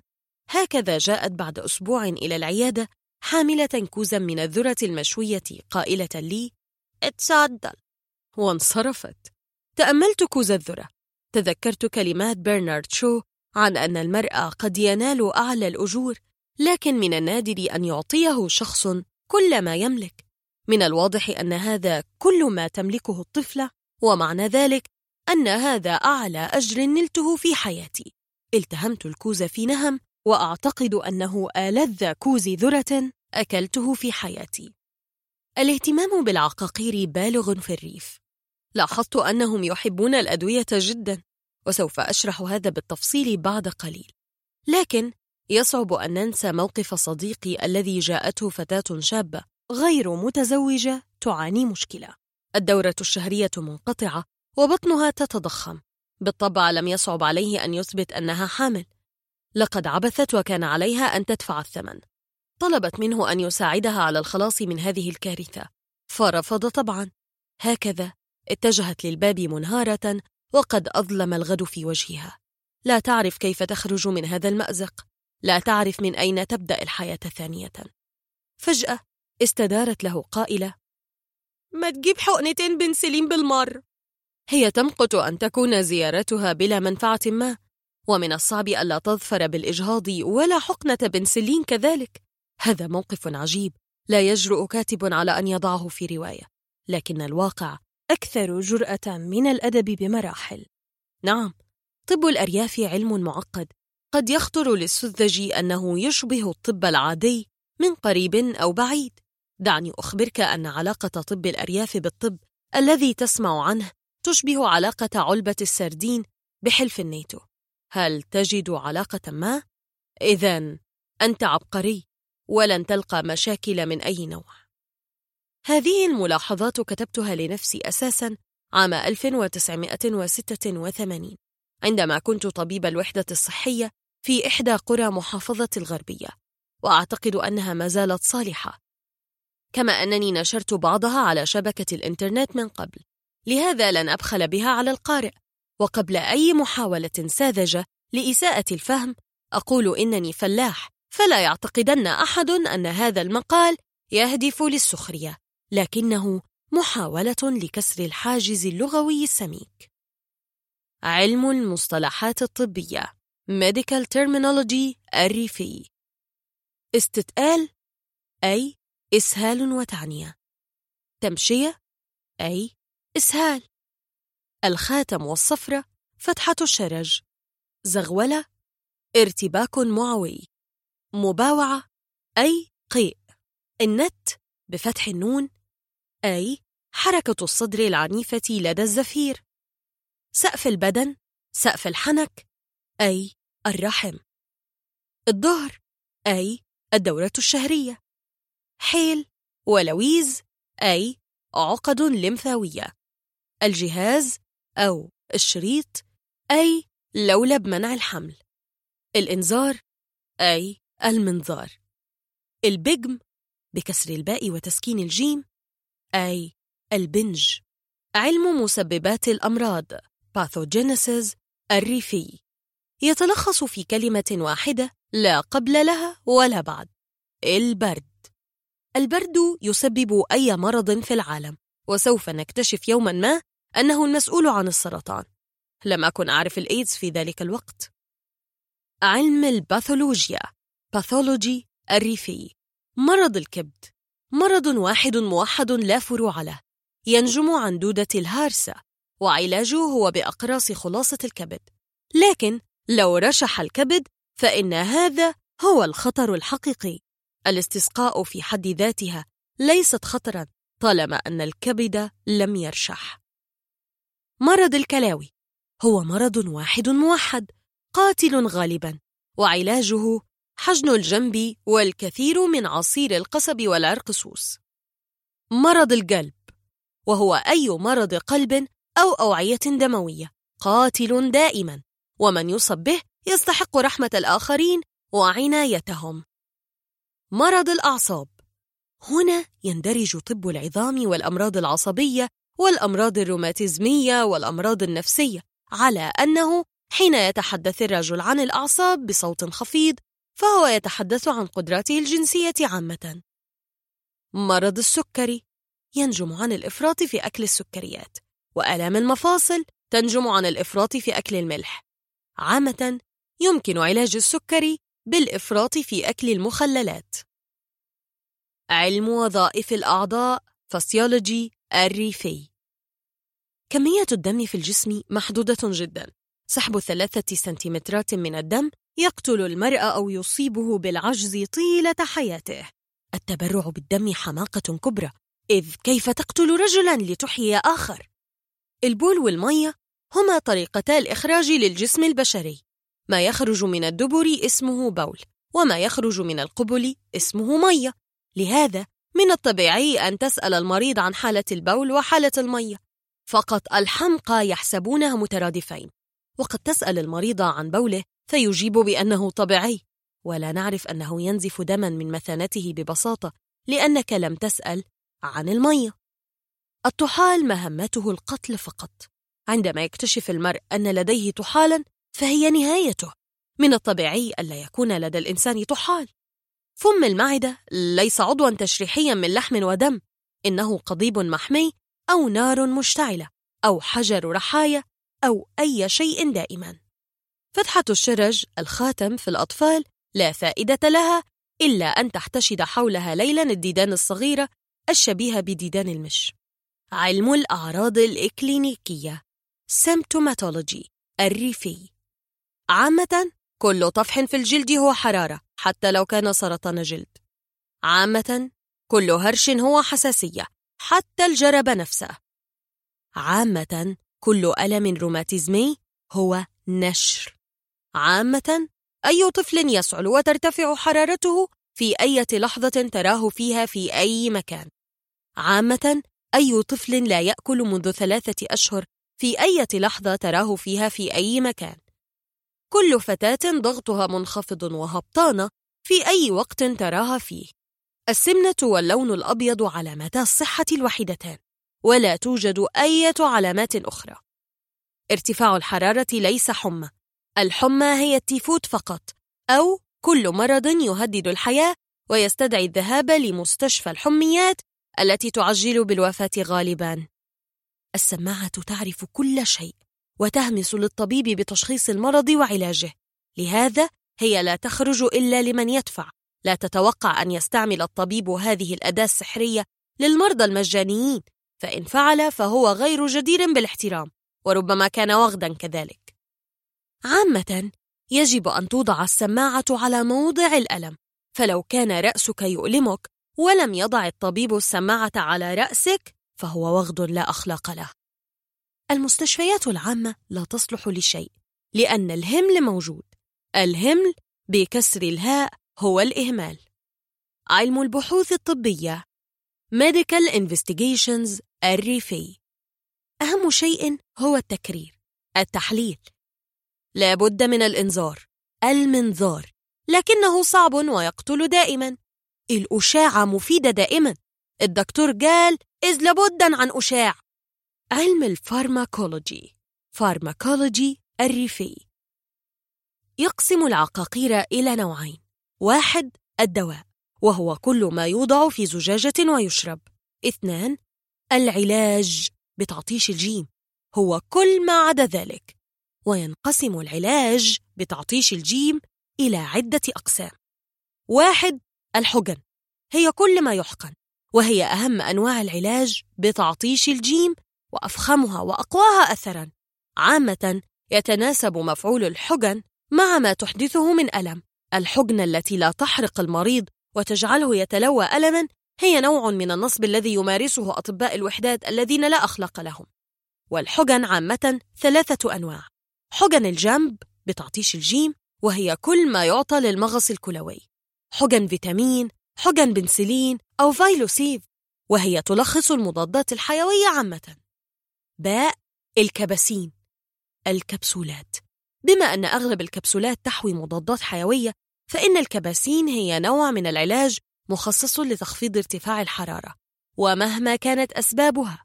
وهنا يبرز عقار مهم جدا اسمه 500 لم تسمع عنه؟ لأنك محدود العلم عدم المؤاخذة يقول لك الرجل في فخر 500 ده ممتاز. أو أنا اديت الولا 500 كما تلاحظ 500 هنا هو الاسم العلمي للعقار وليس جرعته.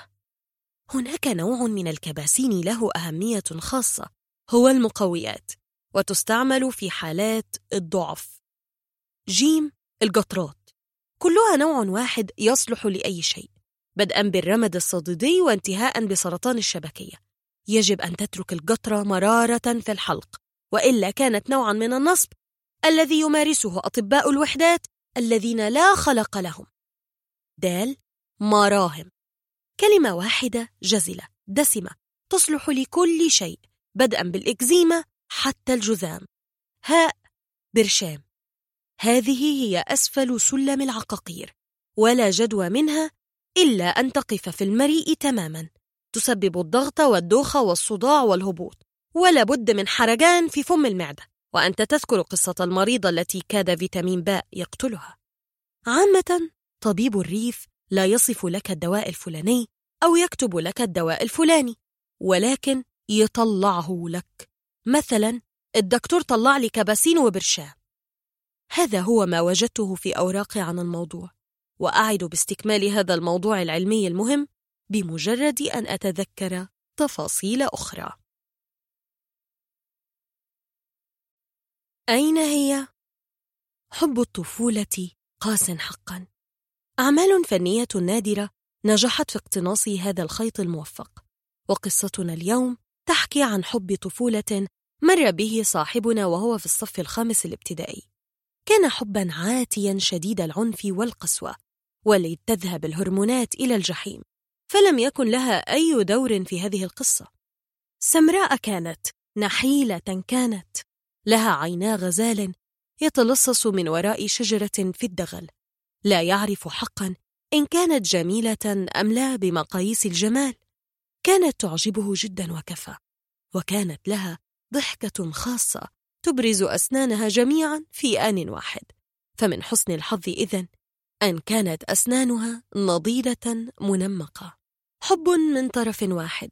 لم يعرف قط إن كانت تلميذة الصف الخامس الابتدائي تميل له أم لا ولم يهتم بشيء سوى بكونه يحبها جدا. ومن الصعب أن تتخيل منظر الصبي ذي الأعوام العشرة وهو يصغي دامعا لكلمات عبد الحليم حافظ الحراقة وهو يغني تاني تاني تاني راجعين للحيرة تاني ونضيع ونجري ورا الأماني. وكانت تلك الأغنية هي الموضة في ذلك العام. كانت ساخنة خرجت من الفرن حالا. يعرف اسمها الذي لن أذكره طبعا ويعرف عنوان بيتها عندما كتبته على لوح الكتابة في حصة اللغة العربية. لم ينسهما قط. انتهت المدرسة الابتدائية وجاءت المدرسة الإعدادية وصار أصدقاء الأمس غرباء. كان يعود للمدرسة الابتدائية من حين لآخر ليمشي في الفناء منبهرا. في هذا الفناء الصغير الضيق كانت الكائنات الفضائية تحارب المريخيين الشجعان وكان الهنود الحمر يرقصون وكان بيليه يقود فريق سانتوس ليحرز ثمانية وعشرين هدفا في الفسحة. كيف اتسع الفناء لكل هذه الأحلام؟ وهو بحجم البانيو في حمام بيتك. هناك رآها ذات يوم وكأنها جاءت لتلقي ذات الأسئلة. كانت واقفة جوار صنبور الماء وكانت تملأ كوبا من الماء لطفلة لا تستطيع بلوغ الصنبور بسبب الزحام. ضحك لها وضحكت له. ضحكت تلك الضحكة التي تكشف عن أسنانها كلها في وقت واحد. لم تعد تلبس المريولة الصفراء المصنوعة من تيل نادية وإنما تلبس بذلة المدرسة الإعدادية الزرقاء الأنيقة. سألته عن حاله وسألها عن حالها وتظاهر بأنه لا يموت. تظاهر بأن قدميه ثابتتان. تظاهر بأنه لم يحلم بها كل يوم منذ ثلاثة أعوام. حيته وانصرفت ووقف يراقبها وهي تشق طريقها مسرعة نحو البوابة وسط جحافل الأطفال. وكان هذا هو اللقاء الأخير فعلا. فقط مر مرات عديدة أمام بيتها وراح ينظر للمدخل الرطب الذي قد تنعس فيه قطة مشمشية وقال لنفسه يوما ما سوف أصير رجلا ناضجا وسوف أجتاز هذا المدخل. لم يجتز المدخل قط لكن الفكرة جعلت سنوات الحرمان محتملة. من الغريب أنه لم يبذل أي جهد للبحث عنها. كانت أقدس من أن يدنسها بأسئلة أو يقف عند قارعة الطريق ينتظرها. ومن المؤلم أنها كانت من طراز فتيات النسيم التي لا تسمع عنهن شيئا أبدا. ليست متفوقة لترى صورتها في الصحف وليست طائشة ليتكلم عنها رفاقك. كانت زفيرا تكاثف على زجاج ذكرياتك ثم بدأ يتلاشى ببطء. أحيانا تبعث في بعض القصائد أو يقتحم جزء منها قصة له. هناك بعض الرواسب الفرويدية التي تركتها له. وإلا فلماذا ظل طويلا يفلت قلبه ضربة كلما رأى دري شرف الدين أو سحر رامي أو آلي ماكجرو. هل تعرف الشيء الذي يجمع بين هذه الفتيات؟ إنه هي. أين هي الآن؟ كثيرا ما يقف يرمق الليل في الخارج ويتساءل هذا السؤال ويتمنى أن يجد إجابة عنه. أين هي الآن؟ ثمة احتمال لا بأس به أنها اليوم في الخمسين. معلمة فيزياء بدينة صارمة. لابد أنها قضت خمسة عشر عاما في السعودية. في الأحساء على الأرجح. تضع على رأسها بونيه غريب الشكل يذكرك بخذات الصليبيين في فيلم صلاح الدين الأيوبي وتعاني النقرس بشدة لديها ابنان هما إلهام ومصطفى. بالطبع تزوجت إلهام الآن ولديها طفل.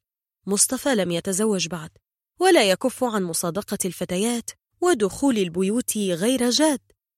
المشكلة هي أن ولديها ظلا في مصر فترة طويلة دون رعاية الأم والأب لذا لم تكن تربيتهما أفضل شيء.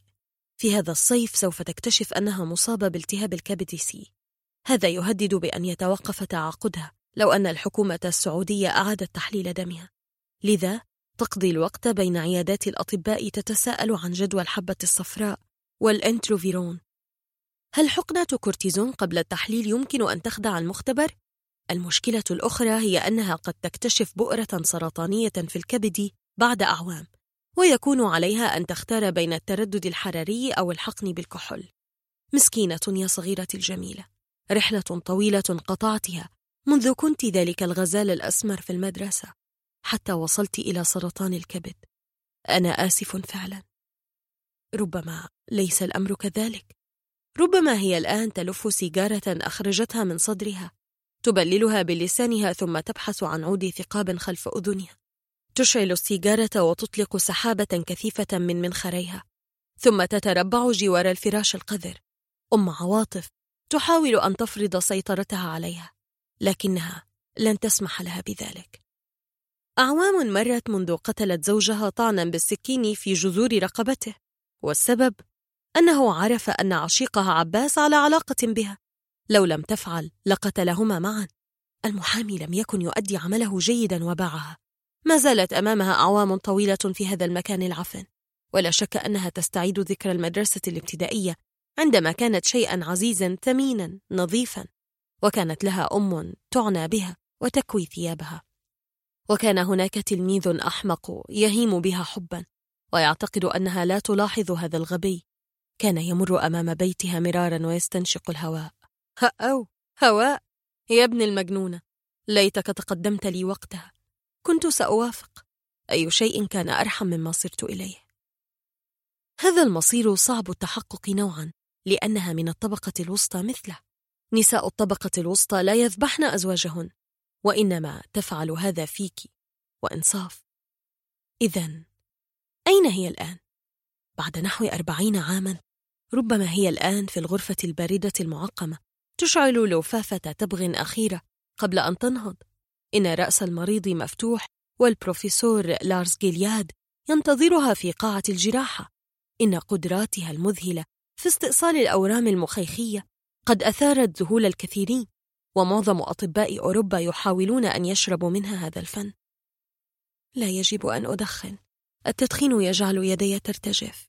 يدا جراح الأعصاب لا يجب أن ترتجفا ولكنها لا تستطيع التخلي عن لفافة التبغ.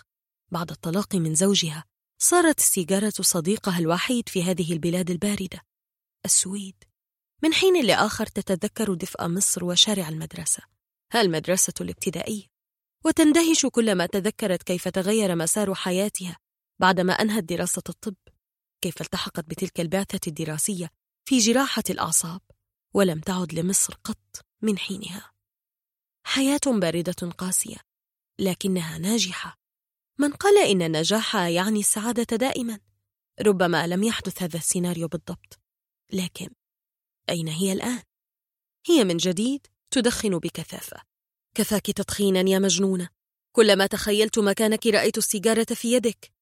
إنها تقف هناك خلف الكواليس. تراقب البنات يؤدين الخطوات المعروفة لباليه جيزيل. نظرات صغيرات السن لينات. تدخل المدربة أولغا بافلوفنا لتقول لها إن العرض سيبدأ حالا وإنه لا دور لها فيه. يجب أن ترحل. لقد انتهى عصرك كباليرينا. يجب أن ترحلي. تقول في عصبية وهي تنفث الدخان. ذهبي من هنا معناه مماتي. لقد ضحت كثيرا منذ تركت مصر لتدرس الباليه في الاتحاد السوفيتي وقتها وكان عليها كذلك أن تدرس الشيوعية وتعتنقها. لكنها استطاعت أن تكبر وأن تفجر طاقات مذهلة. كانت معلمة في المدرسة الابتدائية تقول لها أنت خلقت كي تكوني باليرينا. لقد اشتهرت حتى لمست الشمس واليوم عليها أن تهوي للثرى. لا لربما كان الانتحار هو الأفضل. إذا دورا ماتت مخنوقة عندما التف شالها حول عجلة السيارة هي تفعل الشيء ذاته لكن بكامل إرادتها. لحظة. يصعب عليها أن تكون باليرينا على كبر. إذا أين يمكن أن تكون؟ ربما هناك في ميدان التحرير تحمل لافتة عليها. الشعب يريد إسقاط النظام. لقد تعبت وبح صوتها وسنها لا تسمح لها بالثورية إلى هذا الحد. لكن وجودها يحمس الشباب بلا شك. عندما يرون امرأة في سنها تصيح فهم يتحمسون أكثر. شاب من الصارخين قدم لها زجاجة بيبسي وبصلة فهتفت أنها أكلت لكنه شرح لها أن هذا هو التقليد المتبع لمكافحة الغاز المسيل للدموع. أصمتوا يا شباب حكومة اللصوص هذه سوف ترحل. تصرخ وتسعل. الطلقات تنهمر. القناصة الذين أصر الجميع فيما بعد على أنهم غير موجودين يمطرون الشباب بالرصاص. مبارك يقتل أبناءه ليبقى يوما آخر. أرجو أن تحترسي. ستكون نهاية مشرفة لكنها دامية جدا. لا أريد أن تضيعي مني بعد كل هذه الأعوام. لأجدك جثة مهشمة الرأس. يصعب التعرف عليها. أسرعي. جدي مكانا بعيدا. أين هي الآن؟ ربما سقط الفك المتحلل الآن بعدما تمزقت الأربطة. وخرجت دودة صغيرة من العين التي تحولت إلى تجويف. لقد انفجر الجلد منذ أسبوع وتحررت البكتيريا التي كانت تملأ الأحشاء القبر مظلم وقاس والأسوأ أنه حار جدا. التحلل يتم بسرعة. سن الخمسين سن مناسبة للموت. ليست مبكرة جدا فتفعمك حسرة على شبابك وليست متأخرة ليحاصرك الشلل والصمم وارتفاع ضغط الدم والعمى ترى أين هي الآن؟ ترى كيف كانت الأمور ستكون لو صارت له؟ هل كانت نهايتها لتكون أفضل أم أسوأ؟ هل يلتقيها يوما ما في السماء في عالم آخر بمقاييس مختلفة؟ وهل تظل معه للأبد وقتها؟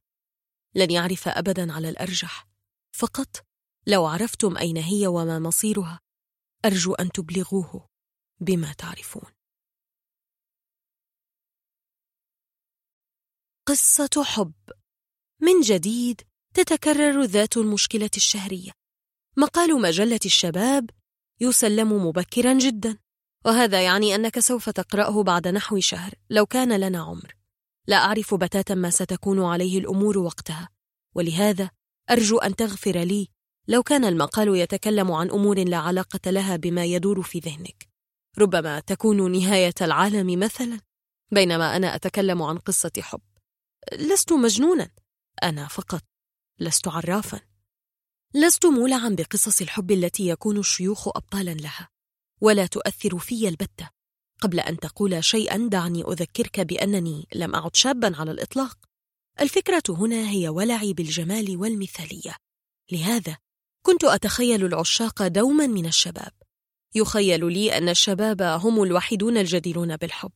بينما الشيوخ يلعبون لعبة خبيثة يحاولون بها أن يأكلوا في ذات المطعم مرتين أو يروا العرض السينمائي مرتين بتذكرة واحدة.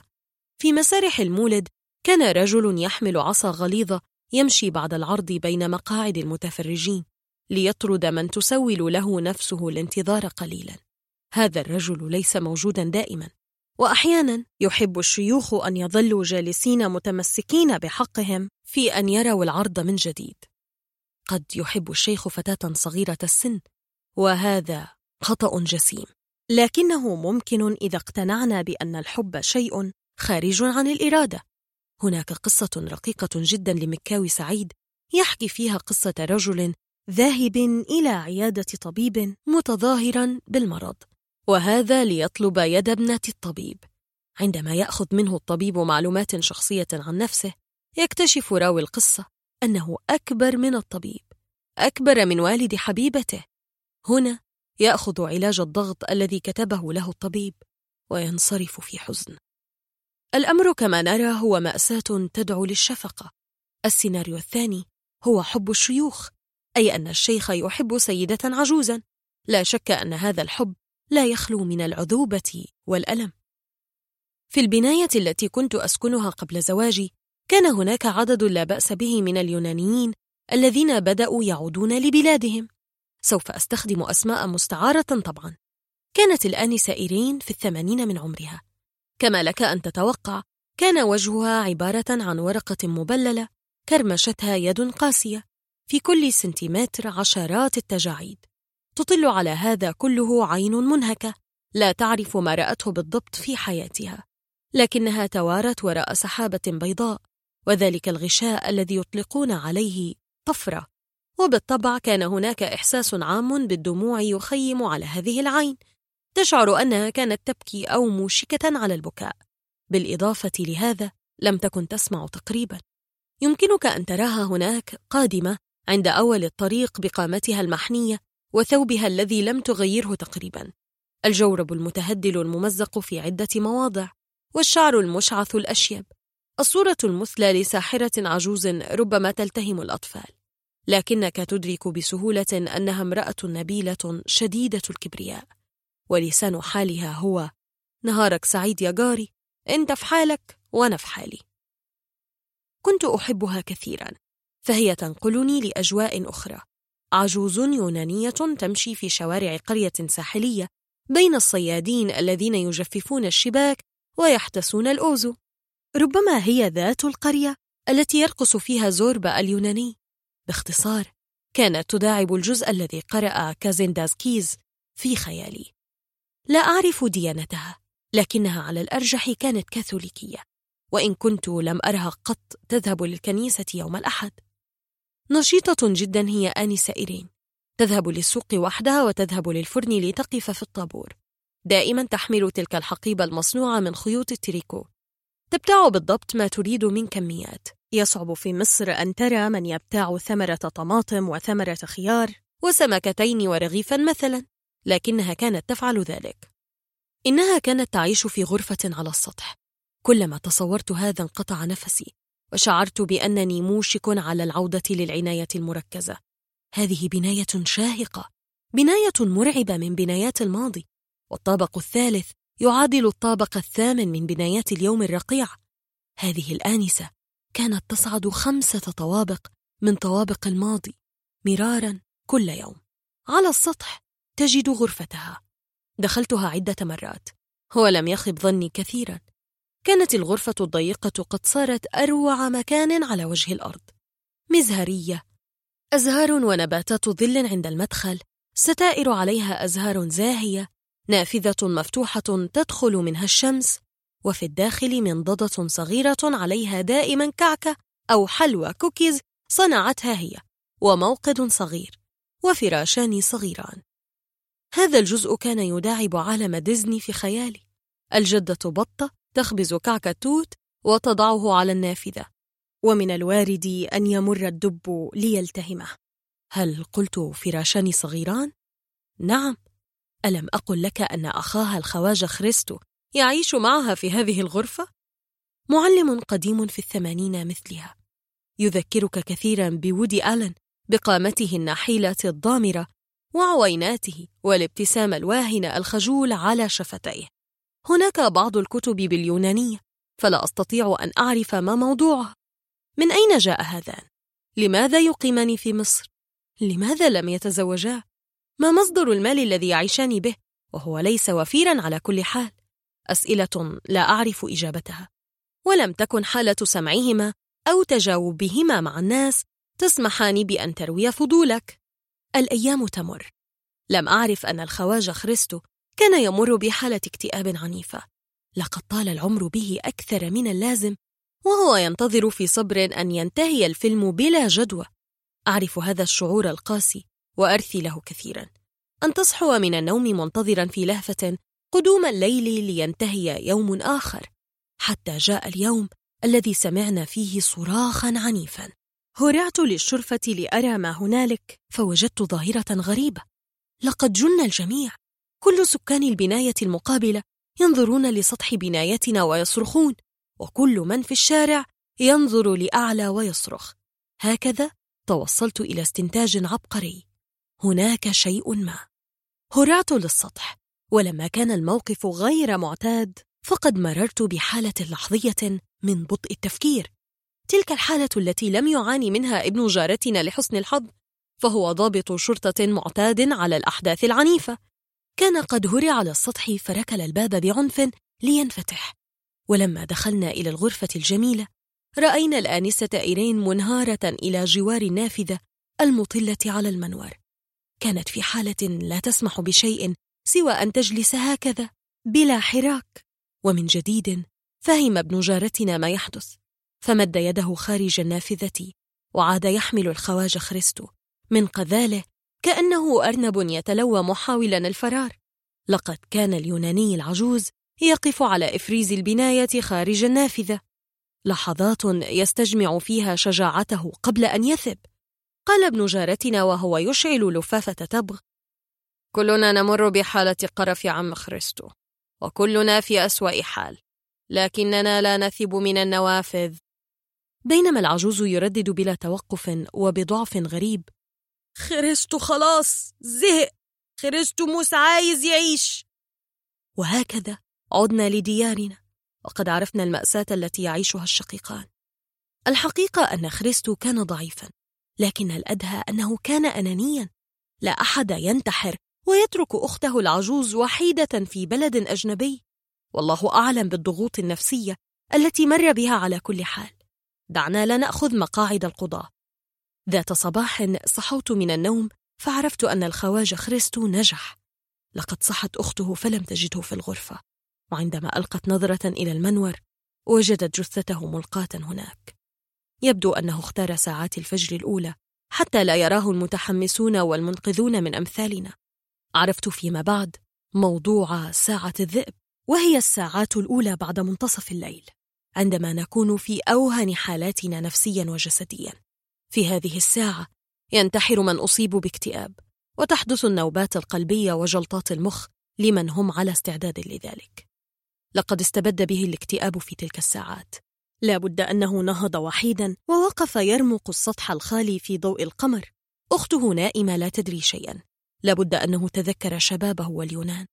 تذكر نفسه طفلا سعيدا نفيسا يقرقر في فراشه وتلثم أمه قدميه البضتين في شوق.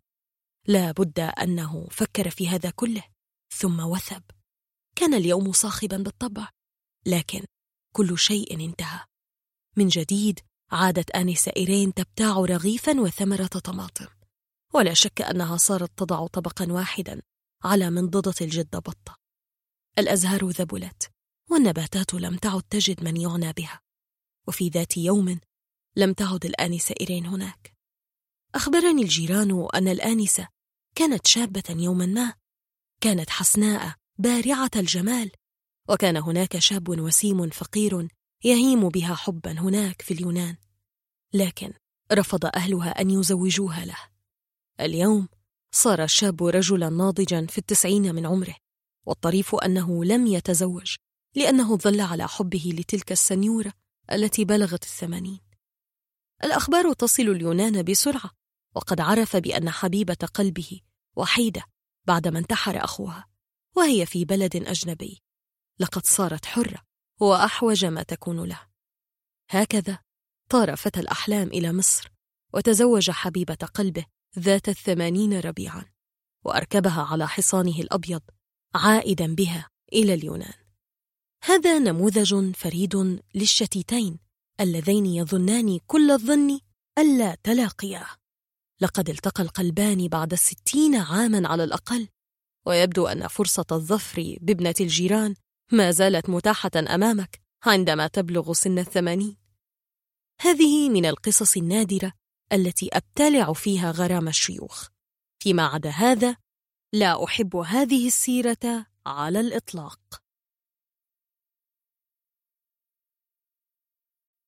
استمعتم إلى شاي بالنعناع. تأليف أحمد خالد توفيق بصوت ريهام حمدي. صدر عن كتاب صوتي سنة 2018